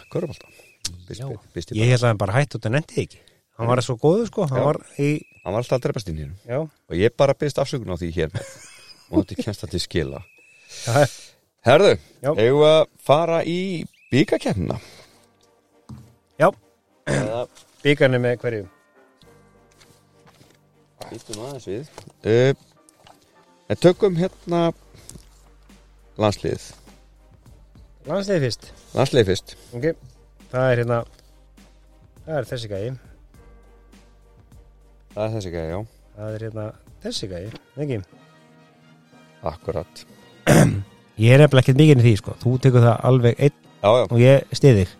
Er það ekki? Jú. Við, þetta á að vera hérna, svona á að vera já. það er eitt sem finnst skrýtar en samt Já. þú bara, kem, ég kem að því þú eftir. kemur að því bara eftir. Já. uh, í april Já. segir það þá 93 að þeir verðum að tala um 93-94 mm -hmm. Það voru sex landsleiki framöndan hjá kvöldunum gegn englendingum og eistlendingum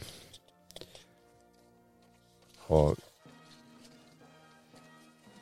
þegar að hérna að merkilegsta við þetta nú var nú að hérna Valur Ingimundar hann myndi slá met Tóra Magnússonars Torfi á sagt, 131 leik eða 80 131 leik.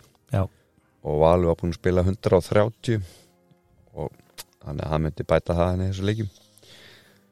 Svo þegar ég spila hérna eh, sem sagt eh, spiluðu þess að þráleikjum englíka og unnu tvo.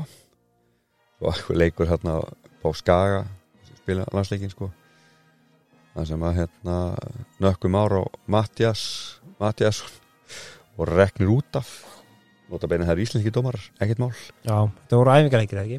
Jó, þetta voru bara æfingarleiki sko. Já. það er bara og svo spilur um átti eistum.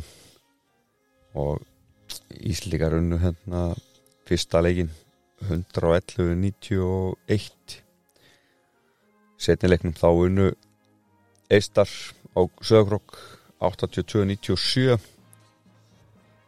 og í þriða leiknum þá unnu eistar einnig.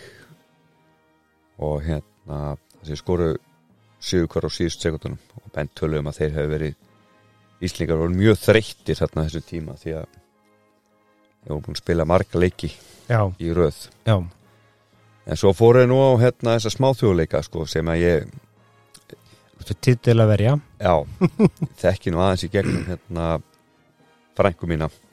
Fónu nokksinu hérna Já. og þeir unnu kýpur í fyrsta leiknum. Unnu Andorra í öðru leiknum. Unnu síðan Luxemburg í þriða leiknum. Voru búin að vinna alla leikina sína hérna. Tóku síðan að uh, vinna hérna San Marino? San Marino. San Marino San já, Ma- já. Og sem var til þess að þeir urðu smáþjóðleika meistarar.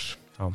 og eftir það þá uh, kom nú smá byðstaða hérna að að Tóri Magnússon myndi hætta með landsliður líkitum Jep. hann hefur búin að vera í þrjú ár. Hann hafði verið þjálfari og unnið á fræðslustörum á um KKI mm og hann var ekkit alveg svakalega sáttu við það sko. Nú í júni þá var landsliði valið og því að þau voru að taka þátt í undakefni Europamótsins í Östuríki og Ísland var í reilið með Hollandi, Magadóni, Úkrani, Skotlandi, Östuríki og Litáin stoppa hans þarna? Já. þannig að við erum búin að fara frá fyr, fyrir tímbölinu komin yfir tímbölu sem voru fjalla. Komin í júni sumur eftir. Hvernig er þetta? þetta, er í, þetta er í júni þetta er í júni, í framhaldi af 93 eða 94 þetta er í júni 93 ok, alltaf held ég áfram. Og Mm. stóru hérna voru kannski þær að hérna að Valur Ingimynda var ekki með þarna. Já. nú það kom ekki að sög þegar unnu austuríkismenn í fyrsta hérna leiknum. Og 73-95 þannig að menn voru hampa kátir. Töpuður reynda síðan fyrir Úkræðinu sem að, ég ætla bara að segja að ekki komið óvart, ég trúi því ekki. 70-99 uh, Ut, ut, ut. Töpuðu fyrir Hollandi þar sem að Hollandingar skoruðu tíu síðu stigin og unnu 78-87 og það var hérna sem sagt í lokleiks það fór hann meittur að velli Jón Arnar.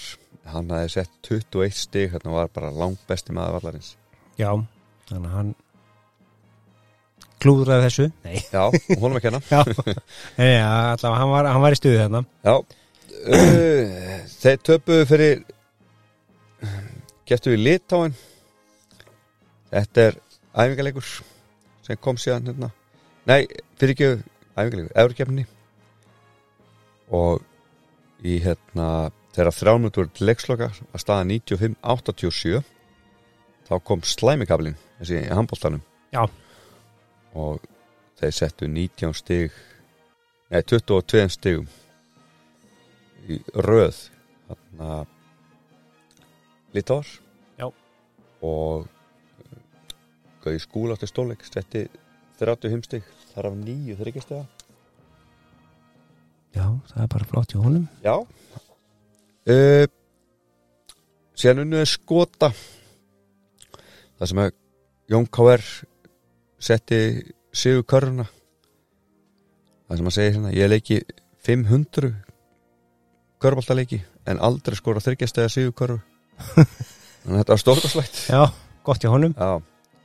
Og hans þess að er unnu hann 81 78 og í oktober 94 mm þá var bara KK að koma upp á snungum eurukefni landslega verið svipuðu sniðu og knaspunumönnum það var orðið vesin að fá æfingarleiki fyrir lið og þannig að þeir vildu hafa þetta svona þetta er svolítið öðru sér körfunni þar sem að félagsliðin eiga leikmenn og þeir gátt ekkert farið þegar vildu í já, og það átt að reyna að hérna ráða landslýstjálfara og þeir voru í við, við, viðræðum við Laszlo Nemeth og Peter Jelek hjá Tindastól KK Íslandsat. Og ekkert ákveðið. Og það er síðan ákveðið að hérna, það er sérstök landslýsnemndar landslýsnemnd sem að settu upp að það voru fjóri sekundi greina. Það var Laszlo Torfi, Ingvar Jónsson og Peter Jelek og það fóð síðan svo að, að Torfi Magnússon var á þeim samt, geggjað sko. Hann var þjálfari, Já. sagt upp. Já, hann er bara hætt út af það voru ekki verkefni sko. Hætti ekkert, hann var sagt upp. Já, ég meina, þú veist. hvað er þetta að gera já, ok, Já, já, og hann- ok, hann, hann hætti þá. Já, það já var, það var ekkert að gera. Ekki að gera. Og svo bara allt í hún þarf að ráða nýjan og þá er ykkur margir sem komið til greina. Og svo ráðar hann aftur. Ég veist að svolítið Hver heldur að vera ódýrastur? Ég segi Já, ég segi nákvæmlega það sem ég hugsaði en Já. þú sagði það. Já. ok, Herðu, þá eru kona byggakefni leiður þá Já, það er byggarinn byggarinn byggarinn byggarinn þá erum við þennan gæði hérna til í byggarinn byggarinn er bóði Mars Smátt. Já. það er þessi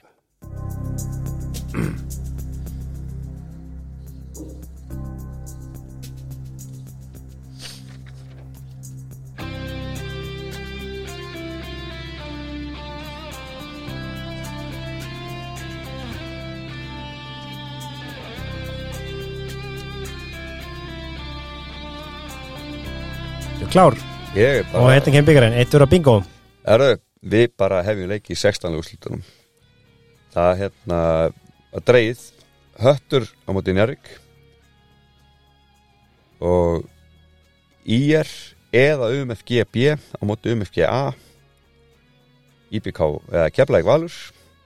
Hauka Skallaganur Snæfell KFI KR á móti IS eða Leiknir Tindastóll á móti Létti eða Breflik Þór Leiftur Dalvík á móti Ía. Ég er svo skemmtilega að vita hvort síði Þór, Leiftur eða Dalvík eða bara Þór, Leiftur, Dalvík. Já, samverð hliðið það. Það eru Njarvíkja fóru frekar létt þarna með hött. Og uh, Tindastóll vann Breiðablík 79-75 það sem að hérna að Pálmar Sigursson, þjálfar og leikmaður hérna Breiðablíks skoraði 33 stig í leiknum. Uh, Nú þetta fóð nú svona nokkuð neð eftir bókinni, getur við sagt það? Satt bara svona í áttalegustum er þetta svona orðið eðlilegt. Já. í sextólegi er þetta skrítið. Já, þetta er skrítið þannig fram að áttalega Já, nákvæmlega. En Keflavík og Káir mættu uh, dróðu saman í áttalega og Tindastóll Grindavík, Njarvík og Ía. Og Sigurver og Leik Snæfess og KFI fá skallakirmi hjá svo en skallakirmi vann hérna Hauka og IR nei Ía vann hérna Þóra Akureyri. Já, það er samanlegt Já. E, Borgnesingar þeir fóru áfram. Þeir unnu hauka 76-82 og þetta var svona svo stendur hérna, nóður leikur Já, e,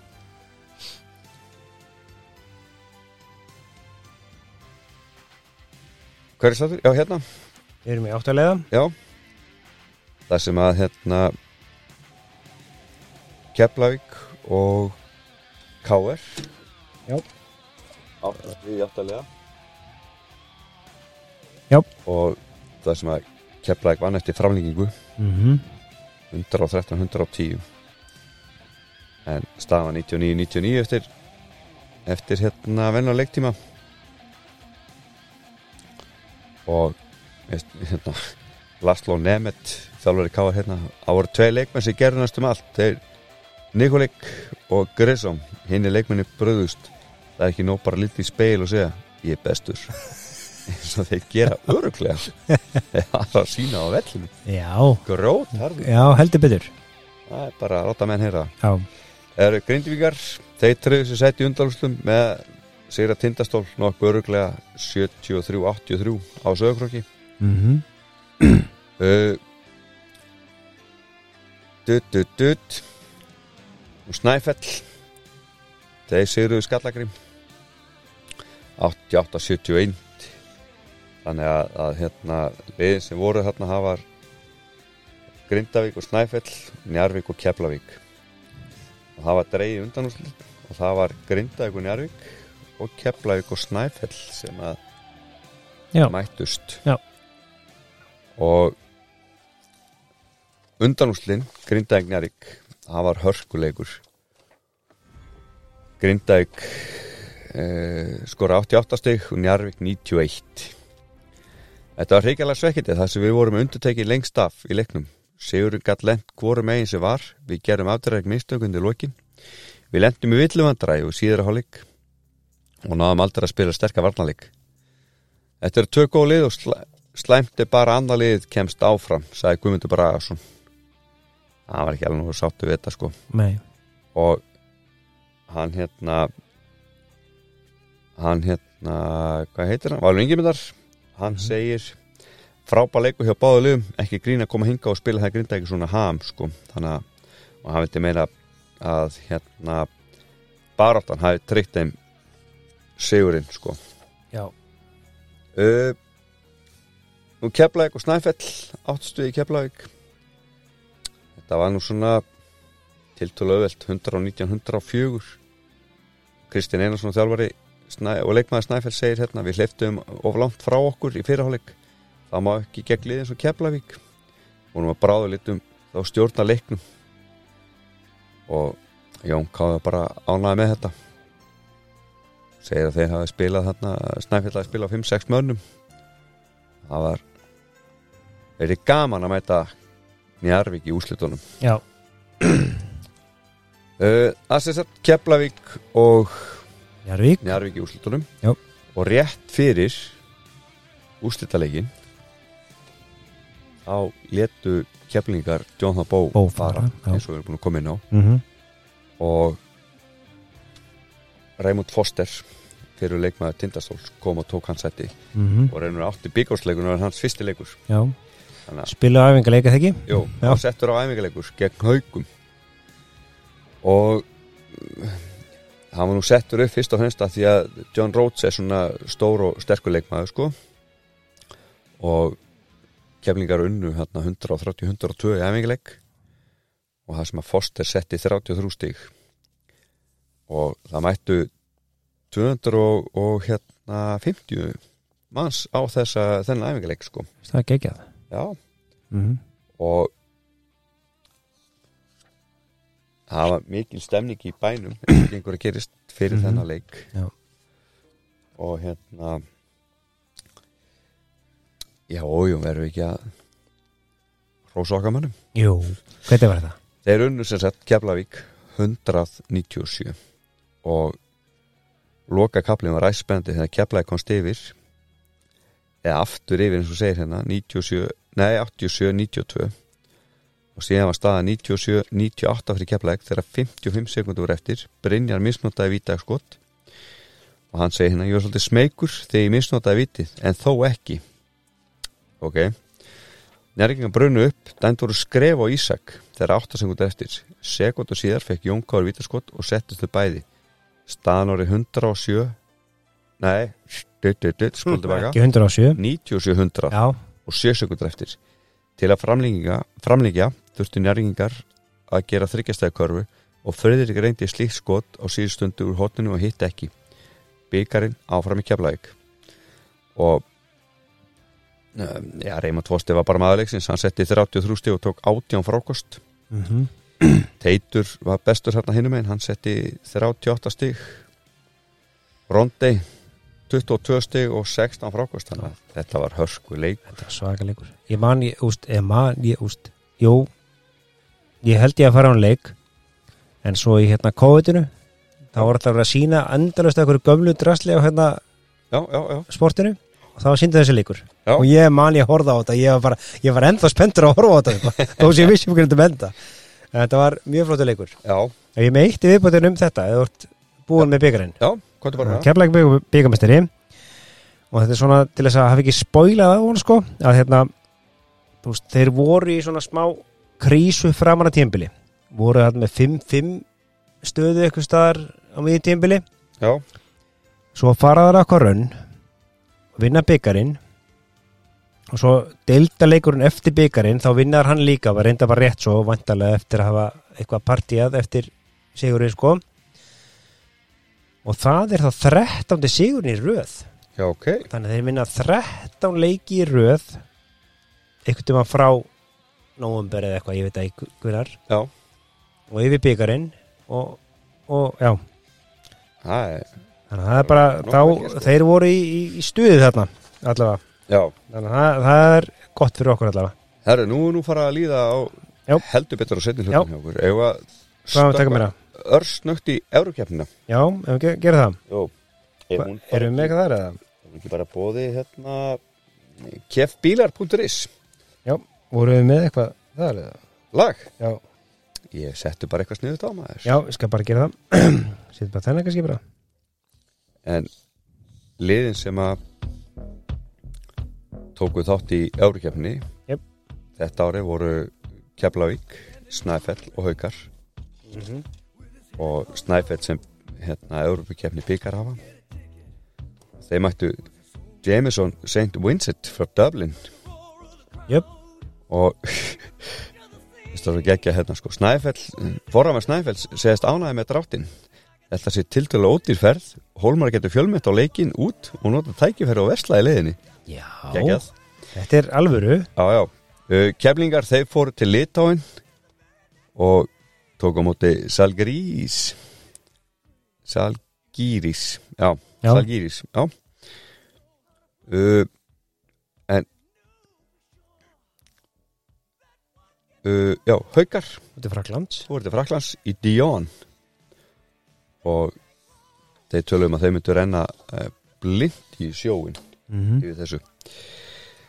Uh, Snæfell þeir töpuðu fyrirleiknum 78-75 og voru bara bjassin að komast áfram. Voru bara mjög óhöfnir Þú veist, þetta, þetta hörkuleikur hjá þeim. Örguleikur og Kristinn Einarsson meittist og þurfti að fara velli þannig að Íran gerur 60 í röð.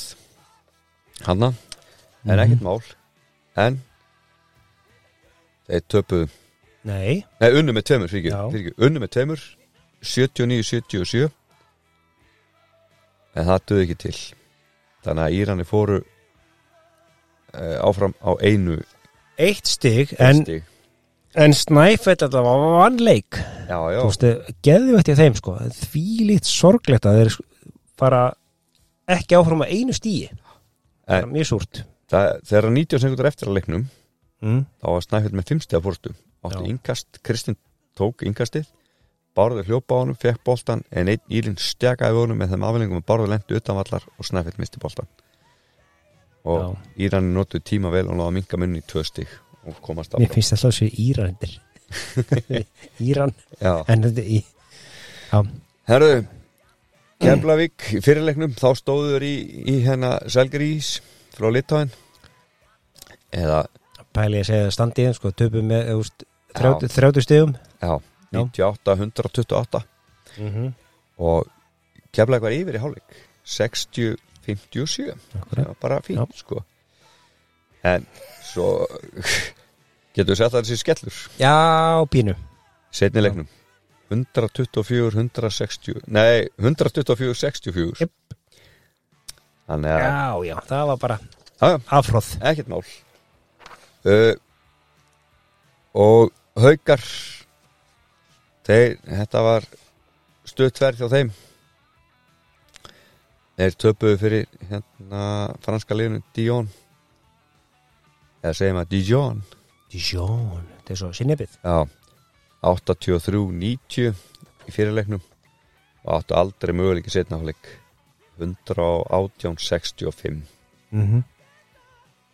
Herru, þá er þetta bara komið hjá okkur og við ætlum að hérna, við ekki að byrja að þakka uh, styrtaralum fyrir. Jú.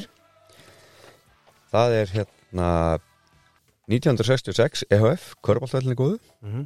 Litla brugghúsið í garðinum með bara geggjaða bjóra. Bílasala Reykjanes, kefbíla.is, það er farið bílinn, endilega kikið á hérna landróðurinn, hann kemur ykkur langt. Humarsalan, við þurfum all humar fyrir jól og áramot Heldur betur maður. Og margt smátt. Uh, það er náttúrulega að hlusta á þáttinn hjá okkur á öllum helstu veitum. Og meðan þessi nú karvan.is en þeir eru í samstarfi við Kristal og Subway.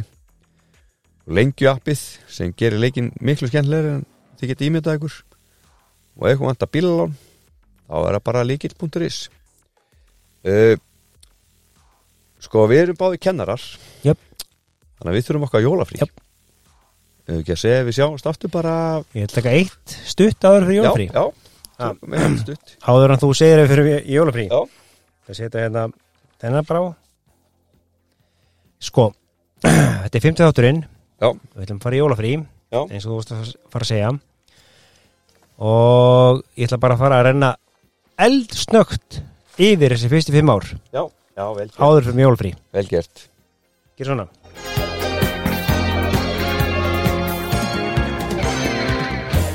Svo mátt þú segja að við sem fara jólfrí Já. Herðum Við byrjuðum fyrsta tímbilið 90 til 90 89-90 Já. Og þá voru keflaðing meistarar. Bara ég þurfti að koma með það Já, já. Herru, í úslum þá þá vann Káar Keflavík 3-0 sópaði mót. Ekki gott ár fyrir okkur. Og þá vann líka Njarvi Keflavík í byggarúslum þannig að, Ekki drosa gott nei, við vorum silfurlið þar. Já. 90-91 þáttur 2 þá vann Njarvi Keflavík 3-2 í úslum og þá vann Káar Keflavík í byggarúslum þannig að ennþá erum við silfurlið. Það er að frétta. Tvö tímbil, við erum bara svo neverkusin Herru 91-92 þá loksis vinnur Keflavík Val. Og var íslamestari 3-2 þarna. Og Njarðvík vinnur Hauka í úslum í byggarnum Já, ok, já, áttu fjögur. Þá vinnur Keflavík Hauka 3-0 sópum þeim út íslamestarar og þá vinnur líka Keflavík Snæfætt í úslum í byggarnum bara, já, bara tvöfaldi Keflavík þá. Svo 93-94 sem við vorum að tala um núna. Þá er Njárvík Grindavík 3-2 og í já og svo vinnur Keflavík Njárvík í byggarnum já. 197 Þannig að Eins og ég sagði, þá erum við bara uh, ætlum að eins og, já, eins og Já. sagði, við erum kennarar þannig að við þurfum okkar góða jólafrí Jöp. og ætlum að taka það Akkurat við sjáumst bara eftir áramót uh, einhvern tíðan uh, miðjan janúar eftir miðjan janúar, ekki? Er ekki bara? Kemur bara takk fyrir að hlusta